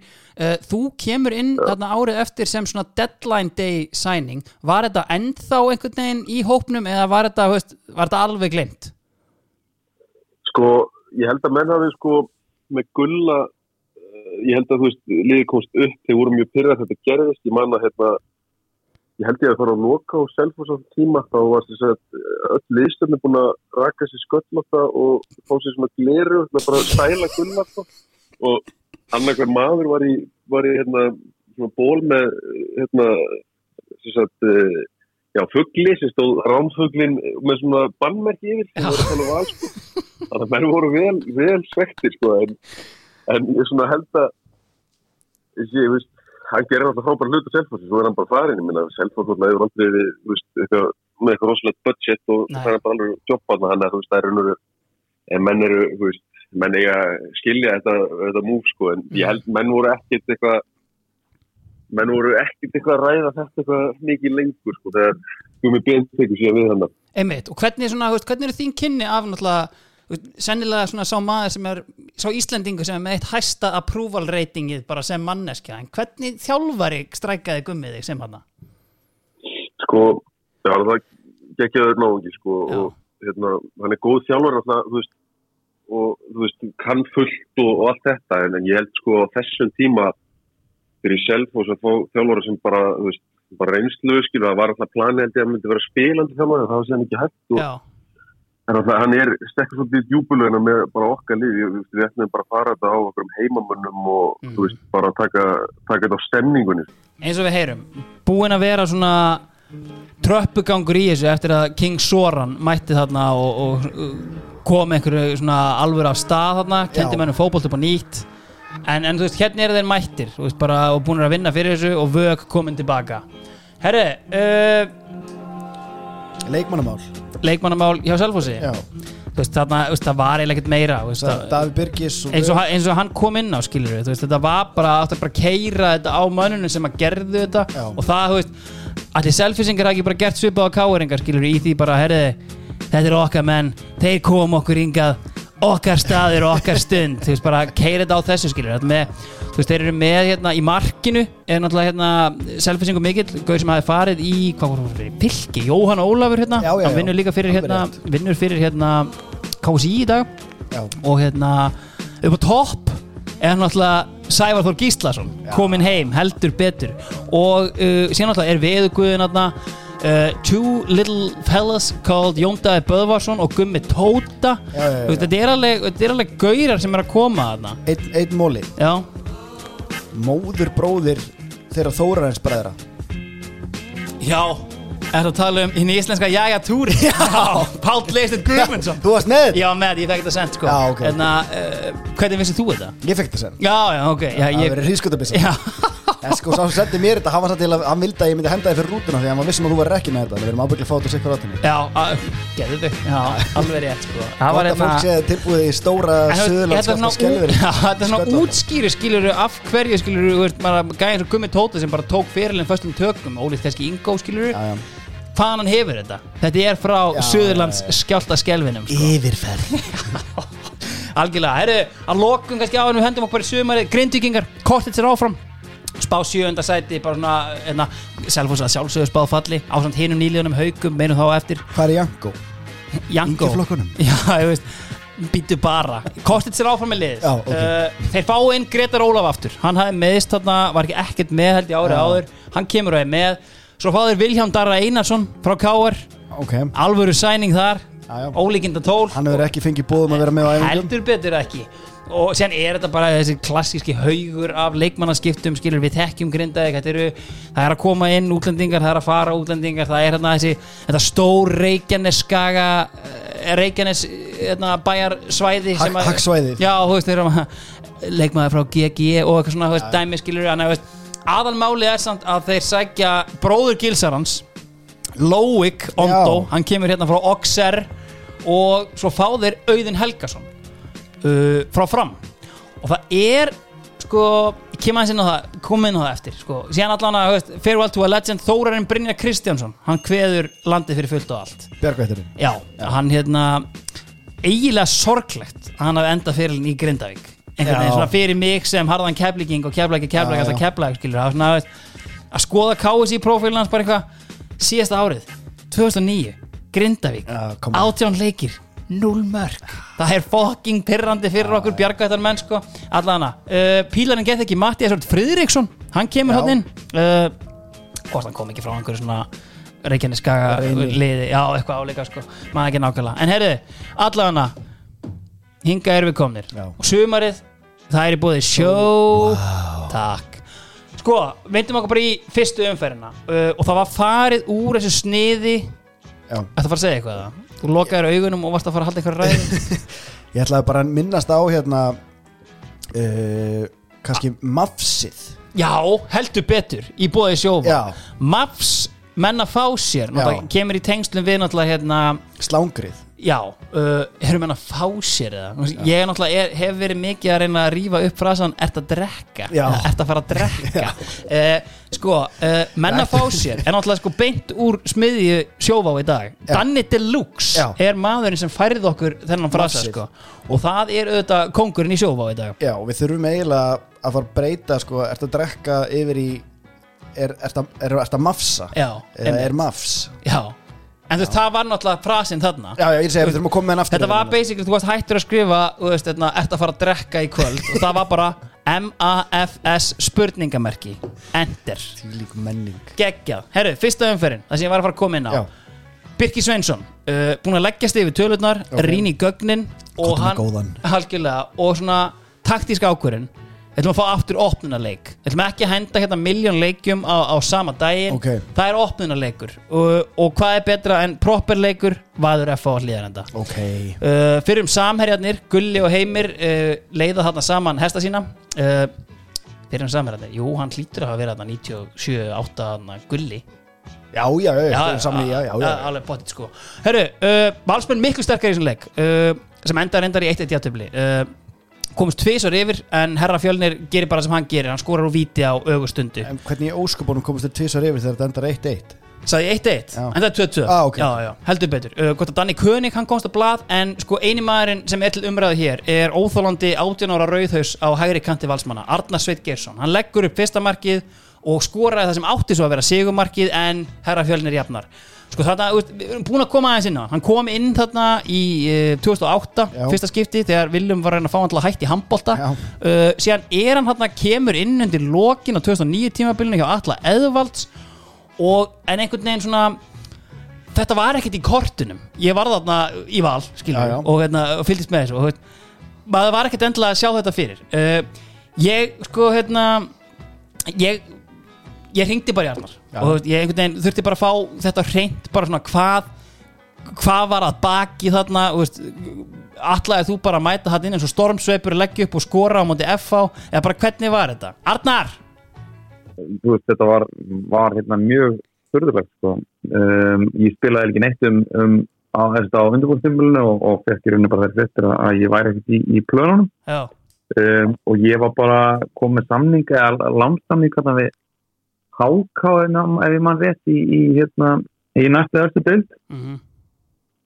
Um, og, og þú veist og, og ég ég allir henskinu þá hérst ég að, að, að ferillin minn væri bara, svona, bara á leiðinni down the drain þarna, um, þú veist á grín og með fullri verðingu fyrir háká sko. Um, og, og, og, og lengi dildin á því að þá, þetta var kannski ekki alveg ætlunni sem að þarna þú veist, 19 ára að vera á leiðinni þanga og, og hérna og bara á leiðinni ykkur fyllirisferð í, í, í hérna mentaskóla ég ætlaði mér eitthvað aðeins meira og, og þannig að, að, þú veist, eins og segir vantíkarnar voru, voru ekki sérstaklega miklar en, en, en hvað það er hvernig fóru hvernig aðeins öðru síðan hvað hva, hérna á, er það bara, veist, vaknar bara einn daginn og Gulli segir bara Arnar, þú ert minn maður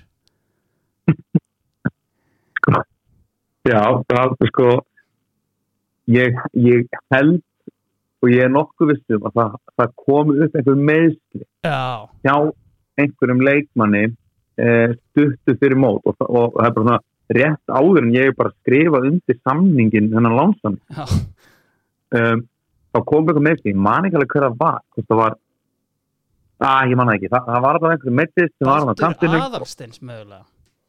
Gæti mögulega verið og hvort Já. að jafnvel sko, hvort að jafnvel að meðstina átti stað alveg aðeins fyrir mót. Ég hefði síðan byrjað að spila síðustu leikina á, veist, á hérna undirbúrstimbilinu, Já, staðið mér bara drullu við mm, og, og þá einhvern veginn hafi komið bara frá gulla bara, já, ég meina við erum bara treystið sem gæja, það er bara þannig. Og, og hérna og, og eftir það bara, já, byrjaði þarna fyrsta leik í móti og, og, og þú veist bara geðu skilur eins og segi, maður ma bjóst maður var á leiðin inn í eitthvað allt öðruvísi tímbil heldur en síðan, síðan einhvern veginn var, var raunin sko. algjörlega Sko, hvernig eru væntingarnar einhvern veginn hjá val komandinn í móti, veist? það eru hérna það eru mikla breytingar, það er farið þarna í einhverja stefnumótunarvinnu og hérna og sett inn einhverju fundir og, og þá að yngi upp lið, Gulli kemur inn og Gulli kemur náttúrulega inn undir mjög sérstökum kringumstæðum uh, þú veist, einhvern veginn var þetta eitthvað sem hafði áhrif inn í hópin einhvern veginn, fast ykkur uppliðið einhverja pressu eða þú veist bara hvernig var stemmingin svona í hópnum einhvern veginn? Og í minningunni já, í minningunni þú veist, þetta var fyndið þegar maður var að að rifja þetta upp þetta sem þeim rann rosalega mikið saman í, í eitt þarna, þessi ár þarna, þessi jójó ár já, sem maður spilaði þarna á val og, og einhvern veginn, þetta tímabil voru ógst svipuð og, og eitthvað en, en, en svo einhvern veginn þegar maður fór aðeins að skoða þarna hópin og hvernig það var þá og, og svona spyrja þá sem maður var með þarna á þessum tíma mhm, þá var bara stemmingin drullu fín. Mhm. Og, og þú veist það var bara, bara ógstlega gaman og bara drullu skemmtilegur hópur sem, að, sem að var þarna veist, það var náttúrulega Björsi Freyðars var, var náttúrulega þarna og, og, og það er náttúrulega lokkmála í kringum hann uh, og, og almennt mikill stemmingsmaður þannig að þú veist hann einn og sér hefði nú bara haldið, haldið stemmingur í gangandi. Um, en þú veist, fleiri, fleiri góður hann eins og nefndir á hann, Bala Kúta og, og, og hérna og þú veist þannig að í minningu var bara stemmingin góð og þetta með, með gulla þú veist það var, ef eitthvað er það var það meira bara svona, þú veist það var meira pepp í því skilur að, þú veist, hann var búin að gera hann að drullu flotta hluti með Selfoss mhm, um, og, og svona einhvern veginn up and coming og, og, og, þú veist, og það voru einhvern veginn þú veist, það voru blikur á lofti rigndi eins og, eins og ofta áður þarna í, í mars-april á hlýðarendara sko. Að, að hérna, það væri jafnvel, eitthvað, eitthvað stórkostætt í vændum. We're up to something. Já, veist, það var, það var svolítið stemmingin sko. Um, og, og þú veist, þannig að ég held að stemmingin í hóknum hafi verið mjög góð og það er svona allir, allir sammála um það allavega, allavega svona þannig til að byrja með. Stemmingin í hópnum er góð og eins og ég segi, þú veist Börkur þarf ekki annað en að finna lykt af einhverju og we're up to something og ég meina, þú veist, það er bara eitthvað að mæta hann Íslandsmeisturinn vera miklu betri að gera jafntefli. We're up to something, Já, já. það er bara 100% þannig. Herru, uh, fylgismenn spútniklið í fyrra. Í það spjar, stjarnan hefur spútniklið í fyrra. Það voru náttúrulega fylgismenn tóku hérna þriðja, fjóða sæti og hérna er í Európukeppninu og eitthvað og uh, þeir vinna Selfoss í fyrsta leik. Uh, og þeir hérna, Óli Þórðar heldur að sjálfsögðu áfram í liðið uh, ræður hvort hann pæri sko Óla Stíksinn sem aðstofamann en sem fannst hann vanta aðeins meiri hörku inn í, inn í teimið og, og fekk auðvitað Malar Kidda a.k.a. Kid Jensen, Yes. a.k.a. Kristinn Guðbrandsson inn sem aðstofaþjálfara með sér sko það er annars að frétta talað um sko The Real Kid Jensen hérna, Alan Jensen Já. hann reyndi að kaupa Crystal Palace þetta ár Ha? Já Þessi gæi heldur áfram að reka á fjörur mínar bara endalist sko. Það er engin takmörk fyrir því hvað þessi gæi fær mikið. Sko þeir fá Ottinga Guðmundsson heim. Hann hafi verið þarna í, í þrótti árið áður.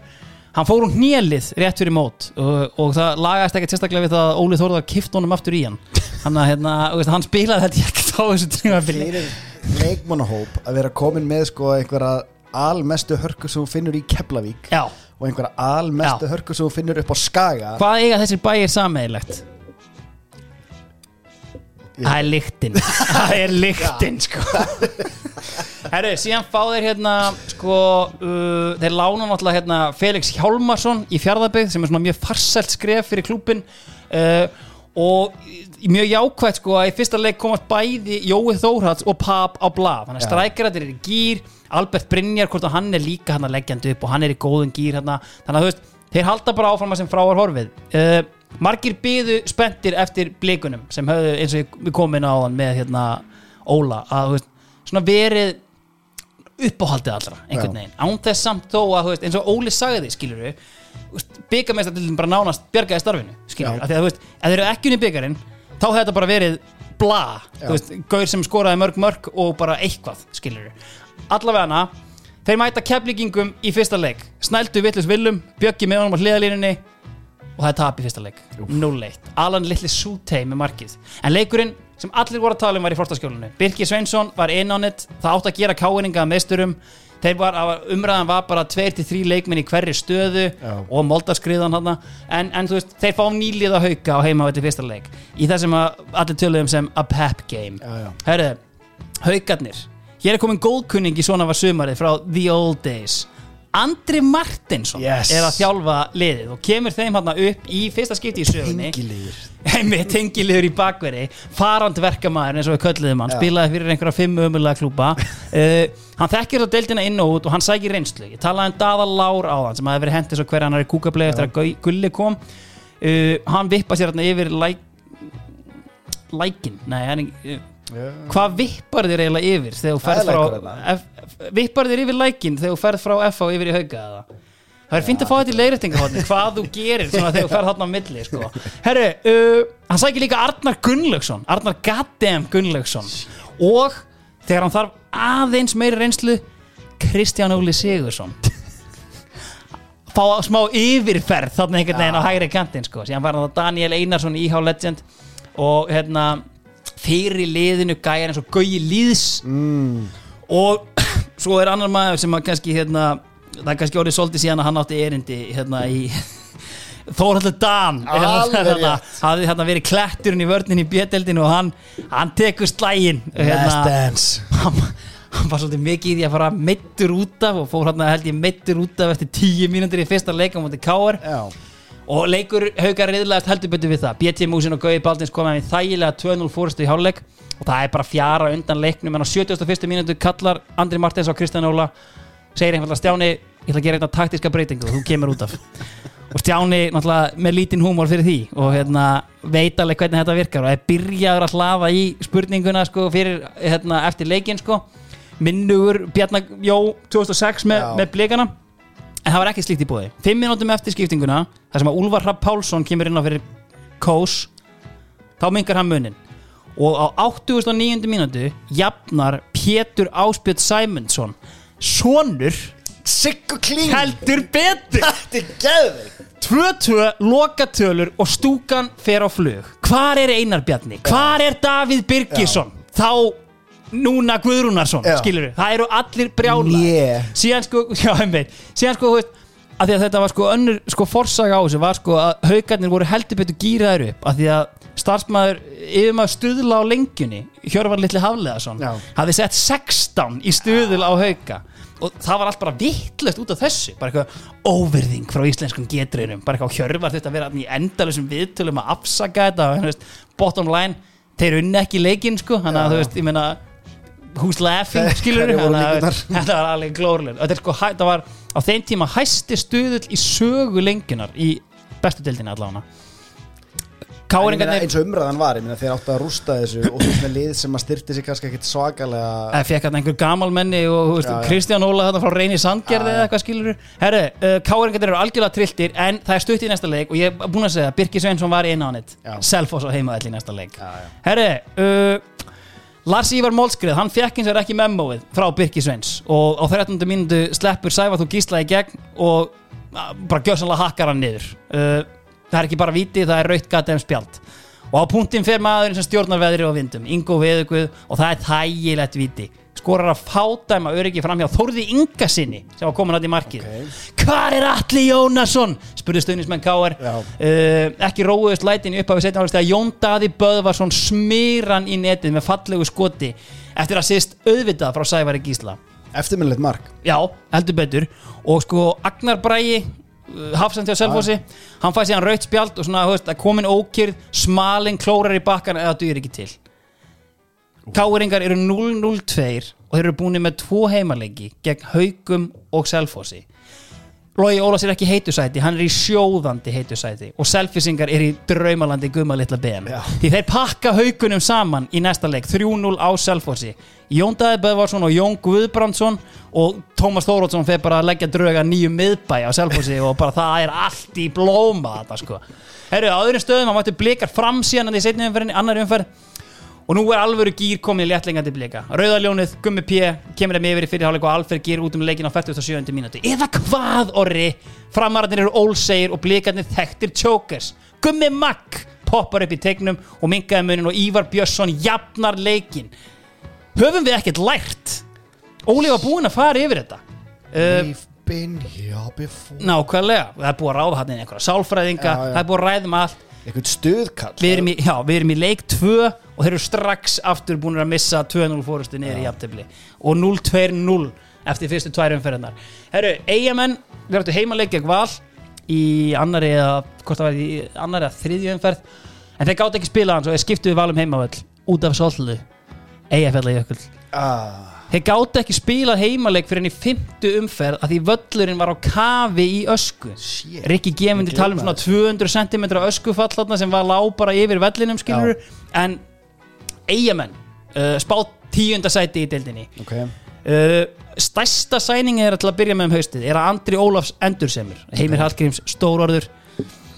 Andri er eigamæður hann er ekki að fara að elda seðilin til Grindavíkur. Af því að Grindavík bauð hann með eitthvað gull og græna skóa og, og Andri viðurkendalega veit, já, þú veist, ég minna ekki langur fyrir og maður þarf að seðla en, en, veist, hann saði sko, þetta var svona semi eins og Óli Stefán og Appilsinu gula hverfi skilur, það var bara, veist, þessi frétt kom á fótbolti.net og hann fekk bara hundruður símtala bara, Já. herru, þú veist, og það var ekki skilur bara eitthvað, við verðum að halda þér út svo flottu gæi ef þú ferði grind þá fokking drep ég þig. Það var bara basically þessi gæi hann allan að endur sem er, þú er ekkert annað. Eftir þetta, blaðamála fundur á spott í Kópavogi. TG9 já, yfirskriftin hjá Heimi Hallgríms handritin heim. TG9 er komið tilbaka og með honum Ásker Aron Áskersson sem byrjar enda móti í, í þryggjarleikja banni út af rauðum spjöldum frá árinu áður. En, en allan að, þeir eru komin að halda þetta á spott, það er ekki langt að fara. Heldur betur og sko hvort að Finnur Ólafs hann kemur hann líka inn uh, frá Háká, bróðir Beitis Ólafs. Já, heldur betur. Hann hafði veist, fá hann hann inn veist, Þetta er samt ekkert nafn, skiluru Síðan sallaðir inn nokkrum útlendingum hann Hérna kemur til dæmis Dennis, Dennis Sidnik, úkrænumæður uh, Hann skoraði þessum leikamóti val Og svo kemur hérna enn einn sendingin þeirra frá Afríku. Uh, Suður Afríkumæðurinn Daniel Justin Varlem. Hann spilaði reyndar ekkert fyrir umferðina. Ég veit ekki alveg hvað, hvort að Heimir var eitthvað grúman eða eitthvað, bara gera hann kláran eða eitthvað, ég veit það ekki. AJ Light Smith og Chris Clemens komu ekki aftur. Uh, Þeir ná í sitt fyrsta stig hérna með jafntefli við val. Points on the board, voru náttúrulega ströggla við það Skoruðu ekki fyrir fjórðu umferð þarna í, í fyrra. En Siggi er þarna Siggi er farinn Ok. Það er bara Mavetti sem er eftir Gústi Ok. og Siggi eru báðir farnir heim Nei, ég veit ekki alveg uh, Nei, Siggi fór á einhverja framandi slóður Ég man ekki alveg hvað Hann átti feril eftir þetta sko Já. Það var eitthvað Það var eitthvað skemmtilegt Fínir sko. í. Herru, Blikar vinna síðan sinn fyrsta leik í næstu umferð á hlýðarenda með mörgum frá Kitta Steinfors Ste Steinþórs Kitta Steindórs og Alfred Finnboa sterkur sigur svona eftir brösuga byrjun á útivelli en valsmenn eru enn sigur lausir á öðrum stað eigamenn kolsvartir af ösku þeir fara upp í kaplakringa og það, hérna er bara einn maður on a mission. Tekið nýju með Marko assist í gríðarlega óvæntum 2-3 sigri eigamann á FH annar maður líka í fullu sigri, svingi Eithor Helgi Birgisson, Já. skorar og fiska víti. Og veist, komið inn á það núna tveir menn sem ég slefti hérna og kannski svona í söguskýringunni er auðvitað fárlegt að þessu liðis spá tíundasæti. Af því að hér koma líka 21 árs gammal hafsend frá Danmörku, frá Lingby hann er búin að spila með öllum yngri landsliðum Danmörkur Rasmus Kristjansen Já. hann átt að fylla í skarðið hann Sigga. Og svo styrtu er hæri bakvarastöðuna með 18 ára gömlum lánsmanni frá Portsmouth James Hurst breskum úlingalandslismanni Alveg. Þannig ef við meltum þetta með Albert Sævas í markinu já, Albert Sævas á sínum fórstjóralaunum sem Óskar hann að vandasar. tala um já, þú veit með Eid Aron og Rasmus í hafsendinum James Hurst í hægri bak Finn Ólafs og bróður hans Andra Ólafs alls ekki, en hérna og á miðjunni Úkrænska meistarlanda í Dennis Sidnik Suður afrískan höfðingja sem er eitthvað verið að grúma og komin í liðið Já. þú veit með Unreal Wildcard í Tony Mavetti og veit með bræðarefin Tryggva Guðmunds bara eitthvað að dútla hann um sko. Og þóra einn yngi, skilur þetta er alveg hörku hópur einhvern veginn, þú veit þessi ungt lið og þannig sko. En tíundasæti er grín svona ef horfir á þetta í söguskýringu sko. Já, já. Og tannleiknir er náttúrulega töframæður Guðminn Almáttur, síðan er það náttúrulega eitthvað sem gleymist. Herru, gleymist endar ekkert. Herru, uh, sko, þetta algjörlega skellir F-fangur nýra jörðina því þeir tapa líka fyrir blikum í næsta leik. Og hérna eru F-fá 1-1-2 og ég ætla bara að fullir það, Orri Eriksson þetta hlýtur að vera versta byrjun F-fáinga bara, þú veist 100% frá því að Óli Jó tók við. Jafnvel 2003. sko, já, eitthvað svoleið sko. Ég meina, þeir hafa vanlega verið bara 4-0-0 á þessum tímapunkti sko. Herru, káringar Þeir gera jafntefli við stjórnuna á The Magic Carpet. Uh, Kjartan Henry með tvennu í fyrirháleik en Ólafur Karl Finnsen kemur inn á og jafnar leikin Logi er ekki búin að vinna leik Hefði kannski verið nærilega að gefa Viðari Berntsen sjansinn í hafsendinum Logi. Var öskrað þarna úr stúkunni. Uh, Logi fer svo bara í grunngildin í næsta leik þegar hann fara villum í heimsók að 0-0 jafntefli, lokatölur, múra fyrir markið. Og ekki skána það þegar Guðjón Baldunsson meiðist og missar næstu fimm leikjum. En ég með þeir eiga að hafa 23 leikmenn í, í hverju stöðu. Jú, jú. þannig að fjölmiðlamenn voru búin að segja okkur það. En Káir er í bölvuðu brasi og loksins í fjóruðu umferð vinna valsmenn sinn fyrsta leik þegar hver annar en lati töframæðurinn Jón Vilhelm Ákason skora sigumarkið í Grindavík Gilsarinn, hann hafði jafna leikinn eftir að hérna, sjóðheitu Danny König hafði komið vali yfir en bara bókstaflega valur tekur miðju, fer upp lati töframæðurinn, dútlar hann inn í markið Ok. og sko liggur Ha? Já Grindvíkingar höfðu einfallega séð nóg. Uh, Luka Kostic er hérna 004 uh, og þetta var bara komið gott. Hérna eru sko, peningamennin í Grindavík sjá sér einhvern leik á borði Dagbjart sinir, okkar menn og Luka Kostic, uh, þetta er bara komið gott. För, getum við labbað hans í gegnum hópin hann Hver eru væntingarnar? Væntingarnar eru sjöunda sæti. Ég veit ekki alveg af hverju. Hva, Luka, veist, jú, hann náttúrulega kom inn á miðju tímabili þarna í fyrra. Eh, Hver áttu verið með liðið, manstu það? Nei. Janko Jú, er þetta? Demótaði sjálfan sig. Og hérna, en þú veist, það hérna Já, og þeir þurftu að grátbyggja Kostic það ekki um að vera Jú, Hann jú. vildi ekki að vera Hann, vild, var, Hann hafði engan Janko- áhuga sko. Nei, hann vildi bara vera með krakkana Já, þannig að þú veist, hérna En fjórum dögum En, hópurinn Hópurinn, þú veist, það er bara Óli Baldur Bjarnason þú veist, Haltur Gretar Ólafur, Skotti er þarna uh, Fló Óskar Pétus er í markinu Flóensson er farin, hann er tekið við Sindra Ólafur L. Bjarnason er ekki þarna Nei, hann er ekki aðna en, en býtu aðeins, Auðun Helgason kemur uh, það er einhverjir útlendingar aðna, Lói Gondo Gilsarinn er upp á topp. Gilsarinn er að setja hann, sko, það Já, bara dugar ekkert það er 0 stig, sko. En þú veist, Bara væntingastjórnum, maður hugsa þetta bara, veist já, já, auðvitað það, veist, þeir eru ekkert góðir í henni sko, allavega, þú nefndir hérna, erki óvinnin Ólafur Bjarnason á hann og hann kemur og tekur við liðinu og hérna kemur einhver ótrúleg sena, sko hann tekur við sem spilandi þjálfari gerir ekki nema fjögur ára samning uh, hann hérna gatir endur ekki byrja að spila með liðinu fyrir en 10. júni uh, sko, eða spila, nei, hann gati ekki byrja að þjálfa liði fyrir en 10. júni hann er hann í brann, þar sem hann er einhver geit og sko hann basically kemur tekur við liðinu 10. júni hvort það var einhver leikur í millitíðinni eða hvort það var landsleikar og síðan fer hann aftur til brann af því þeir eiga mikilvæga fjóra leiki í júli Janko Nennar að koma hérna og taka fjóra leiki. Ég er með börnin Jónas Ég get þetta ekki. Hann kemur allan að læti sætta sig við þetta og er auðvitað dútandi hérna. Uh, Milan, last dance Takk.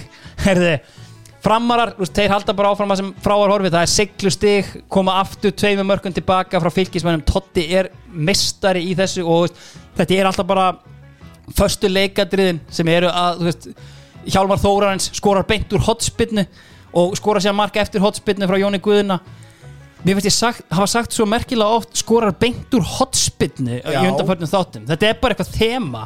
Uh, þetta er ekki fylki hana veist, létti við lautaferð, ekki það mikill vindur kannski. En veist, En hvernig er með framarna? Er þetta bara sama, hú, sama húsnaði, sama starfsemi? Totti fyrir tilt eftir sko, hérna, Auðun Helgason fyrir Grindavík. Þeir skipta á Paul McShane og Jóni Gunnari Eisteinsinni við Keflavík. Áhugavert. ákveða endur sem ég ekki við yðnaðamannin Ingvar Ólásson kaldar kveður, guði sem átti einhverja 300 leiki fyrir klúbin, Heiðar Geiri seldur. Ég fá reynda Tomma Livs úr hérna, þrótabúi fjölnis Uh, og Kristinn Ingi Halldórsson kemur tilbaka á láni frá Hamar í hveragerði þar sem hann fekk 400 færa og skoraði 7 mörg Já, uh, í verkefninu. Já, en, veist, en búinn að klára náttúrulega útskjötaferðina sína sem var náttúrulega eina ástæðan fyrir að fóra í Hamar. Þannig að hérna kemur fully committed tilbaka nú skal ég vera með Toddi, þetta er ekkert mál. Þetta sko, er eftirminnilegt miðjupar í Halldóri Hermanni og Jóngunar Eirtinsinni Ég veit ekki ekkur Jú, algjörlega. Var- stórin á miðju. Já, en síðan Jón Guðni var líka, hann var ekkert alltaf í hafsendunum, það var sko því líku bolti í Jóni Guðna skilur, eins og ég sagði bara þetta í síðasta þætti þetta eitthvað mark sem hann skora á móti vala sem hann er bara sólandi, eða sko hann lagði það upp sólaði einhverja þrjá þetta bara við tegin og lagði hann inn í á Almar Lilla Ormas. Og þetta, Dominos tríó hjá fram en alltaf Armar Ormas, Hjálmar Þórarins og hérna, Jón Guðni. Og síðan er Haldur Hermann að ryggsuga hann fyrir aftan og, og bara gera það sem hann gerir og skila sér á tegin en eins og við vitnuðum í á hann þeir fóstbræður tóku hérna Hannes Halldórs í viðtal. Já. og Hannes íjaði svona að því að veist, eins og við, komum inn að fram fer hræðilega út úr kreppunni Já. og Totti baði með einhvern svona last dance Já, hann að já. 2009 uh, Fórum í byggarúslit, það er býr meiri í já, þessum þú veist bara come on og það heldur allir áfram en þarna er farið í eitthvað svona ok, þú veist nú þurfum við bara að hérna, þú veist, eitthvað sama húsnæði, sama starfsemi eitthvað brostna fósendur fyrir samningu sem er í gangi bla bla bla, þannig að veist, þá fer Auðun Helgason. Og þú veist, Auðun vildi ekki þannig sem fara frá fram, þeir bara gáði ekki búa honum peningi sem grindaði eitthvað að bjóða honum. Las ég svona út, Já, já. túlkaði ég með, minni, með mínu höfði Já, út úr því sem ég las þarna. En þú veist, en þú veist það er rauninni bara stemmingin hann hjá fram sko. Sko blikar þeir stoppa eigamenn uh, og öfugt þegar liðin gera 1-1 jafntefli. Haugulitli Baldvins uh, haugulitli Baldvins og tryggvi gamli Guðmunds með mörkin uh, og valsar að kveikja loksins á sér. Hinn óstýrláti og umdeldi Arnarsveit Geirsson er allt í öllu.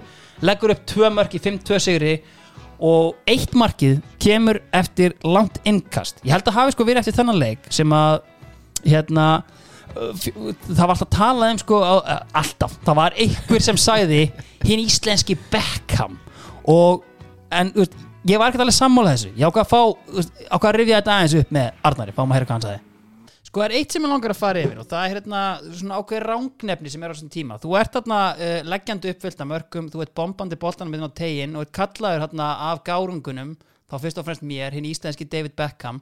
Uh, en svona Já, þegar- og, og, sko, og, og þetta, ég, ég verð að skjóta inn hana Mm. af því að doktorinn að sjálfsögður, Já, já. Kallaði með David Beckham Ísland Alveg í. Pepsi-mörtunum og ég, þessu minn ég aldrei gleyma. Þetta fleitti mig mjög langt. Og gerir henni í dag sko. Já, en það sem, að, þú, það sem þú ert náttúrulega er að þú ert enn í íslenski Rory Delap. Uh, þú kemur kannski að mörgu leiti með löngu innköstin uh, svona, svona veist, þarna er svona kannski tvö ár sína að Delap er mætt fram á sjónarsvið hérna, með Javelin vörpuna sína. Veist, ég meina sko, nú spiluðum við saman hérna upp yngri flokkana, ég man ekkert eftir því að, að hérna að þú hefði mikið verið að beita. Hvenar kemur þetta eiginlega upp á yfirborðið að þú ert einhver sérfræðingur í löngum innköstum Nei, það er alveg rétt. Ég náttúrulega var það ekki sko. ég held þetta ég, sko, ég held þetta hafi ég held þetta hafi verið eitthvað svona mjög desperate tilrun hjá mér já, til þess að finna mér eitthvað svona eitthvað svona eiginleika sem engin annar hafði í þessu liði til þess að, að, að auka líkur mín að ég held að það hafi verið hann þegar ég var ekki að spila neitt. Að þá fór ég að hugsa ok, hvað hva svona get ég kom með inn í liði sem að kannski veist, getur sem að engin annar hefur skil, og ég leiti yfir, veist, leiti yfir hópin og ég segi, það er engin kannski getur maður bara grítt heldur bara, við, við erum bara svo hotspinn, við erum bara eins við tegin, sko. Og, og ég fór, veist, ég fór svona kannski veist, ég fór kannski aðeins overbord í þessu skilur og var að æfa innkast á æfingum og svona þú veist, í einhverju svona síndarmennsku sko, bara einhverjum algjörum leikæði sko. en, en hérna en þú veist, svo einu var ég bara einu komin í lið að, þú veist, í, í byrju móts og, já, þú veist, þannig rétt fyrir mót og, og hérna byrjar að spila sem ég kannski bjóst ekki við og, og þá þetta þá þetta myndi gull alveg eftir, eftir, eftir einhverstanum þannig að, að, að, að það, það er greinlega því virkaði að, að, hérna, að, að vera, vera þannig í þessari síndamennsku þannig að liðalínu. það svínvirkaði fyrir okkar mann.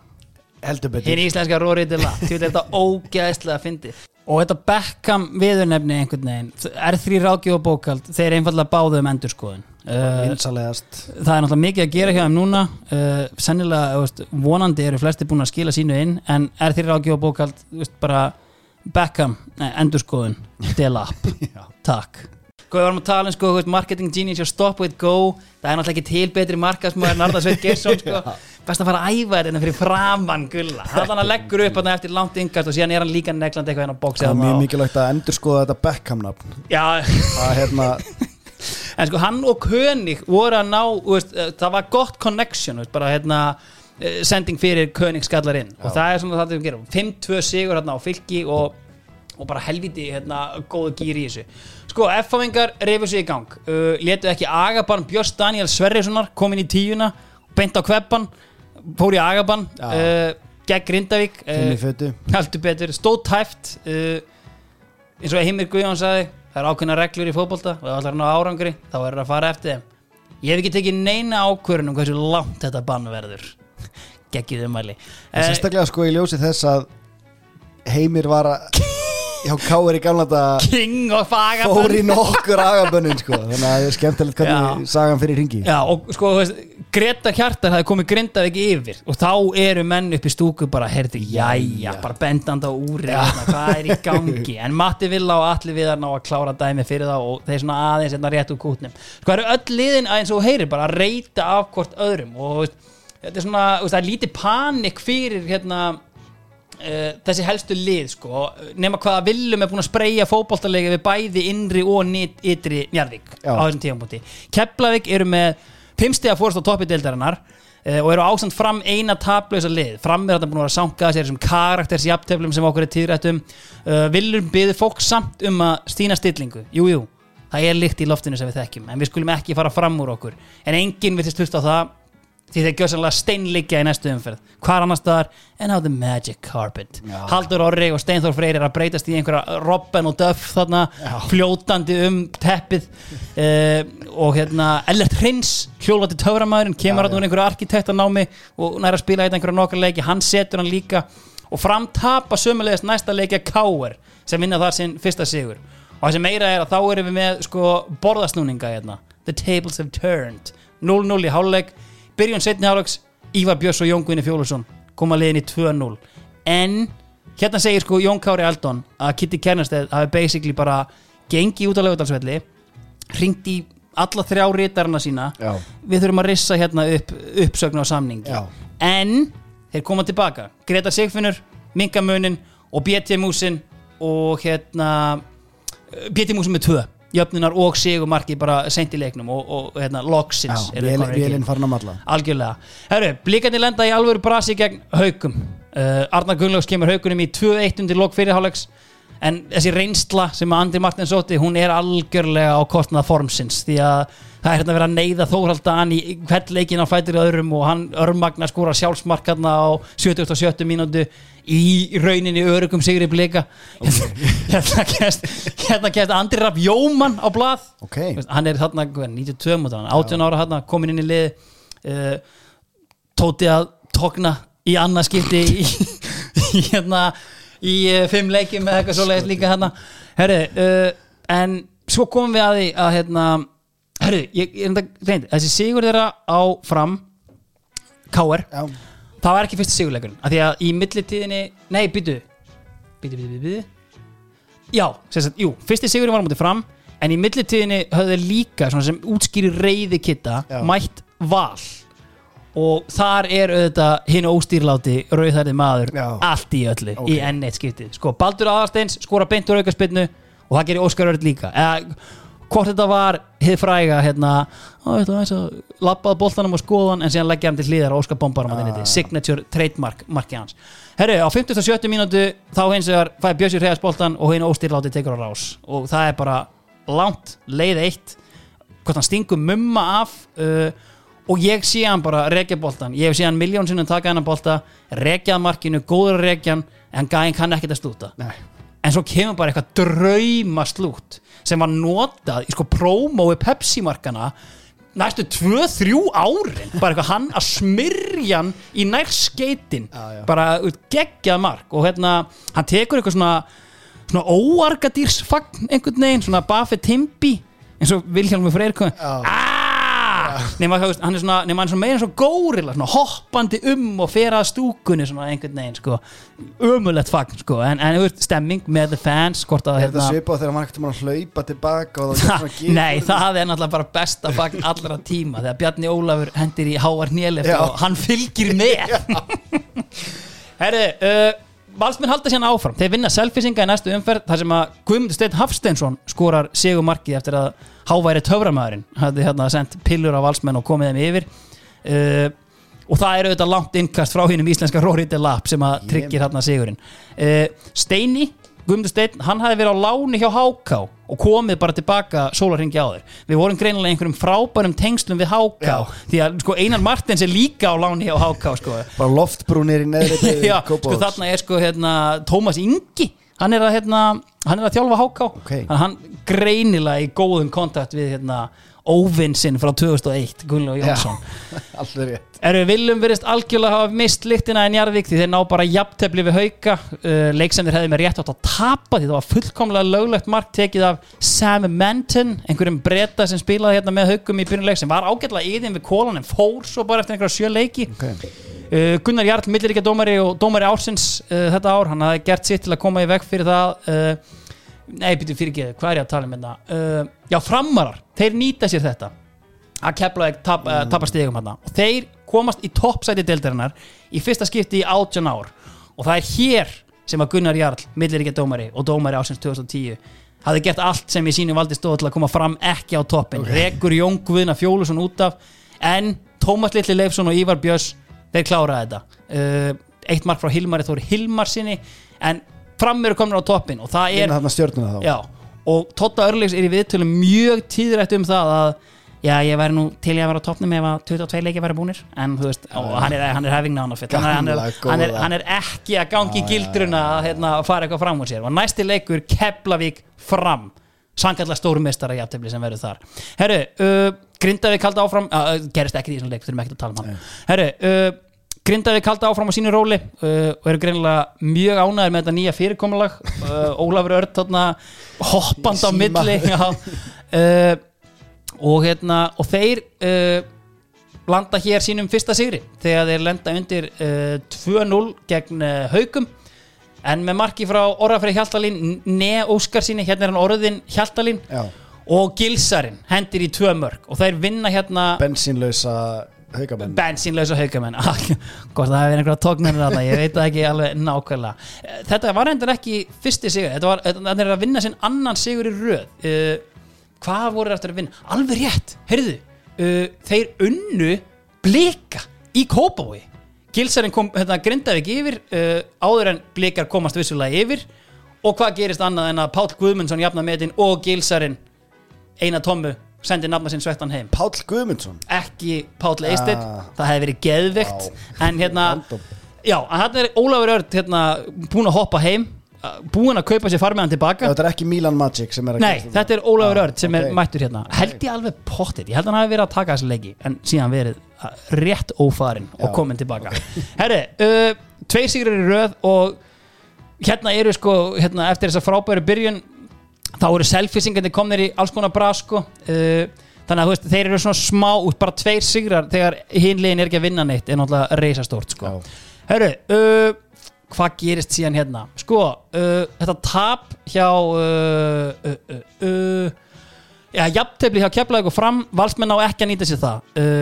Og hefðu geta komast á toppin en þeir gera jafntefli við stjörnuna. Káeringarnir eru aðeins að réttu kútnum uh, með karakter sigri á IPVAF með marki frá smalanum sjálfum bara á 90. mínúti í leik þar sem þeir áttu ekkert skilið.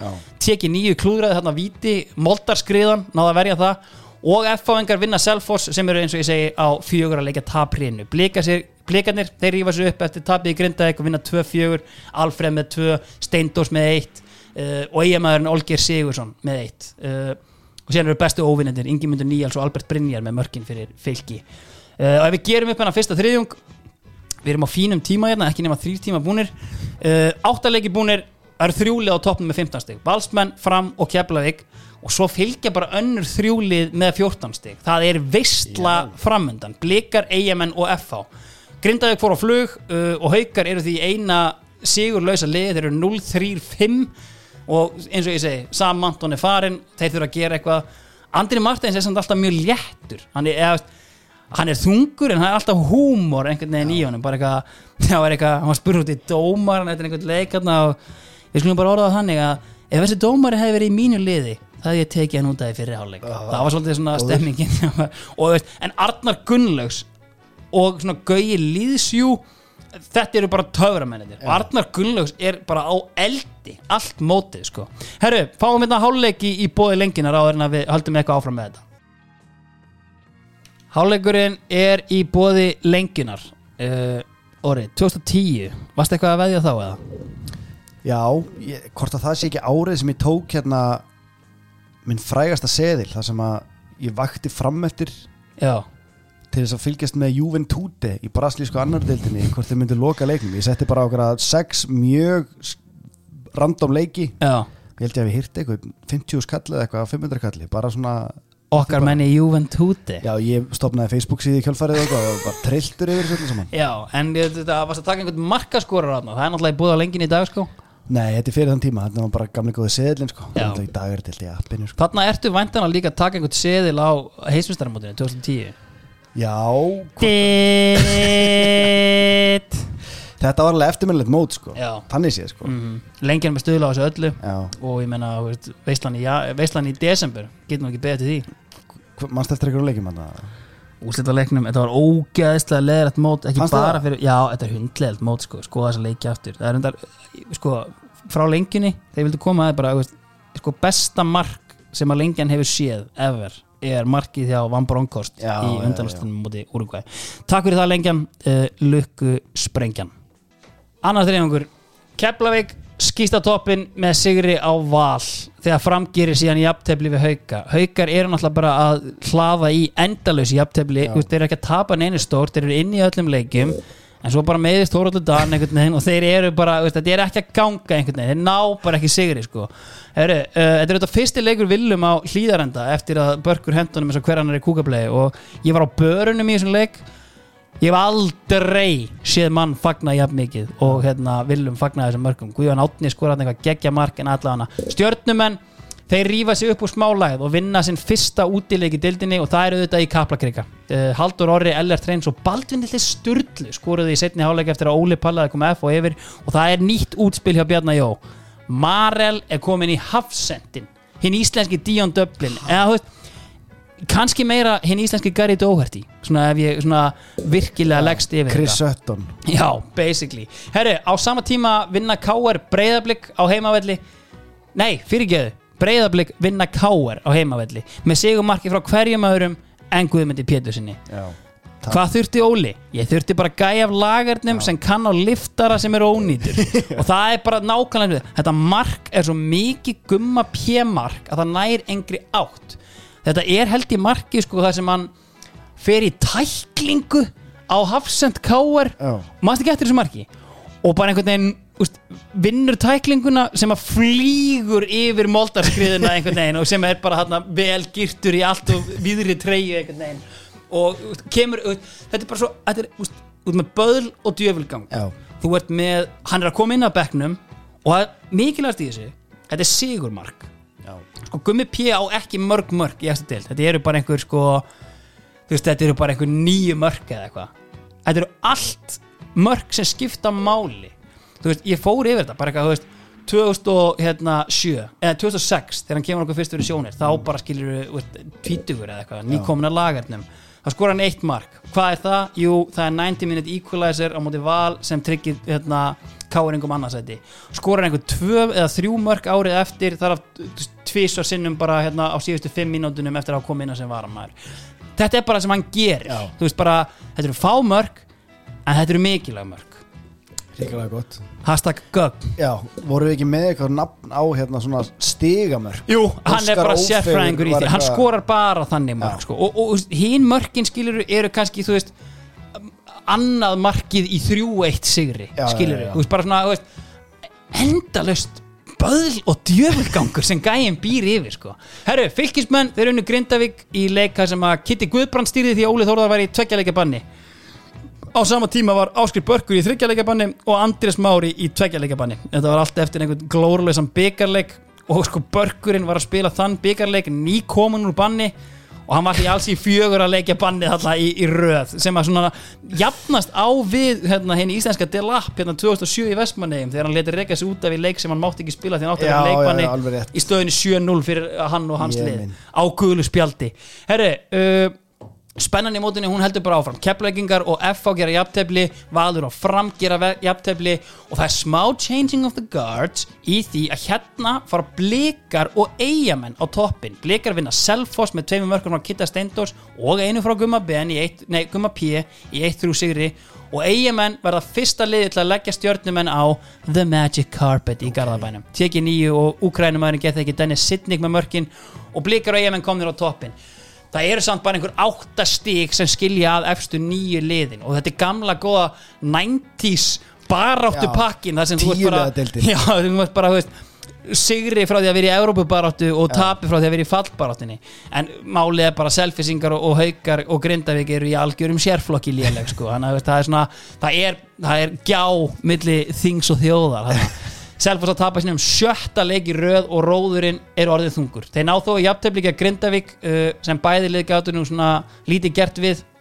Og það voru alvöru skjáltu um liðin þegar þeir fylgdist með leik Vals og Hauka á hlýðarenda uh, hann fór ekki vel uh, Hauka komist tvisvar yfir og hérna í bæði skiptin jafnar valur, hvort það er einhver löng einhvers þarna eða annars slíkt sko og svo á 8050 mínúti bara fá haukar víti og Arnar Gunnlaugs örugast að vítaskita landsins fyrir á punktinn og blastar honum yfir og framhjá þeir bara eiga ekki að vinna leik og hérna hefur Andri Martinsson séð no og lánar Kristján Óla Sigursson í Viking Ólasvík það er bara einhvern veginn, nú þurfum við að gera eitthvað.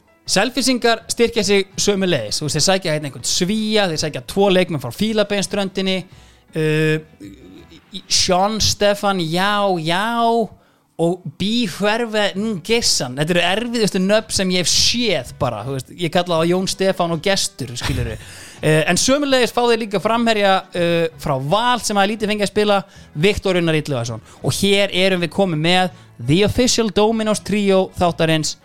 Það er upp á topp á Selfossi. Já, það er Vögg, það er Davíð Littli Birgisson Já. Háværi Tauramæðurinn og Viktor Unnar Ítluvarsson wow.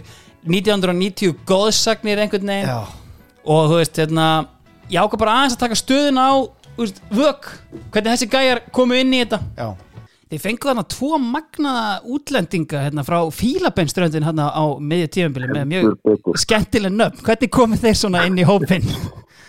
Já, já og nei, nei. Að, það voru svona nikki náðan. Þetta var svona já, já og bú, búlú herði, gessan bí herði, eitthvað, eitthvað svo leið. Og ég fæ, ég fæ reglulega skilabóra frá þessum mesturum á Facebook. Það er að senda mér þetta, hvað það segir kallinn og rúglega spura hvort ég getur fixa klúpir á Íslandi. Þannig að þeir hérna, já það, þú veist, að það var skemmtileg leikmann, þetta já, já, hann var, sko, hann var ein- svona 1.50 og hérna, bara gjössalega stjórnaði miðinni, það kom með svona, það kom smá svona, kom smá svona vilji, veist, eh, fórum á fullt í að sæna leikmann hérna, Já, það er bara handtökur sér Einmitt, í júliklukkanum uh, hérna, hinn umdeldi Viktor Unnar kemur alltaf þarna. Svo fáum við hérna Martin Donsten úr sko nýjöndu deldi í eitthvað sko og hérna og svo já já og búlu frá hérna frá Linn 2 og hérna. Já, já og nei, nei frá Linn 2 Svíi úr nýjöndu deild og a little fella called Viktor Unnar það á að setja alvöru stemmingu í selfisingana Já. eru, uh, sjáum hvernig það fer. Sko blikar og eigamenn ná svo ágætis svona fjögurastega fórust á toppnum tveggja leika tal, uh, blikarnir ágæti stjörnuna 4-0 á Kópavásvellinum það sem allt er í játni í háluleik en, en þá bara tekur Alfred til sinna ráða og Alfred var með svona hverja sýninguna á fætur annari einhvern veginn og þú veist bara ef maður rifjar upp þetta sumar Já. það snýrist bara einhvern veginn allt um Alfred Já. hann var bæði með þetta svona barnslega element einhvern veginn í bara svona að vera húmoristi en síðan gæti hann bara mætti viðtöl og bara verið eins og þú veist, Arna Gunnlaug sagði það. Hann var bara með allt einhvern veginn því að þú veist, í minningunni var hann bara svona einhver fullori maður þarna, sem var eitthvað að rúla yfir þetta og hann er bara eitthvað mættir eitthvað í að pumpa bís í liftingasalnum í miðju viðtal og það er alveg trúður þarna. Já, já. en veist, alltaf stutt í svona algjöran professionalism einhvern veginn. Það er svona mín minning af þessu. Og hann hendur þetta í þrennu áður en að haugulegt til Baldvinsson innsikla sigurinn. Og þessi gæði sem hann var líka með inn á vellinum v- snerti maður sá að þetta þetta var ekki eins og maður var vanur að sjá unga leikmenn koma upp og sprengja upp og eitthvað svona, þetta var Nei. bara full mótaður Já. einhvern veginn svona bara leikstjórnandi náðast Já. sko, bara ótrúlega spes svona ungu leikmaður að koma upp fótbolti.net tók um þetta blikana í crossbar challenge það sem að enginn hittist lána að sjálfsög en, en þú veist þá hérna þá er mitt hérna er alltaf hérna Átni Kristinn Gunnarsson, Varnamaður, eitthvað bla bla bla Já. Alfred Finnbúðarsson, playmaker Já. Sem er ekki lína. Herru, uh, hvað erum við komnir? Uh, Eyjamenn, þeim var auðvitað að spá þessu tíunda sæti. Þeir vinna Keflavík með 90 minute vinnar frá Eyði Arunni Sigurbjörnsinni maður eftir þessu marki. Tekur hann á lofti á djebúanum hamrar hann hann í fjærhóttnið á úr 94. mínútu. Geðvegt, Magnús Þóri Mattiasson virtist vera búin að tryggja keflingingu stig.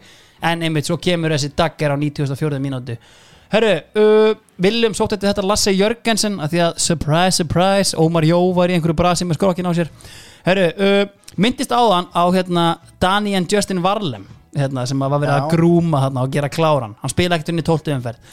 Uh, Heimir hafi verið að geima hann greinlega bara sem leinivopn og hérna sprengir hann sig bara inn í dildina uh, þakkaði tröstið menna, nýtti tækifærið byrjaði vel bara allir svo pakki. Uh, hann skorar þarna sigur markið uh, gegn uh, hvar erum við eiginlega? Gegn frömmurum og síðan skorar hann tvö aftur í næsta leik. En ég menna, þú veist, Kóla York hérna upp í Kópavegi, Alfred og Kitty Steind að skora Valur og F að gera jafntefli uh, og fórst að blika á eigamann er því hann er sjöstig á toppi deildarinnar. Okay.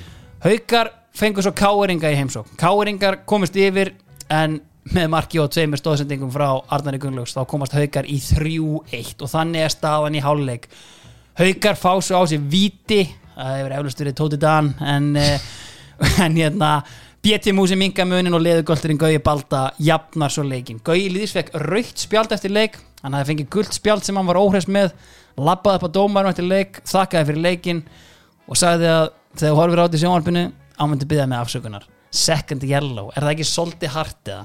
Takk fyrir versta leik sem þú Já, ég meina, Bræði Bergmann var nú hérna, rólegur þar sko, en þú veist, hérna Hver, hver, Mástu hvað dómar þetta er eða? Nei, ég man það ekki sko. En hérna, og ég nenni ekki að vera átt eitthvað dómar nei, hérna. En ef þetta hefði verið Gunnar Jarl þá hefði ég viljað vita Þetta var ekki Gunnar Jarl Þetta var ekki Gunnar Jarl Þetta var Hann er alltaf til í banta líka. Já, ég meina, þú veist, gæi sem að hérna, þú veist, Bjössi Reyðas var einmitt í viðtalið hérna á fótbolti.net þetta sumar og einmitt talað um, þú veist, að því að hann og Gunnar Jarl náttúrulega forsprakkar klárt sko, hann sagði bara, Með sem við höfum heyrt um þetta að hann gerir sko. Herru, hérna eru káringar uh, með 13 stig, þeir eru 3-4-4 þeir eru með negatífa markatölu. Hvar er Daniel Kári Snorrason og akkur er hann ekki að fá mínútur? Er gargað úr stúkunni. Jón Kári er hann búin að hann einhvern borða í skjóli nætur og hengja hann upp. Project Nothing. Kitty Kernesteð situr upp á skrifstofa TFG Simpson. Komið gott. Og Loga Ólasinni er einfallega sagt upp. Og yfirmaður knastbyttumála Rúnar Kristinsson hann fer á tölvunni googlar einhvern upp en kemst einhvern veginn að þeirri nefist og hann er langt best til þess fallin sjálfur að stýra þessu liði. Þannig að hérna sjáum hérna hvernig það fer. Heru, í næstu umferð fara eigamenn á toppin því blikar tapa fyrir fram. Hérna höfðu, hérna höfðu blikar unni fimmleik í röð en það er Dominos 3 á framara, Almar, Hjálmar og Jón Guðni sem að sem að afgreða hennar leik bara í, í fyrri háleik þessi leiku kom beint í framhalda leik á móti Móðurvel þar sem blikarnir höfðu dutti út og, og hérna er sko Óli Kristjáns komin í eitthvað smá karpi stuðningsmenn líka. Uh, hann fór í viðtal við hinn virta blaðmann Alexander Frey Tamimi uh, þar sem hann sendi svona smá pillur uh, svona hætti þessu töði við erum að gera okkar besta, við þurfum ykkur á bak við okkur. Þetta tóku menn svolítið inn á sig og Óli þetta beðast afsökunar og svona, sem var alveg svona fair play, hann á ekkert að vera eitthvað því að hann, það var eitthvað garga á stúkur hann fór að svara. Já, það er ekki góð, leikur en, en yfir hverju er blíkastundinsmenn að kvarta? ég veit ekki, það var svona, þú veist, það var svona mín pæling líka bara einhvern veginn, are you not Já, það er entertained? bara þetta hvað í óskapunum þú veist, þeir eru hérna og að tapa toppsætinu. Já. ertu ekki að grunast eitthvað, veist, en Þessi saga. Allavega, það var svona sjallast einhvern veginn og hérna, á sama tíma eru eigamenn að vinna val og þegar hér er komið við sögu þá hafa þær ekki unni leik hérna síðan í, í sjöndu umferð. Uh, og það er komin helvitis ókýrð á hlýðarenda hérna rétt fyrir vesturmahelgi sko. þessi umferð er samt hérna, merkileg fyrir tvær sakir, hér mættust FO og Haukar ómerkilegu leikur FO vinna 3-1 og Arna Gullur skorur á víti allt þetta í bókinni, hvað er þessi merkilegt vinnarleik? FO Haukar Fyrsta skipti sem þau mætast Já, vel gert Takk. Arnar og Bjarki Gunnlaugsson mætast sem anstæðingar í fyrsta skipti Sorry, ég Já, ok, ok ég, Já, sem þeir Já. mætast. Já, nei, nei, nei, við erum komin í setni umferðin að kalla mér sko. Getur við klift þetta út? Ég meinti Herru, annað markvert uh, Haldur Orri Björnsson skorar sigur mark stjörnunar úr víti gegn fylki. Manstu hvað gerir svo? Þeir fögnuðu laxafagninu Hann grípur upp veiðistöngina sína og hann sækir laxin og, þú veist, the rest is history Já, skilir bara- þú veist, bara Þetta sprikl. Algjörlega Rífur hann upp Hvað vorum við eftir? Vorum að Vorum hjá Stíf og vorum að spjalla við hérna Steinþórfrey Já, Hvernig hann rífur hann upp hann uh, já, ég ætlaði sko að halda á honum hangandi. Hvernig? Glórulegt sko? Herru, uh, síðasta umferð annars þriðjungs F-fáingar eru á einhvern magnaðan hátt búin að læða sér aftur inn í toppárátuna og þeir mæta á Hásteinsvöld í 14. umferðinni. Minnugir skellsins frá fyrir umferðinni og það var engin afstáttu gefin örugur 3-1 sigur tekið nýju nær, auðvitað skori gegn sinni gömlu félögum en Ásker Aron Áskersson ekki rautspjald núna, heldur sjálfsmark uh, þannig að það er einhvern veginn að staðan. Á sama tíma mæta blikar völsurum þetta er hérna fyrsti leikur til þjóðatíð sjálfsögðu tapa eigamenn uh, blikar er að mæta völsurum hérna og það var mjög, mjög mikið gert úr því að blikarnir fóru ekki á þjóðatíð Uh, það var enginn að spurja þá hvað er gerðum vestlumannhelgina þeir tilkynntu hverjum einasta manni að þeir hefur svo sannarlega ekki farið á þjóðháttíð uh, og, og þeir þeir uppskára eins og þeir sáðu. 5-0 sigur. Ég get alveg sagt að ég Arnar Sveinn var með mér á þjóðháttíð sko. Það, var, fór heim á lögadeginum en hérna en, hérna, en þú veist hérna sko, hérna er allt í volli og hérna útlendingarnir hjá Val uh, þeir meistarar hérna, Danny König og Martin Pedersen uh, þeir, þetta voru ólíkinda tól og hérna ég rætti aðeins við Arnarsvein bara um svona veist, innkomi þeirra inn í hérna inn í bara valslið og bara svona hvernig stemmingi var. Fáum aðeins að heyra hvað hann hefði með þetta að segja. Byrjum á því að hérna, hinga að mæta hérna, tveir danir, eða einn spænskur dani Danny König og Martin Pedersen. Uh, Martin Pedersen uh, ykkur tókst að elda grátt silfur eða þú reyndar að elda grátt silfur með mjög mörgum en, en svona, þú veist, sérstaklega mikið þarna með Martin Pedersen. Svona, þú veist hann hérna vill fá, þú vilt fá boltan hann hratt og, og hann hérna öskrar á þig hérna móti FH, tók hann ekki lurkin á þig síðan eftir leikina, hvernig var þetta?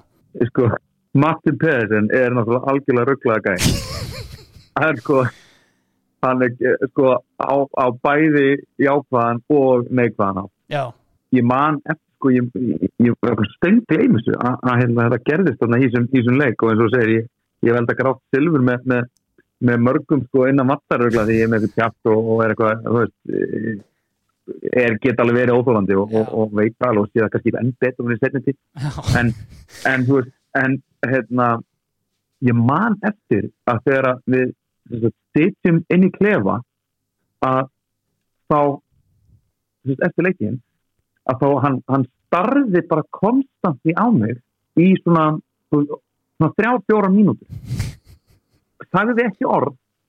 Hann bara starði á mig bara inn í, inn í sálinn á mér og hann var bara að láta mig vita að þetta geti aldrei gert aftur og, og ég sko þú veist, ég fann fyrir einhverju svona authority hjá honum sem ég einhvern veginn bara gati ekkert alveg hundar og ég skil að gæna að spila á, á, á mjög háðu leveli og, og, og var bara, þú veist, var bara já, já, um, og þarna var bara þetta fyrstileikur tímbilsins og ef mann rétt og, og hérna og veist, þetta, þetta var rosalega skrítið sko en, en, en svona eftir að ekki að þá veist, þegar, þegar eftir að maður upplýði allt á tímbilinu að þá einhvern veginn kom þetta ekkert óvart en eftir að sko, skilu, þá var þetta bara þá var þetta eiginlega bara eðlast í hluturinn sem maður gerði.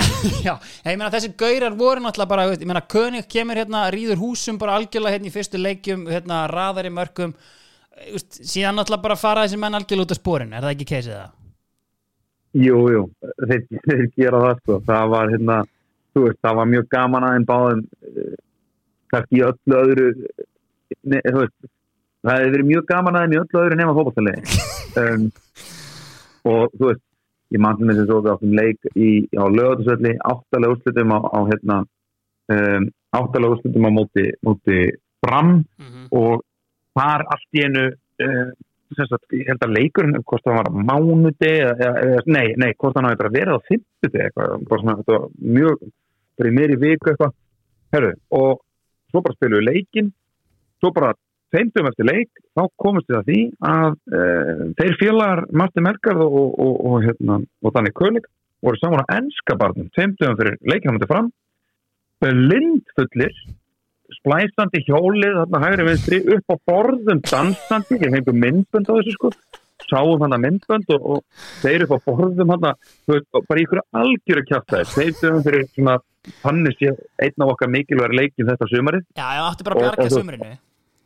Já, já, það var akkurat það var akkurat þannig. Og, og, og við einhvern veginn, þú veist, án fréttir af þessu og þú veist, það er allir bara ó, þú veist, það hlýtur það verður náttúrulega gert í þessu, þannig tekið eitthvað á þessu. Já það var náttúrulega ekki gert. Það var náttúrulega ekki gert. Veist, Þetta er svolítið stemmingin sem að veist, Valur er í þarna. Veist, er, Þeir eru ekki búin að vinna leik núna hérna bara allan annan þriðjungin og þessi trúðar þarna Martin Peði sem var góðu leikmaður og hann klára tímabilum val Danny König á síðasta degi félagskiptagluggans Sayonara, ég er farin og við þurfum að sækja hérna einhvern strækjar og hingað kemur allslakasti útlendingur og bara sennilega, mér er saman þjóðarni þetta er bara lélegasti leikmaður sem ég hef séð spila með val. Dermot O'Carroll reyndar góða punktur kallaður Doc. Bara hi- hinn original Doc. En þú veist, En var hann svona lurka framherri?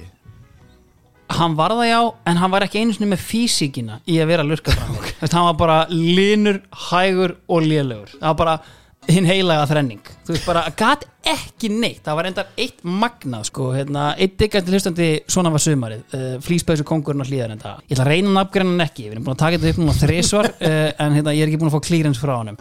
Sko, hérna, hann sagt var sendur í það að sækja tíðan Doc hérna, upp á, hérna, á lifstuð þegar hann kom og hann bara hann ekkert sérstaklega vel söguna sko, einhver gæi og hann var bara komin hérna og veist, hann hafði engan áhuga sem ég og bara var hérna bara að sækja samning. Nema hvað, hann tekur við íbúðinni af Danny König og, hérna, og Martin Pedersen. Martin Pedersen var færði bara eitthvað og þessi hérna, King Doc hérna, mætti eða eitthvað og, og Einar Gunnarsson fylgir honum bara, þetta er einhver íbúð bara á flókagötu eða eitthvað.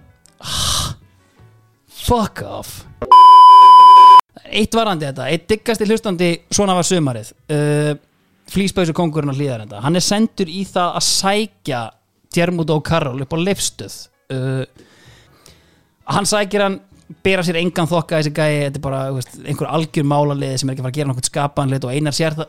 Er ég vangir?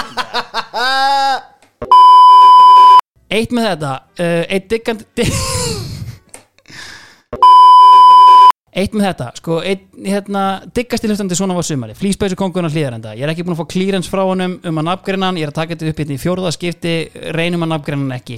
Sko, hann var fenginn það verkefni að sækja Doc, Djermút og Karol, Já. upp á leifstöð og hérna, gæði sem bera sér engan þokka, hann er bara, þú veist, algjör málaliði, hann er ekki að fara að gera nokkuð skapanlit og hann, okkar maður sér þetta bara strax.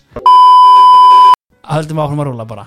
Sko, en nema hvað að hérna, maðurinn Doc þarf að taka við íbúðinni hjá Danny König. Já, og okkar maður í flýspausunni já, hann hefur aldrei séð annað eins. Það er stíu.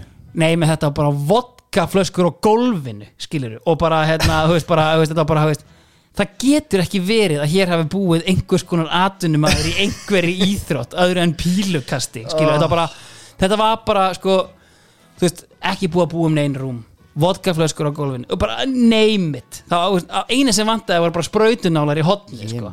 hvort að hann bjó ennþá í íbúinni peðisen sko að flýspessu kongurinn ennir á hlýðarenda og bara síðan kemur bara Martin Pedersen bara neglir hann upp á vegg bara you ratted me out you son of a bitch. Bara hérna. Úf. bara eitthvað, þú veist, og, ég held að einar hafi ekkert eitthvað ég, ég held að téður maður köttum þetta 334 ég held að téður maður hafi nú ekkert hérna ég er ég að vangifin hafi ekkert sko veist, verið eitthvað að ringi stjórnina en veist, eitthvað, kannski myndist á þetta bara á göngunum eitthvað og einhver pekaði þetta upp eitthvað en hérna, okkar maður var hérna smá smeku þegar hann fekk sko melg, að því melgordin var sko pínu lítill en ekkert eðlilega aggressífur og bara þú sér það, ég menna vetterinn bara hann starða á hann í fjóra mínútur og allir skít hrættir sko. Töfting orka 100% já. Sko þessi leikur algjör skelving hann fyrir 5-0 fyrir blika sem þetta ekki verið á þjóðháttið Alfred með 2 og þessum með þjóðháttíða pillur hérna í viðtal eftir leik. Staðan við lok annars þriðjóngs blikarnir á toppnum með 29 stig. Jafnmörg stig og IBVF en þeir eru með miklu betri markatölu. Eigamenn eru með besta valdnarlið en blikar eru með lang besta sóknarlið FH eru fjórun stig eftir þessum liðum og svo kemur Keflavík með 23 stig eins og valur hafa fatast flugið bara ekki næstum því jafn mikið. Og svo er hann algjör pakki fyrir neðan. Uh, ok, herriði hver, hver, Hvernig var IBVF spáð fyrir þetta mót? tíundasæti þegar bara, þú veist, þeir áttu bara rétt að hangi deildinni. Þú veist, það kom að einhver útlendinga hersveit og bara, þú veist, en, en þeir þú veist, útlendinga lott umræðan? og fimm réttir, En hvernig er umræðan? Er, er heimir töframadurinn eða þú veist, hvernig er svona umræðan er öll á pró narratífið er, þú veist narratífið er hér, sko. Já, já, já. Veist, það er bara, veist fólk er að elska prófessorin, fólk er að elska Alfred, og það er algjörlega narratífið Já. sem við erum með, sko. En, en þú veist, eigamenn eru bara einhvern veginn svona lurkandi að inn. Fólk er alveg til í teki heimkoman, handritin heim og þetta dæmi skiluru, en veist það snýst bara allt um breyðablik veist, hvort sem er í monitor eða á íþróttasíðunum sko. herru, Tannlæknirinn er væntalega saman já.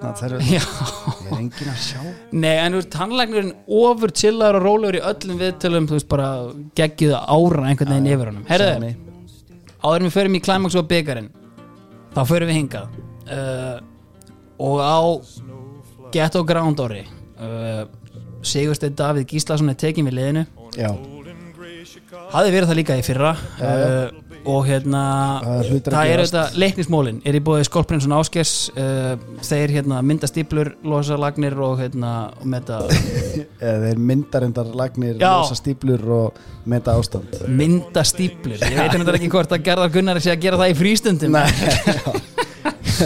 Já, allavega, já, þeir hérna þeir losa stíplur, þeir mynda lagnir og þeir meta ástand, takk fyrir það. Eh, sko þetta er auðvitað sorgarsaga. Þetta er mjög erfitt ár. Það sem að Guð kemur við sögu. Já. Þið eruð basically í sko þið eruð í topp þið eruð í topp teimur allt mótið, það ekki? Í, sko, framan af fara íringar rosalega vel á stað. Og það var með mjög Átna Freyr Guðnason, eða dýrasta leikmann deildarinnar Já. í brotti fylkingar. Djúðlarinn góður. Já. og, og sko það var svolítið sárt og það, þar meðal var einhver hérna, töpu við fyrir í er og eitthvað svona þannig að þetta var, það var leðilegt Mhm. en svo fór heldur betur að skína sól í og hverjir eru þarna? Er þetta, þetta er nýja gullkynnslóðin uh, Þarna þeir, sem er- þeir eru gömlu hefur verið hent eins og hverjanar er kúkablei Já. er ekki Brynjar litli ben í liðinu? Soccer and Education inn og út sko Nei, hann er þarna, með rullu. meirum hann á eftir Já. en sko það sem að þetta snýst aðalum eru eldingarnum tvær, hvíta eldingin og Aron Fuego. Kristján Páll Jónsson þá. Kristján Páll Jónsson, þeir eru á köntunum eldfljótir og Steini Gísla er ekki að flækja hlutana mikið, það Nei. er bara hérna, þétt, þéttur varnarleikur en liftur snöggi fram og það er svolítið bara svona leið eitt stemning í gangi bara, ok, engin tengilegir í bakverðum eða neitt svo leið nei, ok, nei, minnum það sko og hérna og þetta er bara liftrandi bolti sem maður er kannski ekki vanað að sjá. Þetta er náttúrulega ungir og sprækir strákar. Kjartan Andri Baldvinsson er hann mættur og hann var já, kvalitet Já. geggjaður í fótbolta sko, og ógeðslega skemmtilega leikmaður. Mm. hver er upp á topp hana? hann. Já, hann er upp á topp. Já. já, já. Óli Hrannar var svona tilbúin að koma inn á, hérna, á bekknum. Böðl og djöfulgangur. Böðl og Djöfulgangur Já. og, og Brynja Ben líka en hann var svolítið svona vang stemning einhverju. Já, svo hann Gunni Einar sann sko. ah, Mjölnis kongurinn já, hann og, og Dóri Haldur Haldur Kristinn já. Og, og svo er Hilmar hann byrjar að spila. Ok, hver er í markinu? Eyjó. Ah, Þarna er, þið komið bara með Brunavörður. þessa Já, nokkulega 89, eh, 88 Já. til 92 er svona hérna, uppistæðan í þessu. Og, og nokkara svona heitir hann Fúsi er náttúrulega svolítið svona hérna Vigfús Arnar, Vigfús Emmett, Arnar, geggjað. snúin heim for good. Já. En hérna, og, já, Óttabjarni verðt að minnast á hann líka hérna, Já, algjörlega. Nöfn sem fólk er fara að kannast við kannski. algjörlega, ég veist, KB Legends og, og svona Já, það. en saga mótsins er bara veist, blúsandi gangur og skemmt Narra- narratív mótsins, já. og svo er þetta svona fyrir lokaleikina við eigum bara að fara upp já, já, veist, prógramið þannig já, við förum uh, austur og fyrði í Já. næst síðasta leik getum tryggt okkur með sigri já. Og þar er já, moment bara það sem að Brynja Ben klúðrar það sem hann eiginlega heldur í stöngina. Já það er svo vond sko. og, hérna, og það bara ógislega leðilegt moment sko. Mm og hvort að Serdan Rækovic er ekki í markinu og á einhvern bilaðan leik. Einhvern svona Serdan sýningin. Þeir jafna á 87. þú veist, við erum yfir allan leikin mm. og hérna 1-1 en allt um það opið skilur en þarna hefðu getað klárað þetta. Já, svo hérna svo er það Guð sem stígur inn í. Jesus take the wheel. Og sko gýruninn sem á sér stað fyrir lokaumferð það sem við, við um heimaleik móti fjölni. Uh, fjölni svo sem hafa ekki að neina að þeir keppa hafa ekki að einum einasta hlut að keppa. Og hérna nema fyrir Guð sjálfan. Og það er sko skrúðganga að vellinum. Ekki mjög fjölmenn en við vorum nokkri ah, Tailgate. Já, Já. og svo er sko andlitsmáling. Það voru menn í stúkunni með sko þetta ógeðslega ljóta Pepsi logo mála á kinnarnar. já, já. Af því að þarna var það buksi eða var buksin að Pepsi logo eða bugsi hvort hann var í hópi eða eitthvað Já, ok. en það þarna nei, nei, en svo eru menn náttúrulega bara þú veist rosa mikið fjör og búið að gýra sig vel upp Já. og, og hérna og breiðholtið að dreyma og Þeir eru í draumalandi Sigursteins Gísla Já, alveg Og bara sko ég get alveg sagt það, tímalaust. ég tók nokkuð viðtöl við Steinar Gísla þarna Ég tók þau ekki, ég var, þess, þess, tók þau í undirbúningi fyrir Já. þáttinn Og það er klikkuð Svona skaga á, ára yfir honum. Veist, er bara, Þetta er eins og að hlusta á viðtöl við Óla Þórðar Nefna bara svona aðeins Svona meiri veist, hann er svona aðeins brósmildari en veist, þetta er samt svona sama stemming. Já. ég sé bara alltaf fyrir mér heldur þú að Óli frændi hérna, hérna, Alli frændi eitthvað bla bla bla, þetta er svona nákvæmlega þannig sko. og það sem, að, það sem hann kom líka með þarna, burt sér frá því, sko, hann er að fá okkar kynslu í hendurnar og svona, en það sem hann gerði fyrir þessa kynslu svona að mínum að þetta fyrst og fremst já, er, ekki hlæja þegar ég segi kynslu þetta er er hann, hann var bara með á æfingu mjög reglulega já, og var bara lang bestur hann bara svona, hann, hann náði einhvern veginn að smita þessari innilegu seguvegara áru Já. Yfir á okkur hóp af vandræðaúlingum já. sem hérna bara fó, of misfits. fóru bara að trúa. Já. en að þessum leik já, það eru sko, ég veit ekki hvað eru liðna marga mínútur, það eru mjög fáar. Já, hann Þegar- alltaf elskar að skora eftir snemma leiks. Heldur að Power of Love hafi er verið í gangi? um það að hann hefur spilað, hann er búin að vera með þetta lag á fucking iPodinum sínum frá því hann skoraði þetta ógeðsla mark eftir 8 sekundur Já. og ég held að sé 5 minútur liðina þegar hann er búin að skora Já. og það dauða þögn Við erum auðvitað að tala um The Dean of the Church Já. sem hafi verið hent aftur í fjölni eins og hver annar er kúkablaðið, Já. Petri Georg í markan Já. hann Eh, kemur já. hérna með kjálkarna sína skora mark svo bara erum við bara þrjumur losnir náum að klóri bakkan eitthvað svona rétta fyrir hálfleik Já. þegar hann bara klárar þetta með tveimur mörgum og þetta bara svona og ertu meðvitaður um það allan tíman að þú veist Daniel Freyr Guðmundsson letur reyka sig út á nýjundu mínúti fyrir fjárðabíð og staðan er bara eitthvað 8-0 fyrir bara, ég man ekki eftir því. Ég Nei. man bara, veist, að þetta var í okkar höndum Já, og klárum var- þú, þú aðeins séð Kristján Guðmunds 2008 já, já, við vorum búin að læra. einbeitt okkur á okkar leik. Nei og sko allt svekkelsi sem fylgir þessu og öll reyðin og svona já. Hún beindist bara að fjölni. Meina, Þór hafi ekkert með það að gera. Þó að Nei. Þór sé sko leiðinlegasta lið allra tíma. Og sko hérna Við erum sterkir í þorpinu, passaðu þig sko.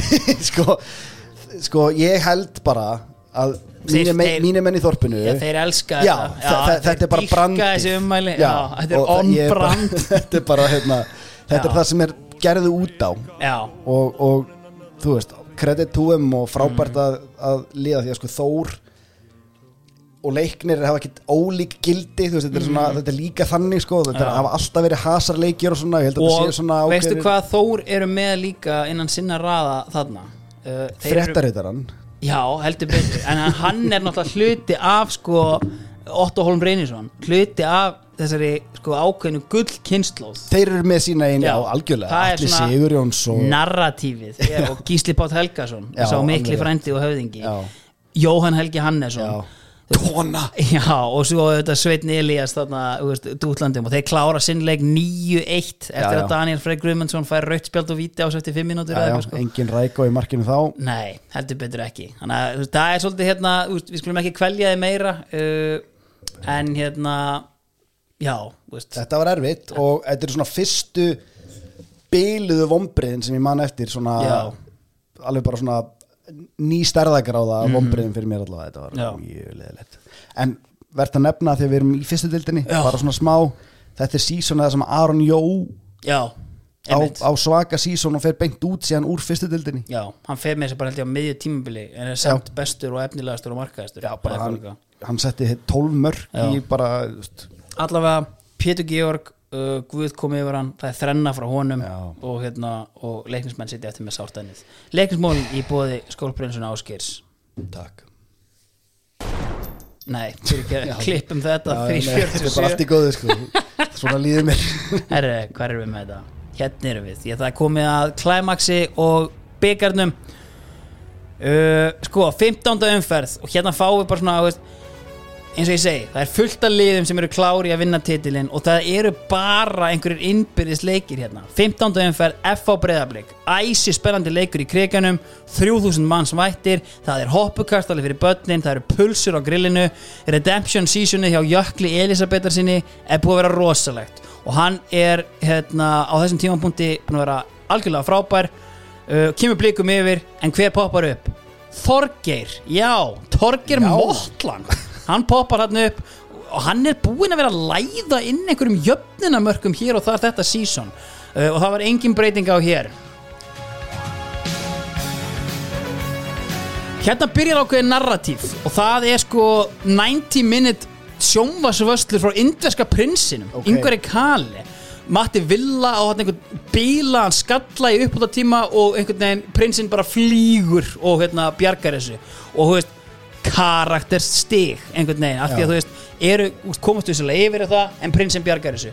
Herru, sko á sama tíma uh, hvað eru með í gangi á sama tíma, þá vinna eigamenn siglu sigur á móti hverjum öðrum en haugum haugarnir einhvern veginn, þú veist eins og ég segi, markatalan mínus 14 er bara frekar respectable, þetta er ekki búin að vinna einn einasta leik Já. allavega hana, söðurafriski strákurinn eins og Víðir sig kallaði Daniel Justin Varlem í íslenski knafspilnu hann skoraði tvö mörg, kom með fjögur mörg í síðustu fimm leikjum eftir hann fekk tröstið eigamenn eru til alls líklegir, eru komin á toppin hérna, talandi um til alls líklegir Kjartan Henry klárar Keflavík í Keflavík Káur eru búin að vinna hérna þrjá eða fjóra leiki í röð síðan Rúnar taldi best að hann tæki við liðinu. Ok. og það, hérna eru stuðnismennin aðeins fartin að- róa sinni Já, já, já, sko það kom að því að haugarnir fengu samt alvöru skell og það kom gegn stjörnumönnunum á, hérna, á hlýðarenda og Já, þeir voru að spila já, það að minnast á það. Þeir eru ekki, eru ekki að spila á heimavelli þeir spila á hlýðarenda Vensla félögin. Já, Séra KFN, Friðrik. Ekki orð Herru, uh, 0-5 uh, Ólafur Karl Finnsen fekk sem fyrsta leik í byrjunalegi uh, Hattrick. Hlýtur að vera sko youngest svona debutant byrjunaliðs Hattrick. Fyrsti leikur í byrjunli Já, hann er sko 18 ára þarna. Já. Skoða þetta. Já. Herru, uh, yngsta, yngsti að skora þrennu samt Arnar Gunnlaus Nei, BG fjórir, það voru Ah, aldrei alveg toppað. Það voru aldrei toppað. Herru, uh, hvað erum við meira uh, uh, Sko, uh, þetta er svona nánast endanlega fellir hauka því að selfisingar vinna langlösa keflíkinga svo í ótrúlegum leik á selfossi. Maggi Matt og hver annar en Haust Hörður Sveinsson þegar sólargeislinn færist fjær mætir Hörður Sveinsson á nær söngi alltaf. Þannig að staðan í hálfleik 2-0 Jón Guðbrands, minkar munin eftir aukaspinnu frá Já Já og Viktor Unnar jafnar leikinn með Panenka vítaspinnu og innilega sáldrar á Spidey Cajun krytti Viðarörd Kjartansson með sigur markið það eru selfisingar eru nánast ekki búin að vinna síðan hann að þeir voru 2-1-1 Já, já, sko. þannig að þetta var kærkomin sigur og svona heldur einhverju lífi í þessu. En KF eru þá bara svolítið stipla sig út. Kef eru gjössanlega stimplast út. Willum fór hann í hann að fræga viðtalið. Hvernig veist þið sóknarleikurinn búin að vera hérna, með við undanfærin ár Ætlum við að tala um það sem gerast í fortíðinni Mástu ekki eftir? Jú. Þetta eru eru þessi tvö viðtölu við Willum sem eru á YouTube sko Hitt, hitt Hitt var hann við Benna Bó Er það sama árið eða? Nei, það var með val sko Töpum fyrir leik, við erum úr byggatum Vikingur fór áfram, punktur, næsta spurning Var ekki eitthvað sem var eitthvað Var þetta spurning?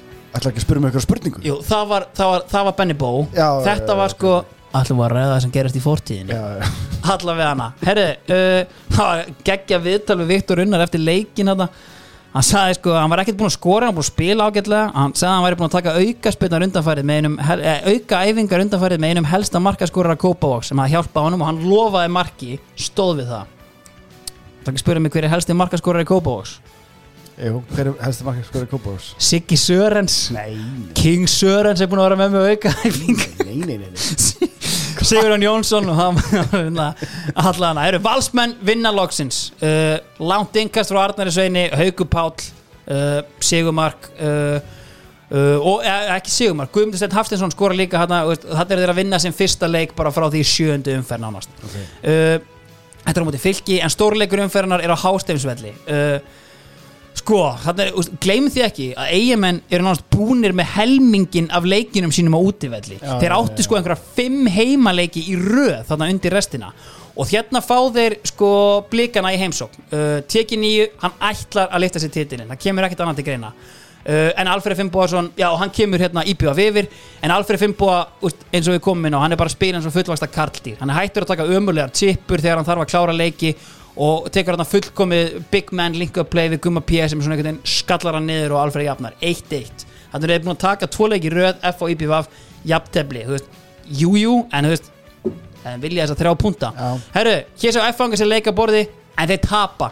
Þeir lenda einfallega í ondvélinni sem skorar í uppbóta tíma eftir að hafa jafna leikin og Óli Baldur með rýting í hjörtu Jónasar Ímis og Hardshit í uppbóta tíma eins og ég segi já, veist, það var einhver mörkarna en Óli Baldur og Gilsari með tvö og F.A. enga tapa fyrir Grindavík hérna eru sex leikir eftir eigamenn er á toppnum blikar eru tveim stegum eftir þeim og F.A. eru fimm stegum eftir blikum en káeringar er að þokast nær þeir eru núna átta stegum frá toppnum eftir N1 sigurinn, nú gekk fram Kjartan Henry með 90 minút vinnar í frostaskjólinu og menn vil ekki sjá einar bjarnar lengur nú eru menn bara sáttir með liðið það er búið að vinna hérna einhverja 5 eða 6 leik í röð þeir rústa síðan val í næsta leik rústa síðan fylki og það er bara þvílík stemming ja. eftir hennan tapleik á móti uh, K.R. þá er sko þá eru einhverjir búin að sjá nóg á hlýðarenda og það eru fundir í reikmettuðum bakherbergjum svo sannarlega okay. sko ég veit ekki alveg sko, hvað sena fer hann í gang en sko, sagan er svo að byrtist frétt á rúf Börkur er búin að segja við Gulla Jóns þú hættir núna eða eftir tímabilið. Ég er með Gauja Þórðar hérna kláran. Gauja Þórðar kemur algjörlega fjöldlu með þetta. Og segist líka að hann myndi ekki eins og segja okkur það ef það væri satt hver er að ringi kemur okkur ekkert við hver er að ringi mig. Og hérna en þetta, hérna einhvern veginn bara svona þú veist, sko ég veit ekki nákvæmlega einhvern veginn ok, Frétt á rúf samt, það er alveg svona Rúf breykar þetta og Rúf er ekki að, veist, ég meina þú þekki það, Rúf er ekki að fara meitt í lofti nema að einhver fótu fyrir hann. það sem gerist er að Gulli einfallega fær sko, það talaði sko Gulli og Jónsson fær stuðningsyfirlýsingu frá stuðningsmönnum vals, það var einhver undirskrift að lista á spjallborinu, 25 mann sem skrifuð undir, en allan hann fær samt stuðning frá aðalstjórn. Og Ok. það sem að gerist er sko að börkur og svona stóri hlutin af stjórninni segir af sér uh, trúnaðabrestur og hérna bara yfirlýsingin sko frá fráfarandi stjórn við undirritaði stjórnarmenn knastmyndelda vals sem ákveða að segja af okkur við höfum unnið að heilindum sem við tókum stjórn knastmyndelda 2003 bla bla bla, margir titlar bla bla bla innan félagsins hefur eins og er ímyndilegt gengið á undanfæri misseri ákveðnir einstaklingar sem við töldum samherja okkar hafa gert okkur erfitt um vik við áframhaldandi uppbyggingu knastmyndeldarinnar Þeir hafa vissuleiti tekið yfir stjórnarstörfu okkar sem eru þó líðræðis kjörnir stjórnamenn. Við teljum að slík vinnubröð sem knastmyndu félaginu vali ekki til framdráttar og við ákveða stíga til hliðar. Á þessum tímanpunkti langar okkur að þakka þeim fjölmörgu valsmönnum sem hafa starfað með okkur og hérna kemur einhver runa. Ok, Elisabeth Gunnarsdóttir, Freyr Alexandersson, Willum Þór Þórsson, uh, svo fyrir hann aftur yfir í Frey Alexandersson, Þórð Jensson, Orra Sigursson styrtaþjálfara, Ragnheður Jónsdóttir, James Batt, Friðrik Ellert Jónsson, Björn Sóeka, Sævar Gunnlaugsson og Haldur Eithórsson. Tókst þetta hverju er ekki nefndur að nafna þarna? Gunnlaugur Jónsson.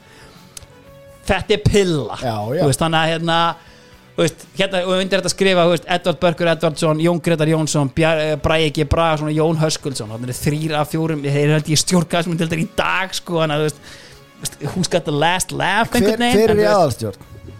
aðalstjórn eru bara svona geitu ég held að Stefán Karlsson hafi verið formaður valst þarna sko en þú veist ég held einhvern veginn, þú veist, minnu ég bara eitthvað Arnar og Bjarka hérna, sæningsins hann í fyrra einhvern veginn, fólk var bara einhvern veginn, ok veist, No stoppum Já. þetta þú veist, hérna, það átt að fara hérna í uppbyggingu Já. það átt að gefa tíma Gulli var að fara í eitthvað project en þú veist ég veit það ekki, ég veist, það veit engin nákvæmlega einhvern veginn hvað var í gangi ég- vettirinn tala aðeins um þetta að, að hérna Arnarsveit þarf að segja að þú veist og þetta bara smitaði út í liðið. Hann talaði um útlendingan og hvernig var höndla agamálinn, það var ekki gott. En þetta hafði líka bara massív veist, impact inn í hópin skilur og veist, hann talaði svolítið um sko að hérna að gulli veist, hann tapaði ekki klefanum skiluru en, en þú veist hérna en samt svona einhvern veginn svona, þú veist, hann sjálfur ég meina, bara búin að þjálfa Selfoss skiluru Það hlýtur bara að hafa áhrif á leikmannahópin þegar að þjálfarin er ekki með traust þess sem er fyrir ofan hans veist, og hann er alltaf að second guessa sig einhvern veginn, þannig að veist, það er klálega veist, þetta var ekki gott, en alltaf veist, Gulli fær þess að stuðningsyfirlíku heldur áfram með liðið og veist, og, veist en það er náttúrulega ekkert í gangi hjá val sko. Stöðningsyfirlýsing er yfirleitt sko mest í dauðadómar heldur betur, en, en þetta er svona einhver mesta stuðningsyfirlýsing sem maður hefur kannski séð Ja, þegar aðalstjórnin tekur fram fyrir hendurnar og hinn er segja af sér. Þetta er kannski eina sanna stuðningsyfirlýsingin herru, allavega herru, mótið heldur samt áfram og þetta er algjört sidetrack einhvern veginn. Að því hér kemur masterstroke frá Heimi Guðjóns. Uh, sko, F á pakkar saman fylki og Heimi fyrir viðtal, þetta er fyrir leik Hauka og Breiðabliks og hér segir eh, Heimir spurður, jæja, grannar ykkar í hérna haugum eiga leik gegn hérna breðablik hvernig heldur að, heldur að geti gert ykkur greiða þar? Og Heimir bara einfallega haugar, nei. Þessi leikur fer svona 6-7-0 fyrir breðablik Já, Herriði Hér kemur ofan í þetta mixast svo að það er eitthvað að fara að kvissast út að útsendarar frá Lech Gdansk, stórveldin í Pólandi þeir eru mættir upp í stúkuna til að skoða Alfreð Óli Greið spurður út í þetta vittali og það eru bara einfald svör. Framtíða Alfreðs er þessi leikur gegn haugum í kvöld og ef hann er farin að hugsa lengur en það og það sést á hans leik þá kipi honum út á tíundu mínútu. Ég tel mig þekki aðeins betur til pólska fótbollans heldur en Alfreð og það er töluveru munur á því að búa í grafavóginum og búa í Gdansk. Takk. Allavega þessi leikur uh, 17. umferð Haukar ná í sinn fyrsta sigur í deildinni á Kópavogsvelli. Og þetta er bara svona martraðleikur Gúst, komast yfir 1-0 og það er Arnar Gunnlaugsson af öllum mönnum. Kári Ársæl skora sjálfsmark og er tekin út af í fyrriháleik eftir 38 mínútur. Rétt fyrir lok fyrriháleiks fræðir Elvar Helgason rautt spjald frá Þóróti Hjaltalín. Þriðja rauða spjaldi sem Þóróti gaf honum þetta árið. Hann fór um í viðtal og sagði menn hafa nú verið að gæla við að ég hafi verið að sofa hjá konunum hans en það er nú ekki satt. Herru, sko, hér er að stefna í sko, hið þekkta blika hrun einhvern veginn. Óli, kottu hérna inn fáum þið aftur inn hérna. Úst, þú og Alfreð, úst, hvað var máli með þetta eiginlega? Úst, óhlýðina eftir 2009 og síðan er hann bara einhvern veginn hérna, úst, allar bara að taka hann þetta tíu myndu þegar hann allar að fara til get dansk. Hvað var eiginlega málið þarna? Já, þú mútti að taka tvö helviti ekstra í dæmi, það var alveg hár rétt að þannig að 2009 þegar hann gerði einn í gegn og ætlar eitthvað að tippa þá, þá hérna sagði ég, var ég búin að segja við hann fyrir leikin og sendir hann að við komist á móti daga þá hérna faraði fram hjá hann eða skjótu undir hann og, og hann alltaf þurfti að ólina því. Og svo, svo hérna hittaði mig með þetta Pólans æfintýri hérna til að aðeins komist upp af því og eftir en Já, En já, ég vona að ég hafi verið eins og strángu pappi því að Alfred hafði náttúrulega gríðalega hæfileika og er líka sem karakter þá svona var ég búin að komast að því í kegnum þessu vinni sem við vorum í að þetta var stráku sem þóldi að væri gerða miklu kröfu til hans Mm. betnaðfullur, lagði mikið á sig og ef að taumurinn var eitthvað oflaus alltaf að þá gæti hann riðið svolítið út undan sér en ef hann var, var vel strektur á réttum tímpun þá varstu bara með algjöra gullmóla í höndunum og, og það var svona þú veist, það var, ekki, það var, all, það var alls ekki eitthvað lof heit samband, það var meira bara lof lof sko vegna þess að hann deliveraði og, og hérna treyft held ég líka svolítið á því að vera gerða til hans gröfur og fengi ábyrð og, og, og fyndi að, að hérna að menna var ekki alveg sama hvernig hvernig hann hagaði sér. Og líka með þetta hérna Pólandstæmi að það var náttúrulega dagur minnir þetta hafi verið hérna haukaleikur sem við já, það var sko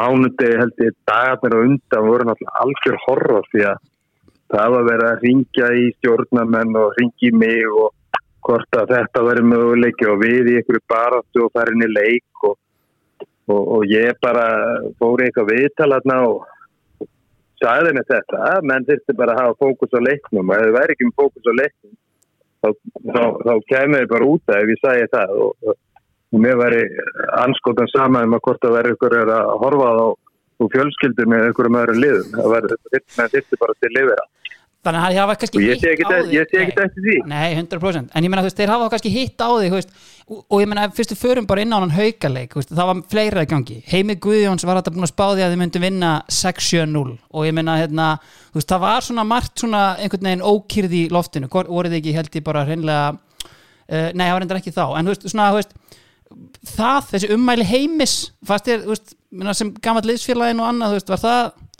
svona einhvern veginn eftir á þegar þið tapir leiknum pyrrandi ég held að, nei, nei, nei, alls ekki. Ég, þú veist ég held að ég hef bara fatt að þetta kannski eftir á þetta hefur verið eitthvað mindgames, ég held að það hefur verið meira við vorum að koma á leik hérna á móti IPVF hellingur áhörundum og góðbóðsvelli mm -hmm. jafntefli, vorum að gera jafntefli krigan með maður rétt líka. og uh, nýbúinur að vinna val þetta var svona, þú veist kannski jafntefla mútið FH í kriganum sigur mútið val 5-0 heima mm. Ég held bara að við, við, við, við hittum bara alveg óbúslega lélegan dag og, og vorum bara slakir. Mm. Reyndar minni mig að við hefum svo sem alveg geta sett eitthvað mörg að varnarleikurum var lélegur og, og þetta var bara svona klassistur lið sem að kannski var ekki með alveg nóg þykkan bort á þeim tíma punkti að, að tapa og og ég, ég held sem bara ég veit ekki hvort það var umhverju heimis eða ekki sko en þetta var algjör, þetta var svo krúsjál leikur í þessum móti. Já, og Martin gerist í þessum leik sem var líka svo krúsjál og gerist í kjálfarið að ég tek til dæmis kára út af bara í fyrriháleik já, já, 38. mínúti hann var nýbúin að gera sjálfsmark. Ég segi við strákan á bekni hjá mig sem voru með mér ég ætla að sjó ég, ég meina, í dag er það gali ég ætla, ég, við verðum að gera þetta ég ætla að sjó þér að lið það er kár út af ég, þetta er klikkaður að Já, það getur vel verið, það kemur í ljós hvort þú klikkar ekki. Það, það sem að, að rýður á ef, að- ef ég gerir þetta að við púslum þessu saman. Þetta er bara skilabóða liði, það er engin óhust. mm, Það fannst þér að koma svona eitthvað complacency í mannskapin og, og ég kemur út af og, og Kári gengur út af tegnréttur fyrir liði og, og alls ekki ánaði með mig en, en hérna bara segir ekki neitt. Ég veist að augnaráðu hefur verið algjörlega sko geta drepið mann en ég ákveð bara lítið ekki á en bara, það leiðum bara að lappa þarna. Og, ég væri raun og verið ekkert að resta kára þannig ég persónulega. Þetta er raun og verið bara liðin og, og svona senda okkur í skíla og það hefur vel ekki að fara í báðar áttir. Mm, nema Elvar Helgason verður fyrir jólun eða reikin út af rétt og, það gerist í kjálfari því að Olger sem að kom inn á fyrir Kára hann missi bóttan á miðinni og þeir komast í upplöp og, og, og, og Þóróttur junior hann ákveður að ríðu bröð já, og þá eru við einu ferri já, og Elvar í banni næsta leik. Og, og þá víkur eiginlega sögunni að leiknum að eftir sem var í Grindavík í Súld. Já, og við þurftum að taka svolítið intensífa viku, við minnum að hafa þá leikur að vera á, á sunnudegi eða svoleiðis og ég ákveða að hafa æfingu á sunnudagsmotni á leikdegi. Já, og búin að púsla, púsla reyna að púsla strákunum svolítið saman þarna eftir tapum að haugum og munum fannst aftur að fara til landskotans og, Mm. og svo framvegis og, og voru svolítið sárir og, og ellega nema Kári átti ekki að byrja grindaðuguleikin og síðan verða forföll á sunnudegin við erum æfin í fíðu og skýta helvits veður og, og, og þegar að mér verður ljóst að ég þarf að breyta liðið nú að Kári er þá mestu póstir þá gengir til Kára og segir Kári þú áttir ekki að byrja þessu og sjá æfingurum en nú eru forföll. Ég þarf að vera að halda liðið þarf að halda að þú byrjar. Já, Kári gerði það sem að til eftirbreytni. Að hann var ekki búin að vera með neitt hundsöðs alla vikuna þegar ég segi hann þetta á þessum sunnudeginum mm, þá segir hann bara nánast yes sir. Mm, fer inn er kaftið, spilar og leiti ekki með öxt, hann var geggjaður og þetta var í raun og veru það sem gerði það að verkum að þessi ákvörðun þannig sé að hún gekkuð þegar þessi ákvörðun að taka hann út af þarna í haugaleiknum því að hans viðbröð við því voru bara eins og maður vil sjá hjá alvöru líturum og, og, og ég segi það að Kári syngdi það þarna og svo sem í mörgum öðrum uh, hérna tilvökum að að hann var frábæð fyrir lið hann var frábær fyrirlið og Þetta er lofræða. Þetta er alvöru professora move.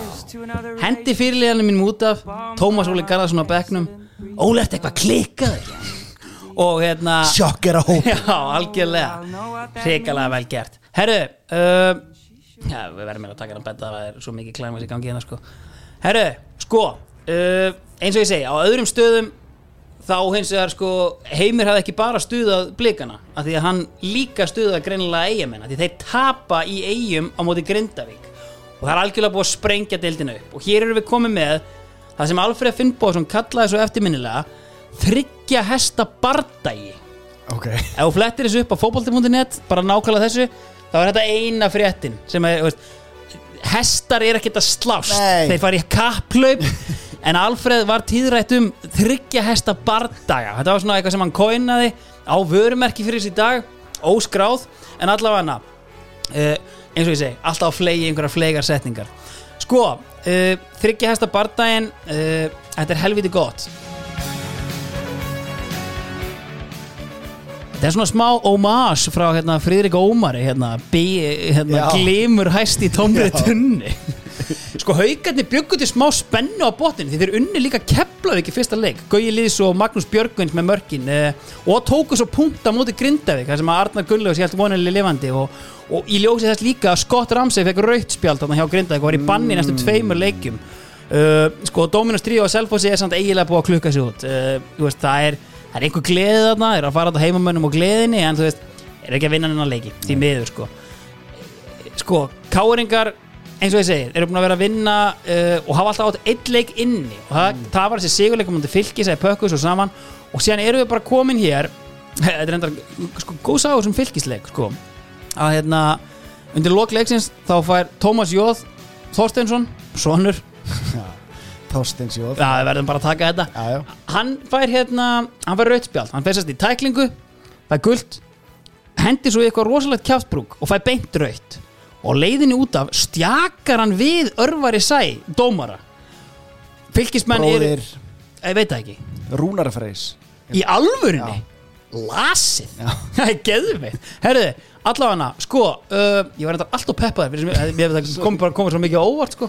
Herðu, uh, þarna eru sko Tómas Jóð, Andres Már Og Áskir Börkur, Árbæjarins Finest Búin að koma sér í sko samtals 20 leikja banni eða eitthvað Ha? Nei, ég meina hérna, þú veist, mást ekki já, voru jú, hérna í alveg, fjara leikja banninu, sorry. þryggja leikja banninu og Óli Þórðar og bæti honum mín, það komið í ykkur 50 leiki, skiluru Þetta var sagan í árbænum, sko, þeir, það var ekkert í gangi þarna og þú veist, hérna, Eru þeir að sogast niður? eða? Þeir eru ekki í góðum málum, sko. Veist, hérna, það sem er eins og er í gangi þarna er að Jói Þórhall er að raðin mörgum. Og sko, ég, ég gögn, ég skoðaði aðeins Jói Þórhalls. Minnugur þess að hann skorar í lélögum liðum. Já. Hann á tíu mörg fyrir hérna, Þóri í deild, hann á tíu mörg fyrir Grindavík í deild. Og hann á níu mörg fyrir Fylki í deild, þú veist, á einu sísoni já. ég ætla bara hér með að kalla eftir manni sem að á skiluru svona rekord með svona mörgum liðum. Já, sem eru í neðri hlutanum meinar þá að ekkert endilega, bara, þú veist, geðu með mann sem hefur skorað yfir níu mörg á tímabili fyrir þrjú lið. B.T. Músin veit það ekki, en enn ekki að fletta því upp núna við erum komin alltaf langt, en þú ég, bara ég vil fá þetta í leiðrættingu gefið mig gögn.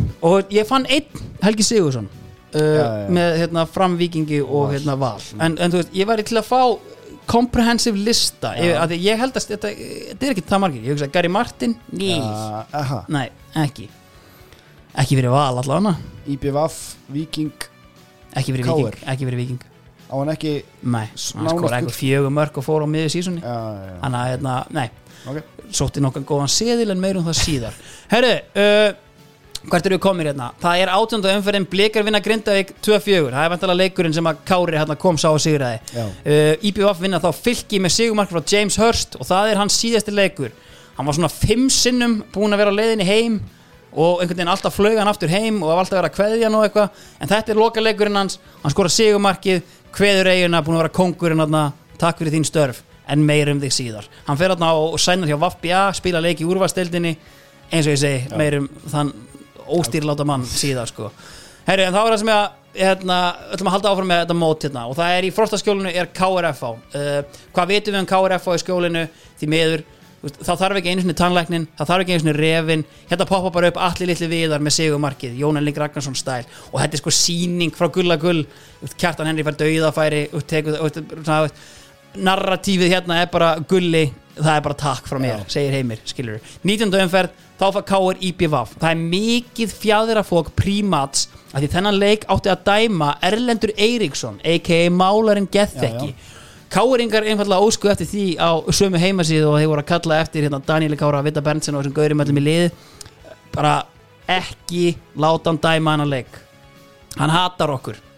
Út af hérna byggarástöldaleiknum þetta ár, mannstu getið því? Nei Káir, uh, meiri, ok, ke, ég kem inn á þetta eftir. ok, uh, þetta endaði því að veist, þeir sögðu bara, halló, L. Eiríks hann írist saman ekki neitt, hann geggjaðu dómari 25 skona sekt, takk.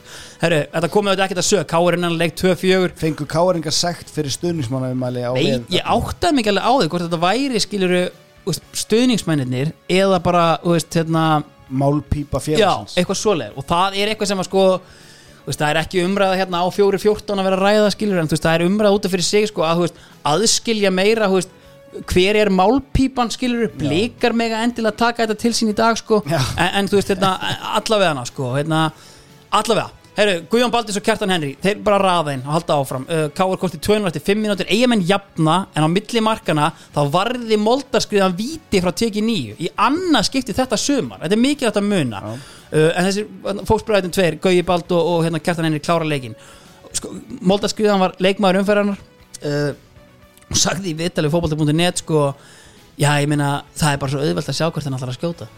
Og ég fór til hans eftir leikin og sagði hann það þú ert að horfa alltaf mikið í hotnið tekið hefur eflust tekið helviti vel í þessu uppbyggilega gaggrinni 37 ára þarna bara þú veist allavega. Uh, sko FH vinna á sama tíma Selfoss með marki úr umdeldri vítaspinnu og blikar unnu fylki með marki frá Kitta Steindors og aftur er indveski prinsinn bjargvætturinn undir lokleiks og blikarnir tilla sér hérna á toppin og það eru þrjár umferðir eftir.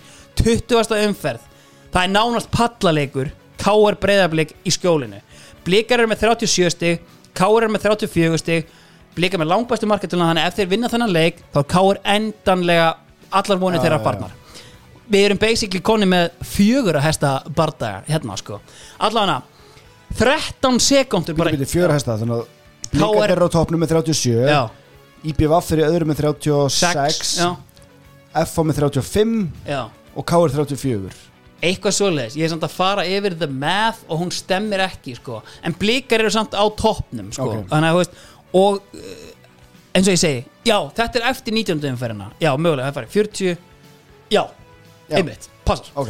ok uh, algjörlega uh, 20 sekundur inn í leikin uh, blikar uh, sko hvort að Káar byrjar með boltan sending aftur hafsend og það er einhver barningur og síðan kemur bara sending inn fyrir milli hafsendana og Gauji Bald, leðurgöldurinn hann bara ríkur af stað. Og Elvar Freyr Helgason þeir svona böðlast einhvern veginn saman og hann bara tekur hann niður. Ekkert dæmt. Og sko ég þetta undir Elvar. Og bara sendi þetta á hann. Þessi, þessi leikur er í heildsinni einhver hluta vegna á YouTube. Og ég sendi þetta bara hérna, veist, sko, fyrir mitt leiti gleymið þessum Elli Lucio pælingum. Já, Elvar Freyr Helgason er fyrst og fremst hinn íslenski Ricardo Carvalho.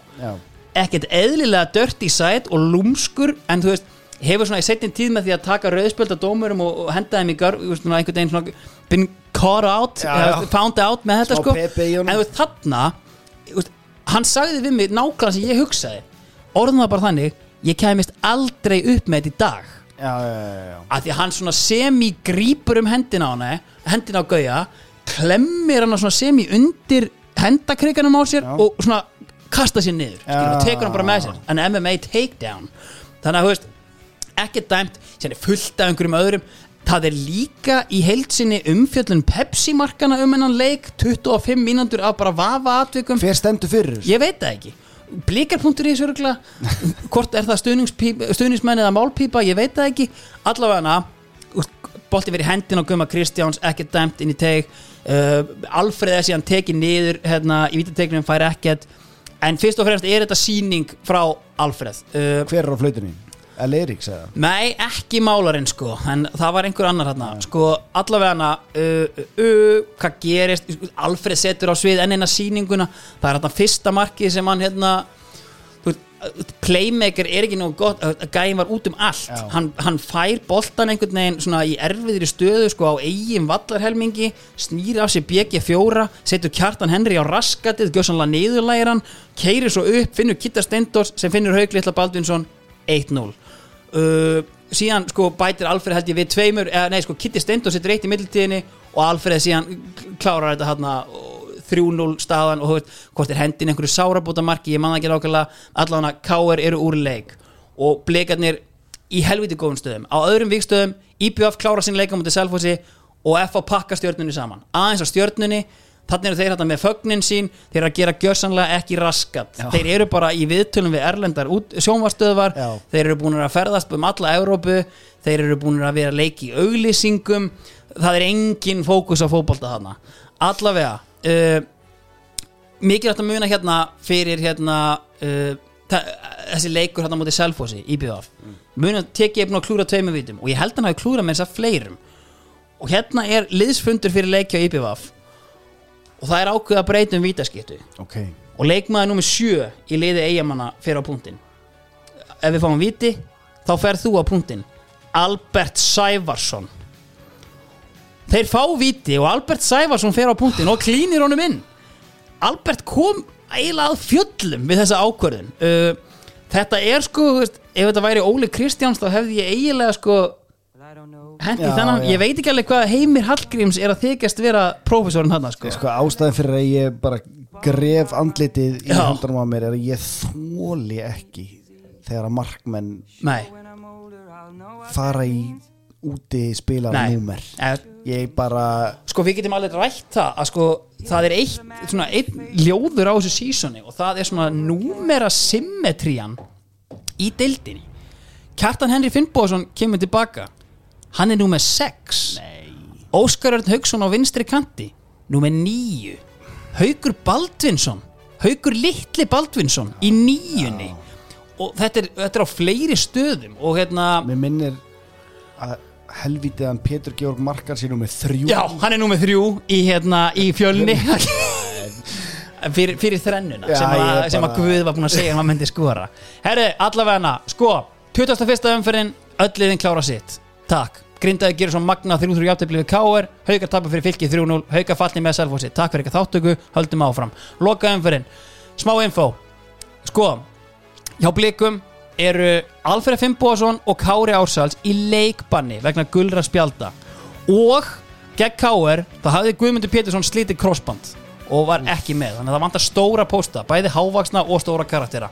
Hjá eigamönnum þar er teki nýju búin að henda sér í bann. En hann þekki þessa stöðu. Hann var auðvitað í banni þegar F-áengar fóru hérna í hvort það var í Árbæin hérna um árið þegar þeir kláruðu titilin þar ég fekk hann einhverja leiðréttingu um daginn. Ég man ekki hvort það var í, það var í árbænum held ég, þegar við kláruðu titilin að þegar, þegar Keflavík klúraði sínu. Já, já, sko, við erum með hann og, og Pétur Viðas uh, er í banni hjá FH að minnstakosti, man ekki meira. Við erum með hann viðfræga þryggja hesta bardaga, staðan Blikar 43 IBV 42 og FH 41 hestatina er stást fyrir allan peningin sko, FH fram í lögadalnum á The Magic Carpet stjarnan breyðablík og IBVF Keflavík. Og ég veit ert að hugsa og því miður fyrir eigamenn þá er svarið já. Þetta er í fokkin Keflavík. Það er megn fníkur sem nær frá flugvellinum í Sandgerði út á Olsen Olsen og það dregur til tíðinda fyrst þar því að laufin eru líka auðvitað löngu byrjað að falla á trjánum. Ég man ekki alveg hvað ég sagði á hann þegar sólargeslinn færist fjær mætir Hörður Sveinsson á nær og hann kemur keflíkingum yfir. Höldum áfram það er komið mark í laugardalinn.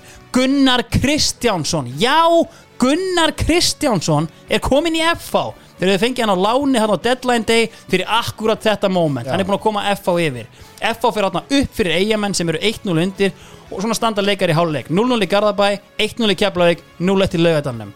Bang 75. mínúta. Keflíkingar skora 2-0 hvað er í gangi? Aftur leikmenn Keflavíkur eru enn að fagna marki frá hennu 16 ára gamla Artur Ingvar Trausta sinni. Já. þegar úkrainska undrið Dennis Sidnik minkar munin og er að halda spenni í þessu bang, marki í laugadalnum Gunnar Kristjánsson er að skora aftur. Landsliðsmaðurinn gett ekki. Bíp! 84. mínúta. Það er víti í Keflavík. Og við veitum alveg hver fer á punktinn þar. Albert 2-1. Gaddem Sævarsson. Fyrir mótinu basically hann fer á punktinn og hann klúðrar. Nei. Keflavík brunar í sók. Bang, nýji bjargvætturi Magnús Sverri Þorsteinsson. Bang, Bojan Stefan Ljúbitsits fjögur eitt, loka tölur í Keflavík. Takk! Þó er hann engi grætur, heimir er orðlaus. Í millitíðin hafði allir við að lætt inn þriðja markinu fyrir FH, loka til 3-0 þar. Það heyrist ekki múk úr Garðabæ. Að það gerist ekki neitt Það gerist ekkert. Þeir sigla heim 0-0 jafntefli og titillinn er farin í goddamn Kópavógin Þetta er svo magnað. IBVF goddammit þetta hefði örgulega verið mesta uppset sko, spáð tíundasæti Já, þetta hefði, þú veist, þetta er Lester dæmi og síðan var sko moment einhvern veginn sem að svona, þú veist FH eru sko grátlega nála til þeim það er moment sent í leiknum upp í Garðabæ þar sem að Danni Lax hendir sér í einhverja svona tæklingu fyrir utan teig og Kale er bara glórulust staðsettur og enn og aftur er indverski prinsinn að einhvern veginn koma til bjargar hérna. Alveg rétt, hann hendi sér aftur á bak. hendir sér, þetta er svona angels in the outfield moment, hefur þú síðan hana? Þetta er þetta hafnaboltamyndina sem að englarnir koma og er að bjarga hérna ungum Joseph Gordon-Lewitt sem er eitthvað munaðlaus og þeir get ekki neitt hérna Anaheim Angels eða eitthvað. Og hérna, og það er moment, veist, það er svona englar, Pétur Georg búin að senda sína menn á svæði og þeir eru bara að spila leikin, þú veist eitthvað. Og hérna og, og það er Matthew McConaughey leikur í myndinni og er, veist, hann er að fara, veist, vera langt frá að grípa boltan og englarnir liftunum Það var basic að sem gerðist fyrir inderska prinsin. Hann er bara hann í fluginu og það er eins og einhver engill bara haldi á honum. Frændur, bræður Minn bara bræður fyrra 100% Sko, ég vil aðeins kanna því það eru fleiri baksögur í þessu. Sko, IBF stjarnan var hann í leiknum á undan. Já. Þar eru stuðningsmenn eigamanna með allskins óhróður út í Halldór Orra Þeir eru þarna, þú veist, það var talað um kynþóttafordóma. Ég veit ekki hvort það sé rétt. Þeir eru alltaf að kalla hann albinói. Já. Og þú veist, ekkert gaman. Kynþáttafordómar, ég veit það ekki. Þetta er ljótt samt. Og haldur orðið fyrir viðtal, skilur veist, já, já, breyðabliki næsta leik, ég er ekkert eitthvað geðvegt til ég að gera íbí vaff einhvern greiða. Já. en F.A. geta líka rísmestarar, ég nenni því eiginlega ekki. Þannig að, þú veist, ok, fair play. Herru, Keflavík íbí vaff heldur þú að allir frændi, nei, heldur þú að Keflvíkingar Já. vilji gera TG9 einhvern greiða eftir pumpurnar. fyrst pumpuna? Nei. ekki fræðilegur. Bottom line, IBF var aldrei að fara að vera Íslandsmeistari. Veist, það var bara, veist, þeir voru búinir að veist, búa um sæng sína þannig að þetta var ekkert að fara að ganga. Og sko Gilsarinn, hann var í viðtali við fótbolta.net þarna á lokadeginum og sko ein-. Ah, fyrir leik, já, prímats, menn mætti að playa sklokkan tíu og eitthvað. Já. og hann, hann þuldi þetta allt upp sagði þér enda líka að hann væri búin að tala við Máksinn, Gunnleif Gunnleifsson. Hann ætlar að, að inn nokkrum að í laugadalnum, þetta er bara klárt! Please ekki grafa þetta viðtal upp af því það er nóg að skýta þarna. En allavega sko, ef við förum bara yfir blikalið ég meina meðalaldur liðið sem 22,9 ár. Það var bara, ég held að hafi ekkert lið í sögunni verið með meðalaldur upp á vinna en 26 ár Nei. þú veist, sko Kaki Más ég hef aðeins verið að pæla viðræða þetta við þetta Magnús Pál Gunnarsson einhvern veginn hvernig þessi kynnslóð af ungum blikum kom inn í dæmið skilur og hvort er að við grætt á því að vera með playerskynslóðanda með sér bara þetta aðeins undir Óla Óli hvað segir um það? Já, gert yngri strákunum gott. Já, Já, meira átt að fyrir það, því að þá sáu er hvernig átti ekki að gera hluti. Nei, öll, já, sko, öllu gamni sleftu með pínu lítilli alvöru þá voru náttúrulega strákar eins og Kristján Óli og Hjörvar, sérstaklega Kristján Óli, hann gæti verið aldrei peinin í allt fyrir hinn að sko, þú veist, mikill keppnismæður og sítöðandi og, Já. og, og rífandi kjaft og svo, svo frá með stundum hafðan hafðan eitthvað að hafa þeir og stundum ekki og var gæti verið bökkandi uh, þeir hætta fljóðlega þarna þeir eru nú þarna er helstast á lestin en svo eru og, og Maggi Palli einmitt. fer í, í eins og eitthvað kallaða platunum mennskuna uh, en fóru út, Marel hætti líka. Já, en sko síðan voru eftir stráka sem að voru, voru í þessu eins og Kári, Átni Kristinn og, og ekki síst Olgi Sigur sem að voru sko gæjar sem að kannski akkurat af þessari kynsluð en, en svona ég, ég veit ekki hvernig ég orða það þú veist, þeir, þeir og þessu Olgir sko, hann, hann dugði alveg ofbóðslega lengi og var ofsalega góður inn í hópin, Kári félagslega, Átni Kristinn svona solid gæi og, og þeir gerðu hellinga hlutu með yngri strákunum í klefanum og sem að ég þóttist ekkert vita af en, en, en var bara helviti gott fyrir liðsmóralinu og annað. Þannig að jú, jú, þetta höfði gott af þessu en þetta var alveg þægilega svona, hvað að segja uh, umskipti frá kannski eins og kallar þetta playerskæjana og yfir í, í þetta yngri sem að kannski höfðu, höfðu meiri metna gaf ekkert allt og mikið fyrir þetta en þú veist, jú. Kaldar, Já, kaldar og veist, playskynslaður já, en þú veist, en- eins og ég segi veist, það er alveg hægt að gefa þessum gaurum sjátt skilur sem eru að þetta, þú veist, ég meina Átni Kristinn Gunnarsson, Já. hann tók sjö tíma flug úr námi í bandaríkinum til að segja að sitja á bekknum hérna í ústættaleiknum, skilur og þú veist bara, hérna ég meina, Simmi Safehands, bróður hans Kristján Sóla varamarkmaður hérna, Olgeir klárlega, eigamæðurinn gett ekki þú veist, þetta er geggjur saga, sko. 100% Þannig að þú veist, ég menna klálega tökum það með okkur. Sko, uh, eins og ég segi Blíkaristmestarar, eigamenn með sártæðinni og F-fáingar, þú veist, ég menna menn má- máttu alveg við því að F-fáingar inn ekki það var alveg helviti fínt, sko. Já, já, smá pása.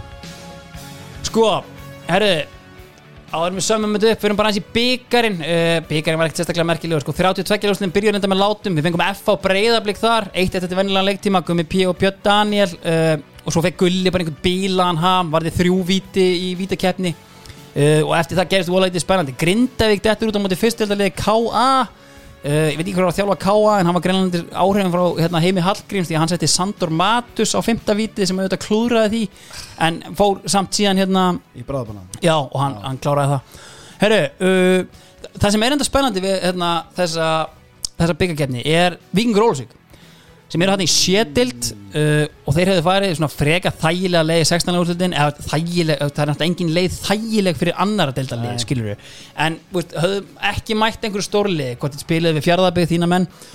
Og hérna en þeir fá allan stjörnuna í hérna áttalega úrslutum og á tíundu mínútu kemur Heiðar Atli Emilsson leikmaður stjörnunar í búningi Viking Go þeim yfir og á 8050 mínútu þá virðist Edin Bestli að bara vera að tryggja hana sigur. En Hölk, Bjarki Páll Eisteinsson og Ellert Reynsson ná að jafna leikin herru, í framlengingunni Sindri Már Sigurþórsson leikmaður stjörnunar í búningi Vikings Ólafsvíkur hann skorar.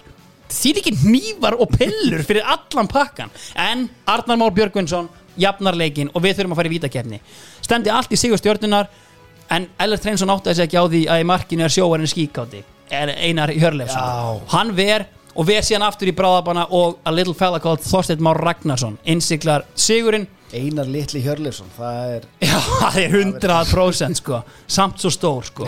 Herru, Víkingó eru fyrsta lið úr sétild til að fara í undanúrslit í byggar Fórir undanúrslit, var þetta ekki 16 lega? Þetta var áttalega. Ó, fara í undan Vá. úrslit mæta þar F-fáingum má ekki gleyma því að hérna, hérna er komið með sko Kristján Óla Sigursson sem fann líkt af byggaræfintýri og, hérna, og mætti hérna og hann, þeir eru stoppaðir hérna. Kristján Óli reyndar komið inn á það. Magna Afrek, hann nær hérna á þessu sísona því Víkingur Ól rústaði sétildinni og hann er því sko maður sem hefur farið bæði taplaus upp úr sétild og bjetild a real hero. Já.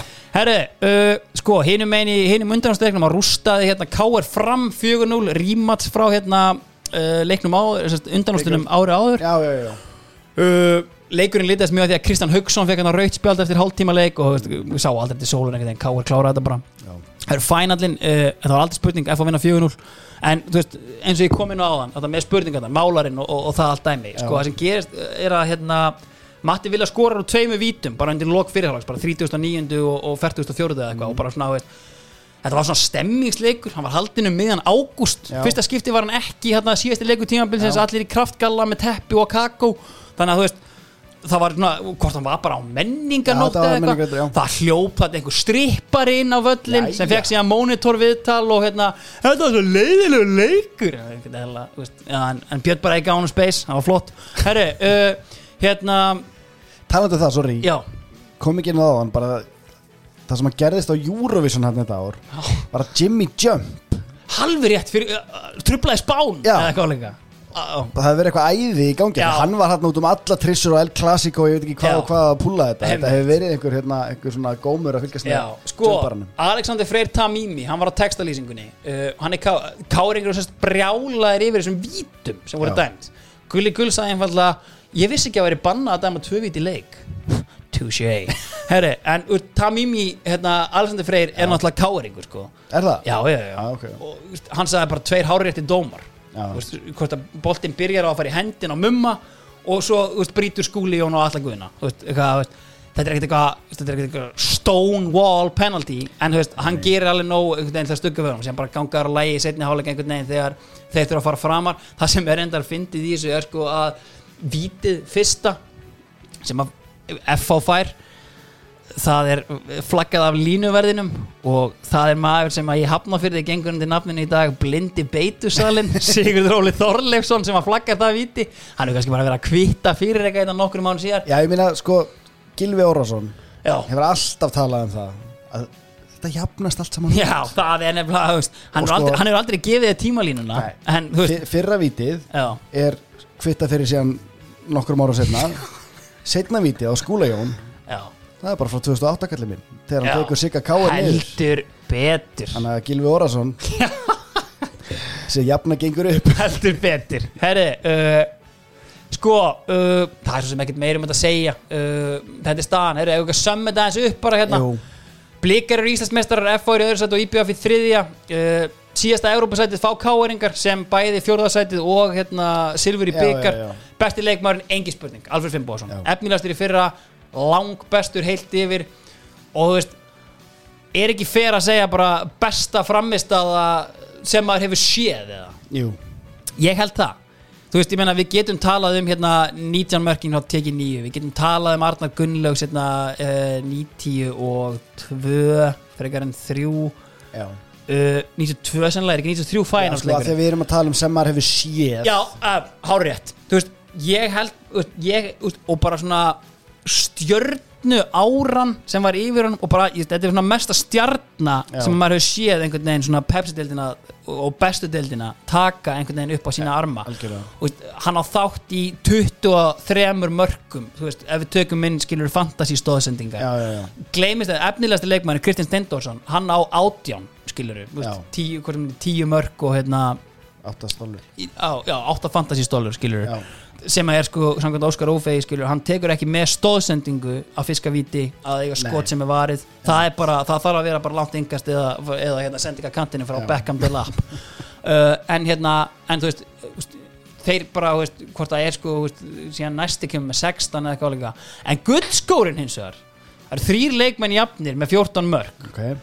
Sko, hvort að sko, allir við að fæ mögulega bronskóin Alfred Fimboðsson fær silfurskóin og a little fella called Gils Mbang Ondo Ah. tekur guldskóin það er geggja ekki bætist inn í þetta lista af útlendingu sem hafa vunnið guldskóin uh, fer þar í flokk með sko Borgvart á Borgvartin uh, er það? Ég veit ekki. Hann var allan að besti leikmaðurinn. Ég er ekki vissum hann að þetta ekki guldskóin sko.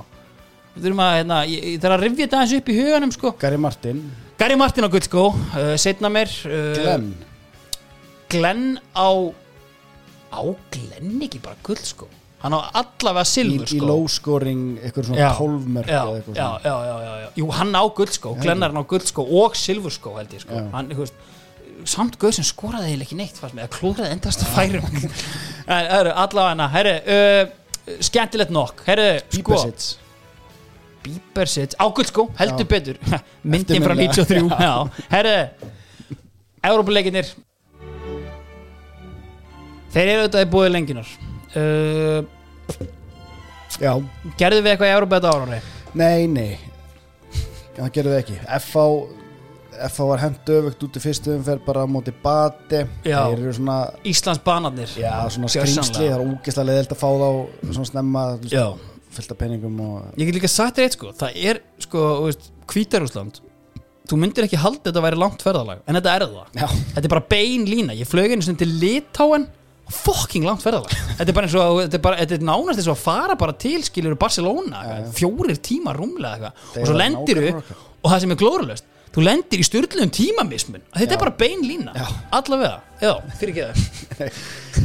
Sko fylgir tapa móti uh, kóðu með það. torpe, Torpedo þeir Ég- eru tundurdöblin ég fekk ekki bolta fyrir leikaðan já fylgjum mætti toppið ég um þetta fáum væntalegi leðrindika hotni frá hvaða landi þeir eru? Uh, ég man ekki hvort það var til Kazakstan eða eitthvað, Já, já, þetta er bara svo mikið martröð að fá þetta Þetta er bara martrið að tímabil hjá fylki, það er allt umulegt En- þarna en já. Það er líka bara alltaf svona í þessum fyrstu umfyrir Þetta er bara please ekki hérna, draga okkur á móti Nei, svona einmitt. þetta er frá Belarus líka. Já, Ká, eh, Blika fá móðurvel Blika fá móðuvel og eru svona þetta er leiðilegir 0-1, 0-1 0-1 Já. Já, en 0-1, 1-0 Já, einmitt. Það eru káringar sem eru einu sem að hérna fóru allavega áfram Já, móti hérna Íslands, Glentoran. Ísland er í Glentoran Já, Já, okkar menn frá uh, Írlandi? Belfast.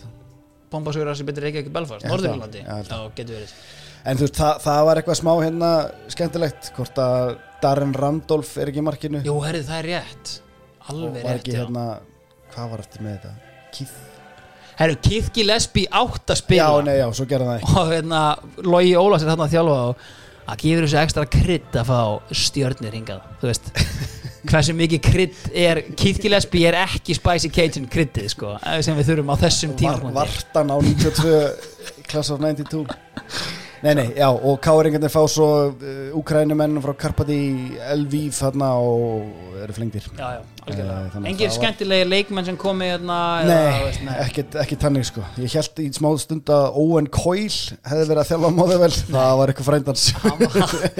Hann var í börnli Já, hérna heldur betur sko.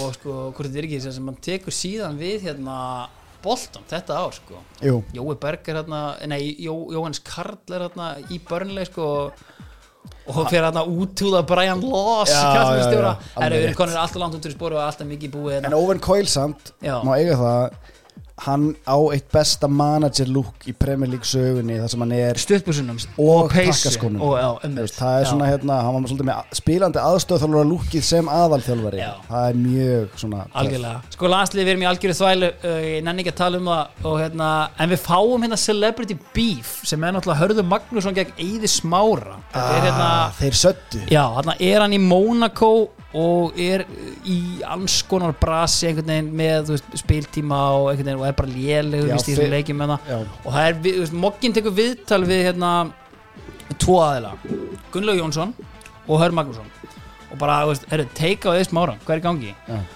Gulli segir bara give him time, auðvitað það er hans narratív á þessum já. tímapunkti uh, og hérna, og Hötti Magg svona, veist, ég er bara aldrei síðan þú veist, segir hann, sko, bara, veist, hann er í einhverju rötti, skilur virðist vera sattur, skilur okkur svona veist, svona allt sem, að, allt sem að Gulli kemur með afsökun fyrir segir hörðu bara sér Já.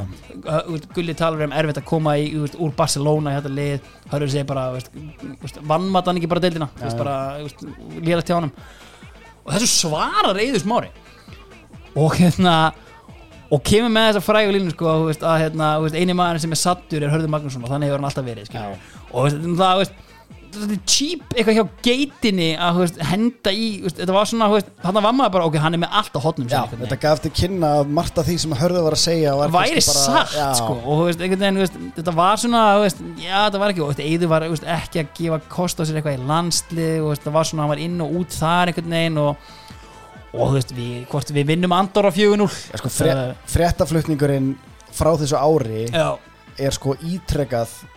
Eður Smári tapar peningum á fjárfestingaverkefni í. Hong Kong. Eður tapar 130 miljónum eftir að hafa verið þannig að bara hann var væntalega með einhvern ráðgjafa í einhverjum fjárfestingum og einhverjum svona dóti og hann er basically bara að horfa á bara fyrirlinn sinn. Já, allt sem hann er búin að byggja upp. Já, bara svona út já, svolítið sko Já, það sér að það þú- þungt yfir honum þarf ekki bara að tengjast fótboltanum sko, það er 100%, bara já. hundleiðilegt hjá honum utanvalla líka sko, te- tengt þessu. Já, veist hvort hann sagði síðan hann fer náttúrulega hérna um veturinn sko til Tottenham sko, veist, og síðan fer hann til Fulham hérna um, nei, fyrir ekki að þetta er stók, Já, þetta er rétt. martraðar ár fyrir elsku kallinn maður.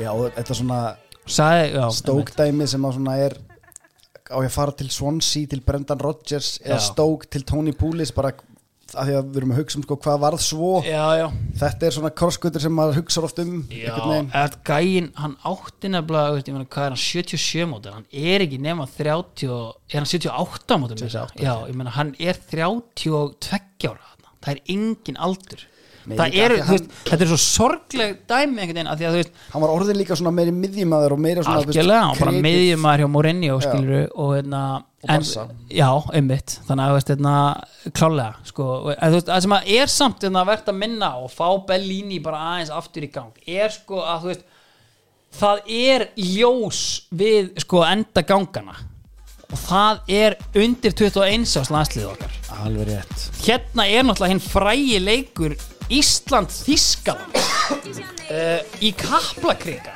Einn ótrúlegasta leikur sem maður hefur séð. Eiginlega sko. Og ég menna þarna er maður bara og, og þetta er þessi deila með skilur hvaða leikmenn eiga að spila í hvaða liði. Óla Jó einhvern veginn algjörlega hent út úr rútina, undir rútina þarna blessuðum kallinum sko. Ég er að fá Bellingi helvíti Já, ég lakka hann aðeins niður Skoðum bara aðeins hérna skýsluna frá þessum leik sko. Hérna erum við náttúrulega með veist, Þetta er bara hérna gullkynnslóðin með nokkrum týndum hann í liðinu Skúli Jón Friðgjesson er í hægri bakverðinum uh, Bjarni Þór Viðarsson er á miðjunni við örgulega spila sín 700. úlingalansleik uh, og Jónsson er þetta ekki bara Eggert Jú, Gunnþór hérna í Gunnþór. bakverðinum Bekkurinn er Nei, þetta er Kitty Jóns er Eh, bak ekkert Gunnþór er djúpur já, já, já, já, já Bekkurinn er unreal Arnar Darri Pétursson, Óskar Pétursson Jósef Kristinn Jósefsson Andres Már Jóhannesson Guðlaug Viktor Pálsson, Almar Litli Ormarsson. Kitty Stendos og Alfred Fimboa og sko, narratív leiksins er sko að við komumst yfir bara á sjö, tíundu mínútu eða eitthvað. Þegar, hérna, fymtu mínútu, þegar Birki Bjarnason skorar. Já, Uh, Kevin Grosskreutz þú veist, leit er bara CL finalist með Dortmund, Já, já. hann jafnar leikinn svo fáum við bara í einni beit, hvort við fáum ekki einhverja ruggla aukaspilni frá Gilva Jú. og Kolbett skorar svo bara í næstu sók bara, við vinnum boltan og alveg skorum. svo hendum við Alfred Lilla Finnbúa sinni inn á sem gæti ekki verið heitari og hann skorar bara fjögur, eitt sigur og við erum bara að fara á þetta fræga mót. Já, og við erum bara einhvern veginn í draumalandi Egil já, er- er svo því líka uppreist æru fyrir gæjan sko. en það sem er líka svo bilað er þetta þíska lið já og það einhvern Marcel veginn Smeltzer er hérna Benedikt Höfedis, Mats Hummels uh, annar Bender bróðurinn Lars Bender er í tíunni Sven Bender er á bekknum Lewis Litli Holtby uh, og einmitt já, sko, Sidney Sam er þetta líka Já. hérna á, sko, það- sem er magna við Sidney þetta litli Sam. Þessi nöfn sem að maður kannski þekkir ekki þarna eins og Já. Bargfreð er á miðinni og Díkmæir er í bakverðinum og eitthvað svona Já. þetta eru samt allt gæjar sem eiga sko 100-200 leiki í búndislíka Já, sko. já, Þú veist, já, það, það er já. enginn þarna sem átti engan fyrir Nei. það er kannski mest hérna uh, þessi Schieber já, Julian Schieber já, já sem að hérna gerði ekki raskat Nei. en þú veist markmaður þeirra var aðal markmaður Kæsisláten í þú veist 7-8 það ár er og, sippilinn ég meina, heyrðu, á, á bekknum er náttúrulega bara Sven Ulrek sem er nýkominn bara úr byrjunarliði bæja munn hérna fyrir tveim vikum eða eitthvað sko.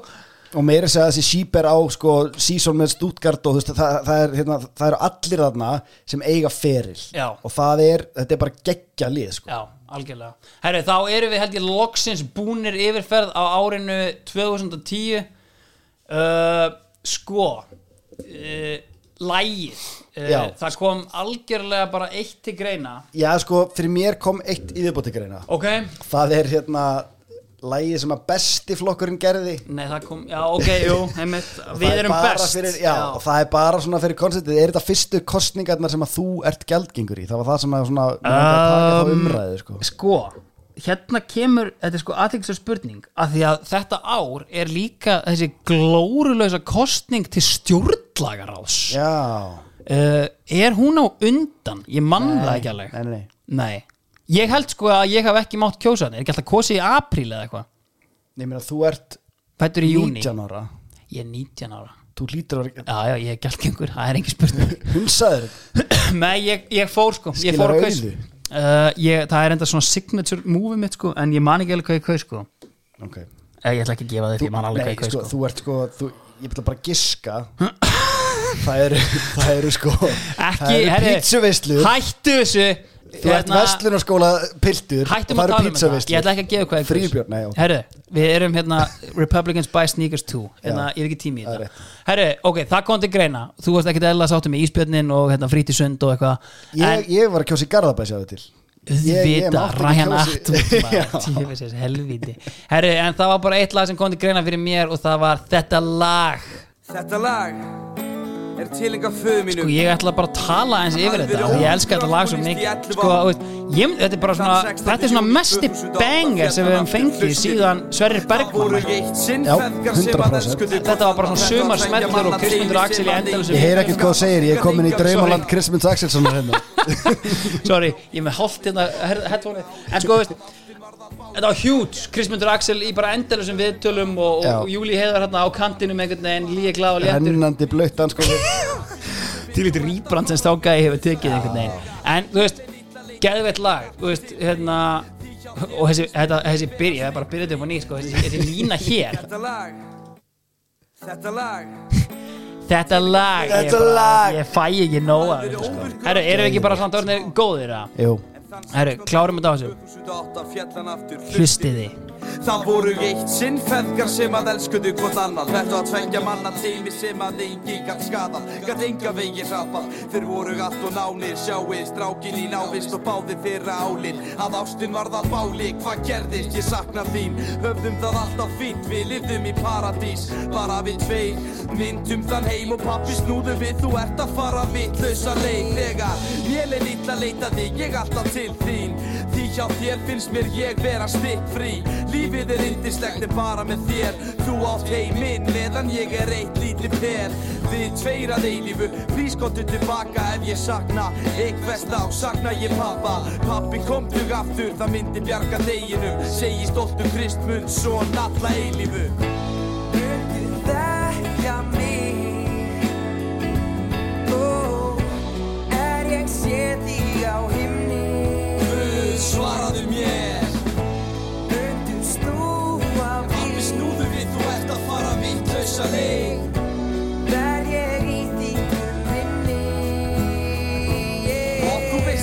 þig pappi sama hvað þú hefur gert mér Best hér í gegnum allan anskotan með þér. Vertu sterkur, vil ekki að þú rinni síðan. Takk fyrir að elska mig og alla vini mína. Og innst inni líka finn ég að það eru veikir hlekkir Stensast með þér alla leið Svo ég þreytist ekki, skiljum heiminn eftir komum okkur burt. Og förum, ég skal leifa þér að ráða hvaða leið við höldum við í Hendur höldum. Og vonandi verður dópið farið. Ég og þú, við verðum ósigrandi Ég get ekki lifað án því, þú mátt ekki gleyma því ma. Og pappi, ef þú deyr þá mun ég deyja líka. Reynda flýja, reynda flýja þennan heim Hei, svo við getum orðið aftur bara tveir spil. Spurninga og svarana ég krefst nú Jésu, getur látið pappa verða edru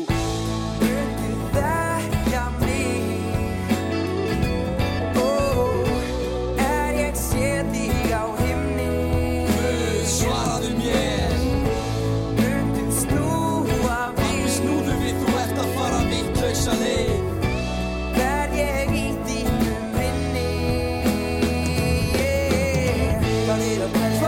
Hvað er kvelja? Hvað er að þjást? Þessi ástjá Já, ástin er bara því Segi það aftur Pappi, ég sakna því Hvað er að kvelja? Hvað er að þjást? Hvinnar hvar sorgin og gleði fór að sjást Þessi ástjá Já, ástin er paradís Segi það aftur Pappi, ég sakna þín